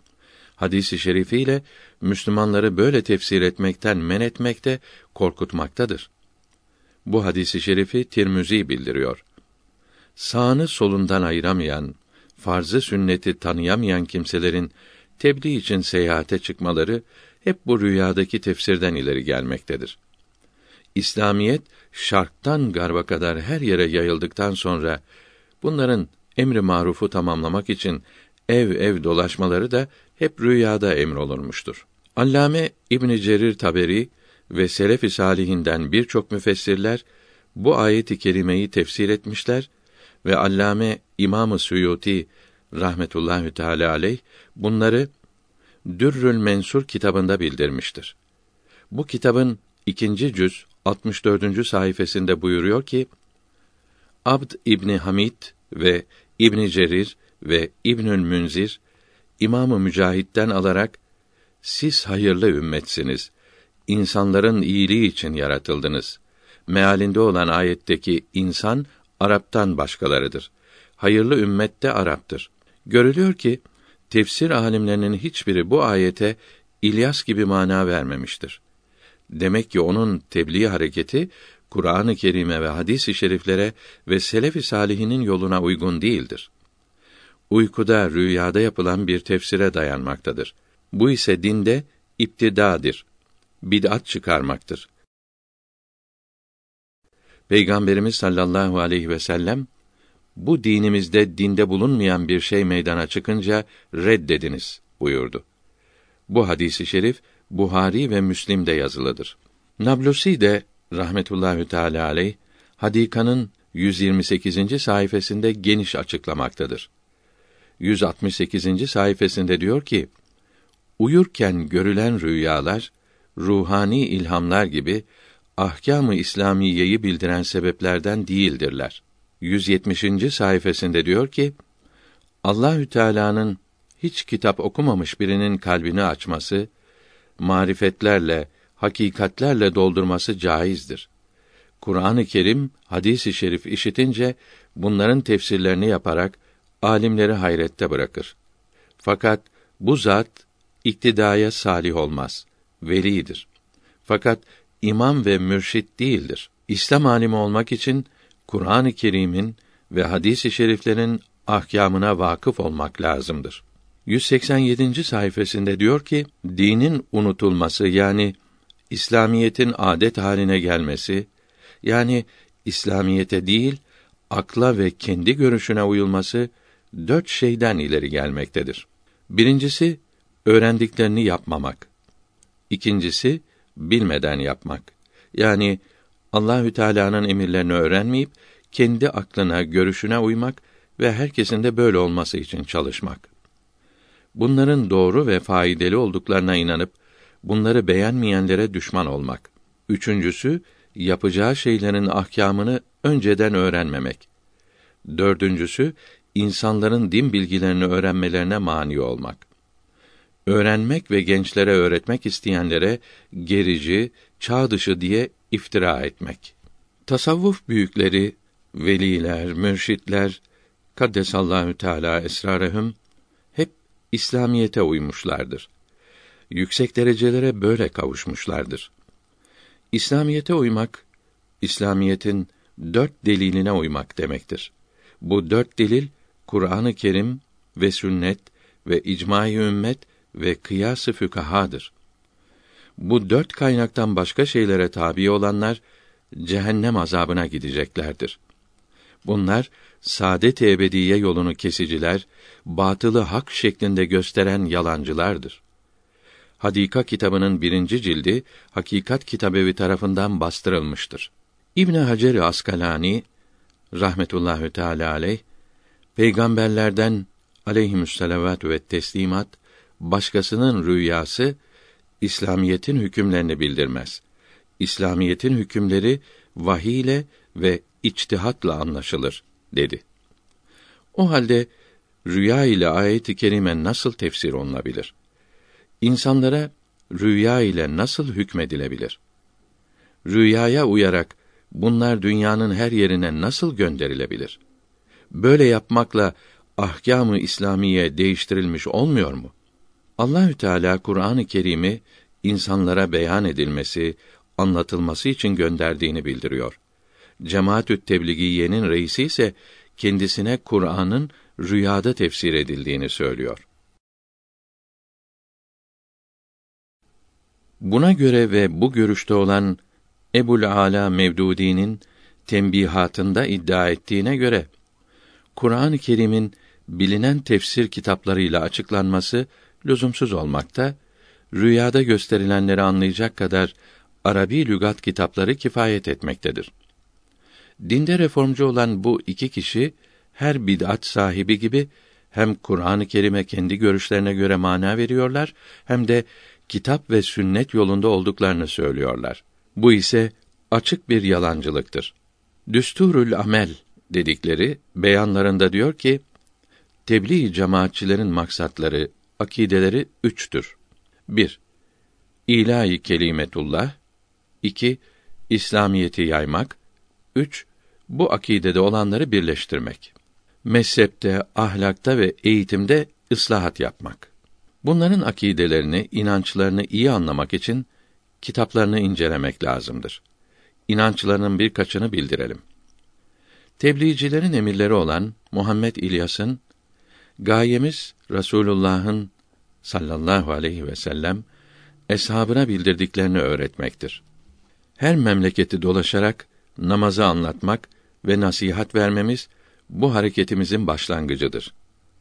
Melfuzat sayfa 31. Sözünden anlaşılıyor ki bunlar Rasulullah'ın sallallahu aleyhi ve sellem bildirdiklerini kendi anladıklarına, mesleklerine göre anlatmaktadırlar. Arkadaşlarından Zahir Hasena diyor ki, bizim yolumuzu yalnız namaz kılmayı öğretmek zannediyorlar. Allah'a yemin ederim ki hareketimiz namazı bildirmek değildir. Yeni bir kavim yetiştiriyoruz. Dini davet sayfa 205. Bu sözü maksadını açıkça ortaya koymaktadır. İlyas'a tabi olanların biz herkesin namaz kılması için çalışıyoruz demelerinin doğru olmadığı açıkça anlaşılmaktadır. Böyle davranmaları herkesi aralarına alabilmek için bir başlangıç, bir tuzak olmaktadır. Nitekim Mekatib'in 66. sayfasında bu fakire göre tebliğimiz İslamiyete, tarikate ve hakikate şamildir. Bu söz İlyas'ın bir rüyası üzerine kurulmuş olan bu cemaatin yeni bir İslamiyeti ve tarikati cami olduğunu gösteriyor. Çünkü din demek bu üç esas demektir. İslam ismi altında maskelenen yeni bir din, rüya üzerine kurulmuş bir din getirmektedirler. Yukarıdaki sözlerinin bid'at ve dalalet olduğu meydandadır. İlyas'ın tabilerinden Muhammed İdris Ensari diyor ki: Bu cemaatin akidesi la ilahe illallah Muhammedun Rasulullah'tır. Düstur sayfa 4. Bu akide Müslümanlığın temel akidesidir. Fakat bunu Müslüman olmadıkları söz birliğiyle bildirilmiş olan Kadıyaniler yani Ahmediler ve Bahailer de söylemektedir. Bunlar da böyle söyleyerek yeni bir bid'at fırkası meydana getirdiler. Bir işi, bir ibadeti yapmak, bir şeyi yasak etmek için Resulullah'ın sallallahu aleyhi ve sellem bildirmiş olması lazımdır. Başka delil lazım değildir dediler. Düstur sayfa 5. Böylece edille-i şer'iyeden olan icma ve kıyası inkar ettiler. Bununla beraber kendisinin mutlak müçtehit olduğunu söylemedi. Çünkü söylemiş olsaydı geçmişini ve bilgisinin derecesini bilenler arasında buna inanacak kimse olmazdı. Bir kimsenin bu cemaate dahil olmasını Düsturul Amel şöyle bildirmektedir. Kelime-i şehadeti söyleyen ve manasına inanan herkes bu cemaatin azasından olur. Bu cemaate girecek olanın bağlı olduğu fırka, kavim ve bulunduğu memleket ne olursa olsun bir tesiri yoktur. Sayfa 5. Bu yazı gösteriyor ki Müslüman olduğunu söyleyen herkes ister Kadıyani olsun, ister başka bidat fırkalarının birinde bulunsun, yani harici, kaderiye, mutezile, mevdudiye ve vehhabiye gibi sapıklardan olduğuna bakılmadan bu fırkaya ortak olabilmektedir. Ortak olanlar yalnız hadisi şerifle amel ederler. Selef-i salihinin rahmetullahi teala aleyhim ecmaîn yaptıklarına ve icmaa ve kıyasa kıymet vermezler. Dört mezhepten birine tabi olmazlar. Bununla beraber İslamiyete ve tasavvufa ve hakikate tabi olduklarını söylerler. Bu ise açık bir dalalet, şaşkınca bir sapıklıktır. Tebliğ-i cemaat denilen bu yol, Cemaatül İslamiye denilen Ebul Ala Mevdudi'nin sapık fırkasına benzemektedir. Kendi emirlerinin seçilmesinde de diyor ki, İslam nizamında emirlik çok mühimdir. Cemaatü tebliğ içinden seçilen emir, İslamiyetin bildirdiği ulul emr demektir. Bunun maruf olan emirlerine her ferdin itaat etmesi, Allah'ın ve Resulünün emirlerine itaat etmek gibi farzdır. Sayfa 6. Emirin İslamiyete uygun olan emirlerine itiraz etmeden itaat etmek vaciptir. Emirlerinin senetlerini, delillerini araştırmak caiz değildir. Emirlerini yapmamak yahut rızasına uygun olmayanı yapmak büyük günahtır. Allahü Teala'nın muahezesine, azabına sebep olur. Sayfa 7. Görülüyor ki emirlerini peygamber derecesine yükseltmektedirler. 8. sayfasında diyor ki: Emirin mühim bir emir vereceği zaman cemaatin ileri gelenleriyle müşavere etmesi, sonra şura meclisi azalarıyla müşavere etmesi, yani bunlara danışması vaciptir. Reyleri dağılırsa bunlardan dilediğini tercih ederek bunu emreder. Görülüyor ki bunlar yalnız hadis-i şeriflere ve emirlerine itaat etmektedirler. Sanki Kur'an-ı Kerim'de yalnız emirlere itaat olunması emredilmiş. Ona itaat farz olmuştur. Ona uymayandan Allahü Teala intikam alacaktır.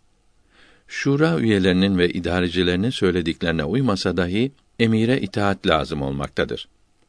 Bu şura üyeleri ve idarecileri ve emirleri kendilerinden olmakta yani hangi fırkadan olduğu ve ne kadar ilim sahibi olduğu ve başka hiçbir şart araştırılmadan yalnız kelime-i şehadet söylemekle bir araya toplanmış bulunan kimselerdendir. Halbuki selef-i salihin yani ehli sünnet alimleri ülül emr olacak zatın nasıl olacağını bildirdiler. Allame Ebu Suud Efendi rahmetullahi teala aleyh buyuruyor ki: Ulul emr hak yolda olan amirler ve adil olan hakimlerdir. Hulefâ-i Raşidin denilen dört halife ve bunların izinde olanlar böyledir. İmamı Kerhi Rasulullah sallallahu aleyhi ve sellem zamanında ve daha sonra olan amirlerdir. Hakimler, askeri amirler böyledir dedi. Bazılarına göre ise ulul emr İslam alimleri demektir. Tebliğ cemaatçilerin kendi aralarında seçtikleri emirlerin böyle olmadıkları meydandadır.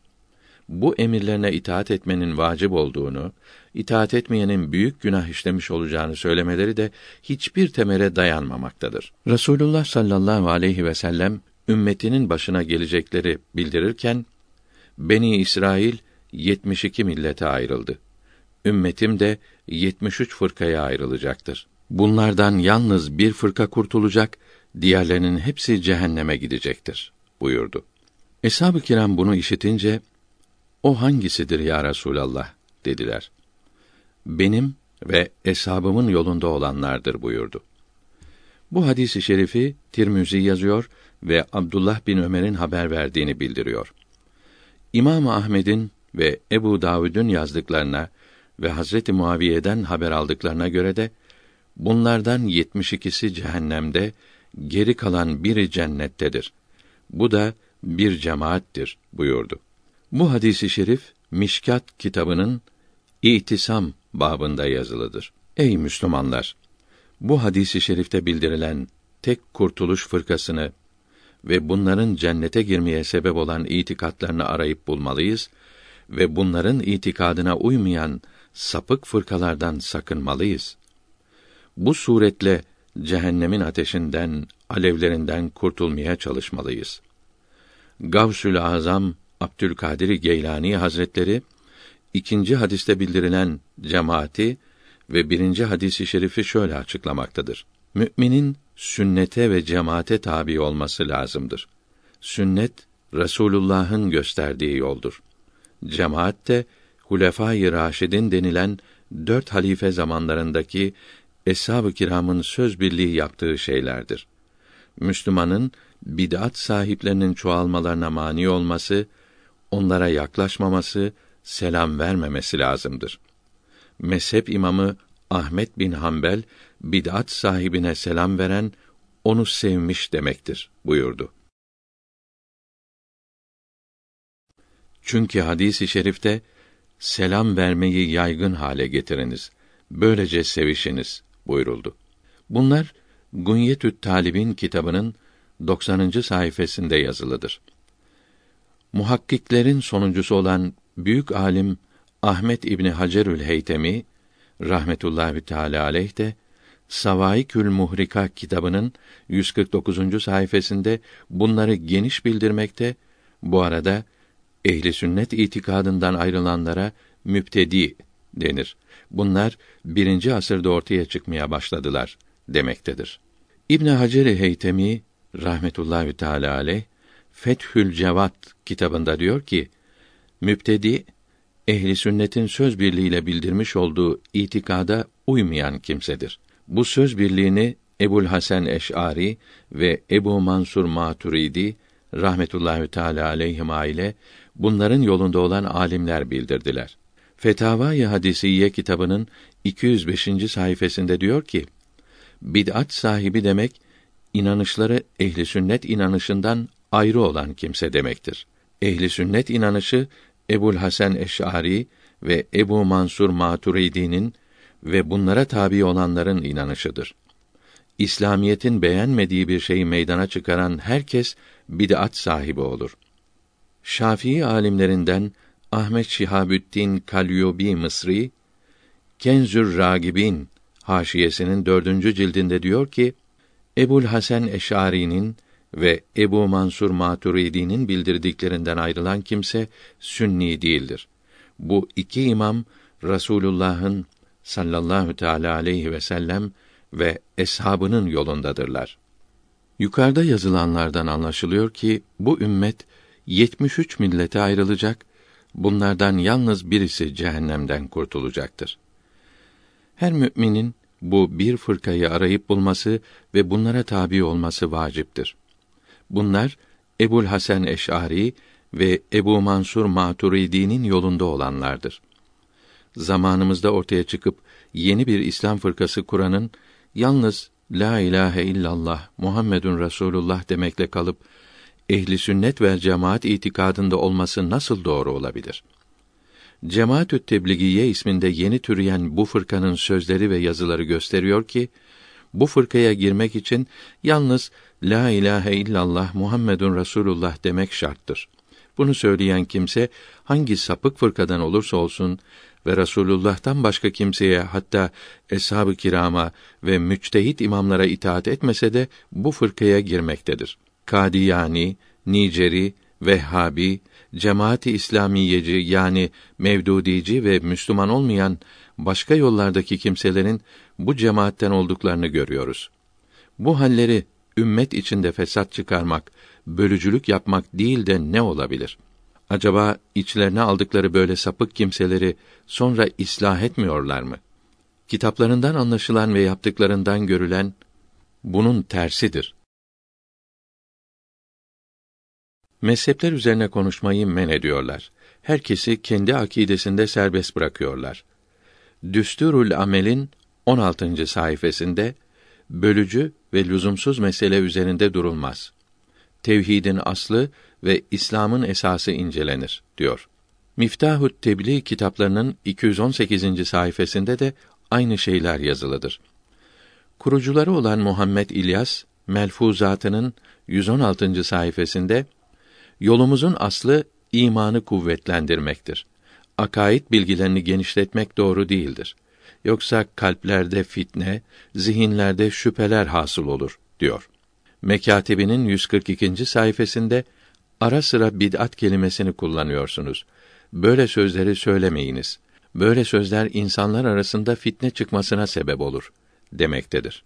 Yukarıda bildirilenlerden anlaşılıyor ki bunlarda ehli sünnet itikadı yoktur. 73 fırkadan her biri aralarına serbestçe karışabilir. Hatta Müslüman olmayanlar da dahil olur. İtikat bilgileri üzerinde durmazlar. Hatta bunların öğrenilmesini men etmektedirler. Yalnız peygamberlerin yolunda olduklarını söylerler.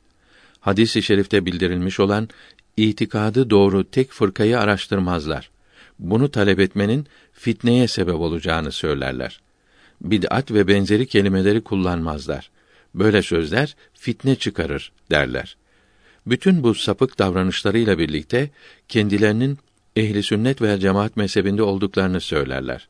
Halbuki bu hak mezheptekilere göre bunların dalalette olduklarında hiç şüphe yoktur. İslam alimleri Müslümanların bid'at sahipleriyle görüşmelerini, onlara yaklaşmalarını, konuşmalarını yasak ettiler. Abdülkadir Geylani Kaddesallahu Teala sırrahül aziz bid'at ehlinin mezheplerinin bozuk olduklarına inanmak, onlara uymamak lazım geldiğini, onları sevmemenin çok sevap olduğunu bildirdi. Peygamberimiz sallallahu aleyhi ve sellem bid'at sahibine düşman gözüyle bakan kimsenin kalbini Allahü Teala eman ve iman ile doldurur. Bid'at sahibini kötü bileni Allahü Teala kıyamet gününün korkularından korur. Bid'at sahibine hakaret edene Allahü Teala cennette yüz derece ihsan eder. Bid'at sahibini güler yüzle karşılayan veya ona iyilik eden Allahü Teala'nın Muhammed aleyhisselama göndermiş olduğu İslamiyeti beğenmemiş olur buyurdu. Mugire'nin Abdullah İbni Abbas'tan haber verdiği hadisi şerifte de bid'at sahibi bid'atinden vazgeçmedikçe Allahü Teala onun hiçbir ibadetini kabul etmez buyuruldu. Fudayl bin İyad kaddesallahu teala sırrahül aziz buyurdu ki bid'at sahibini seven kimsenin ibadetlerini Allahü Teala yok eder ve kalbinden iman nurunu çıkarır. Bid'at sahibini sevmeyenin ibadetleri az olsa bile günahlarının affolunması umulur. Yolda bir bid'at sahibiyle karşılaşmamak için yolunu değiştir. Bu hadisi şerifler ve nasihatler Gunye kitabının 90. sayfasında yazılıdır. Kendilerinin Müslüman olduklarını söyleyen ve ehli sünnet olarak tanıtan cemaatü tebliğiyeciler her fırkadan olan sapıkları aralarına alıyorlar. Ehli sünnet olsun, ehli bid'at olsun, her Müslüman bunların fırkasına girebiliyor. Böyle oldukları halde hak yolda bulunduklarına iddia ediyorlar. Bu gidişleri iki zıt şeyi, mesela ateşle barutu birlikte bulundurmak gibi olmaktadır. Bu ise muhaldir, olacak şey değildir. Cemaatü Tebligiye'nin kurucusu olan Muhammed İlyas rüyada gördüklerini yeni bir din olarak ortaya koyarken mezhepsizlerden kendisine bulaşan mikropları da aşılamaktadır. Mekatib'in 90. sayfasında diyor ki: Hatmi Kur'an ve zikir cemiyetlerinde bulunmak elbet iyidir.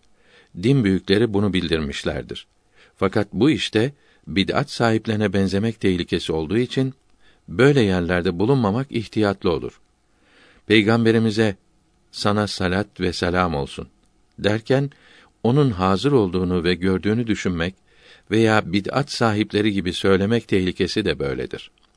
Evet, aşırı muhabbetle şuuru kaybederek söylemek caiz ise de şeytan karışıp imanını bozabilir. Bu ise daha büyük tehlikedir. Şu söze bakınız.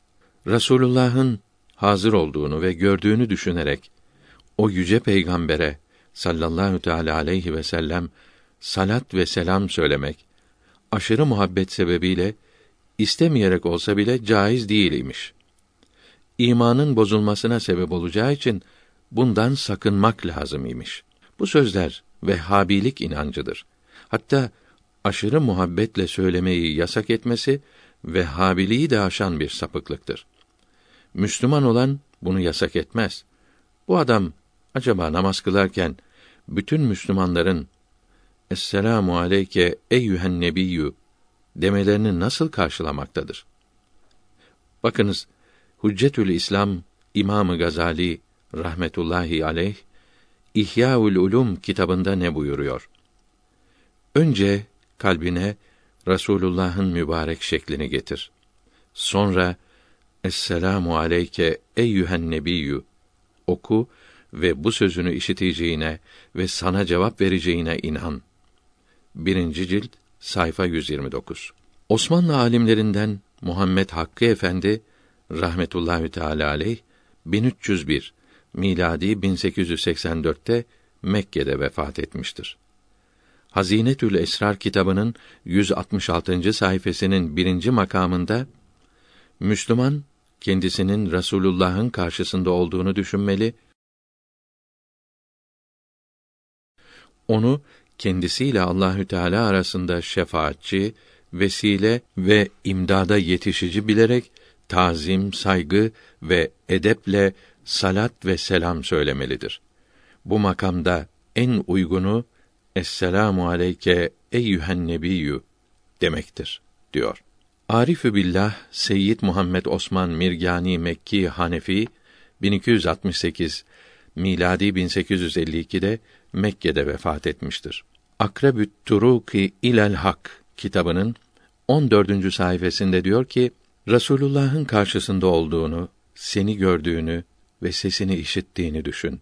Uzaktaysan de Allahü Teala sesini işittirir ve seni gösterir. Burada yakınla uzak arasında fark yoktur.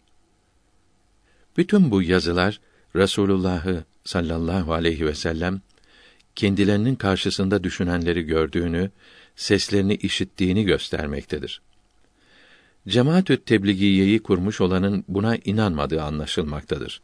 O aşırı muhabbetle olsa bile bunu yasaklamakta, kendisini düşünenleri görmez ve seslerini işitmez demektedir.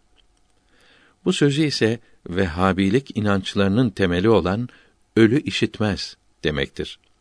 Bu konuda sözün en doğrusu derin alimlerin sonuncusu olan Ahmet İbni Hacer-i Heytemi'nin Fetavel Kübra kitabının ikinci cilt dokuzuncu sayfasında yazılı olan fetvası olup şöyledir. Sual İnsanın ruhu çıkacağı zaman Rasulullah'ı görür mü? Görünce ona bu zat için ne dersin denirmiş. Bu zat kelimesi yanında bulunan kimse için kullanılır. Aynı zamanda pek çok kimse ölmektedir. Bunların her birine bu zat denildiğine göre Rasulullah'ın bir anda çeşitli yerlerde görüldüğü anlaşılmaktadır. Bu nasıl oluyor? Cevap: Evet. Rasulullah sallallahu aleyhi ve sellem ölmek üzere olan herkese görünmekte ve bu zat için ne dersin denilmektedir. Böyle olması Allahü Teala'nın kudretinin büyüklüğünü göstermektedir. Bu kelimesi yanında bulunan kimseyi göstermekte kullanılır. Bu söz Rasulullah'ın sallallahu aleyhi ve sellem çeşitli yerlerde, çeşitli şekillerde bir anda görülebileceğine inanmayana cevaptır. Halbuki akıl yoluyla da buna inanılır. Resulullah'ın sallallahu teala aleyhi ve sellem zat-ı şerifi bir ayna gibi olmakta, herkes bu aynada kendi güzelliğinin, çirkinliğinin suretini görmektedir. Aynanın güzelliğinde hiç değişiklik olmaz. Kabir hayatı ve ahiret hayatı dünya hayatına benzemez.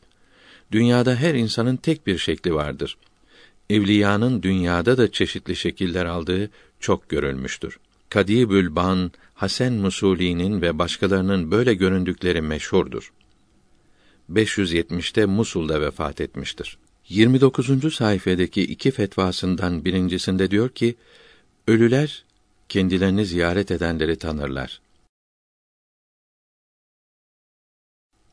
İbni Ebid Dünya'nın haber verdiği hadisi şerifte bir kimse din kardeşinin kabrini ziyaret edip oturunca meyyit onu tanır ve selamına cevap verir buyuruldu. Diğer hadisi şerifte bir kimse tanıdığı bir mümin kardeşinin kabri yanından geçip selam verince onu tanır ve selamına cevap verir buyuruldu. İkinci fetvasında diyor ki ölü dirilerin seslerini işitir. İmam Ahmed'in bildirdiği hadisi şerifte meyyit kendini yıkayanı, taşıyanı ve kabre koyanı tanır buyuruldu. 1362 miladi 1943 senesinde Ankara'da vefat etmiş olan derin alim, büyük veli Seyyid Abdülhakim Efendi Hazretleri İbn Hacer Mekki için İslam alimlerinin en büyüklerindendir. Her sözü sağlam ve hüccettir buyurdu. Resulullah'ın sallallahu aleyhi ve sellem hazır olmasında, görmesinde nasıl şüphe edilebilir? Peygamberlerin hatta velilerin temiz ruhları bedenlerinden ayrılınca mertebeleri artar. Melekler gibi tam tasarruf sahibi olurlar. Böyle olduğunu ehli sünnet alimleri söz birliğiyle bildirdi. Bunu yalnız Muhammed bin Abdülvehhab inkar ediyor. Allahü Teala onu dalalette bıraktı. Cemaatü Tebligiye'nin başı İlyas da onun sapık akıntısına kapıldı. Buna inananların gözlerini aydınlatmak ve mülhitlerin yüzlerini kızartmak için alimlerin sözlerinden bir misal daha verelim. Hindistan'daki alimlerin büyüklerinden Şah Veliyullah Dehlevi Huccetullahil Baliga kitabında birinci cilt sayfa 35'te diyor ki insan ölünce ruhunun madde alemiyle ilgisi kalmaz. Kendi aslına döner. Melekler gibi olur. Onlar gibi insanlara ilham eder, yardım yapar. Allahü Teala'nın dininin yayılmasına, kuvvetlenmesine yardımcı olur. Bu yolda çalışanlara imdad eder. Takım takım yardıma geldikleri görülür. Bu söz mübarek ruhların melekler gibi iş yaptıklarını gösteriyor. Resulullah'ın sallallahu aleyhi ve sellem hazır olduğuna ve işittiğine inanmayanı ikna etmek için bu söz yetişmez mi? Bütün varlıkların aslı ve Allahü Teala'ya yaklaştıran biricik sebebin o olduğunu İslam alimleri söz birliğiyle bildirdiler. Allame Abdurrauf Münavi Er-Ravdun Nadir kitabında diyor ki, temiz ruhlar bedenlerinden ayrılıp makamlarına yükselince hiçbir şey kendilerine perde olmaz. Her şeyi görür veya meleklerden öğrenirler. Bu öyle bir sırdır ki çok az kimseye bildirilmiştir. Mübarek ruhlar böyle olunca hepsinin en üstününün nasıl olacağını düşünmeli ve iyi anlamalıdır. Ahmet Zeyni Dahlan Hazretleri Takribül Usul'de diyor ki, Ariflerin çoğu bildirdi ki veli ölünce ruhunun müritlerine olan bağlılığı devam eder. Bunun bereketiyle nurlar, feyizler hasıl olur. Böyle olduğunu Kutbül İrşad Abdullahül Haddad Hazretleri uzun açıklamış, bu arada şöyle demiştir. Veli öldükten sonra kendine yakın olanlarla ilgilenir. Diriyken olan ilgisinden daha çok ilgilenir. Çünkü diriyken kulluk vazifelerini yapmakla da meşguldür. Bazen bu meşguliyetleri ağır basar. Hele bu zamanda çoğunlukla böyle olmaktadır. Seçilmişler ölünce şekilleri, bedenleri kayboluyor fakat hakikatleri mevcut kalır. Kabirlerinde diridirler. Veli kabrinde diri olduğu için ilmi, akli ve ruhani kuvvetleri hiç değişmez. Hatta öldükten sonra hepsi daha artar. Sahife 58. Bütün veliler için böyle olunca peygamberler için ve hele hepsinin en üstünü olan için nasıl olduğunu anlamalıdır. Bu açık hakikati ancak mezhepsizlik zehriyle bozulmuş olan ve dinden çıkmış mülhitlerin tuzaklarına düşmüş olan inkar eder. Allahü Teala bu büyük beladan bütün Müslümanları korusun. Amin. El Muallim mecmuasından tercüme tamam oldu. Bunların Arabi asılları El Üstas Mevdudi kitabıyla birlikte İstanbul'da ofset yoluyla bastırılmıştır.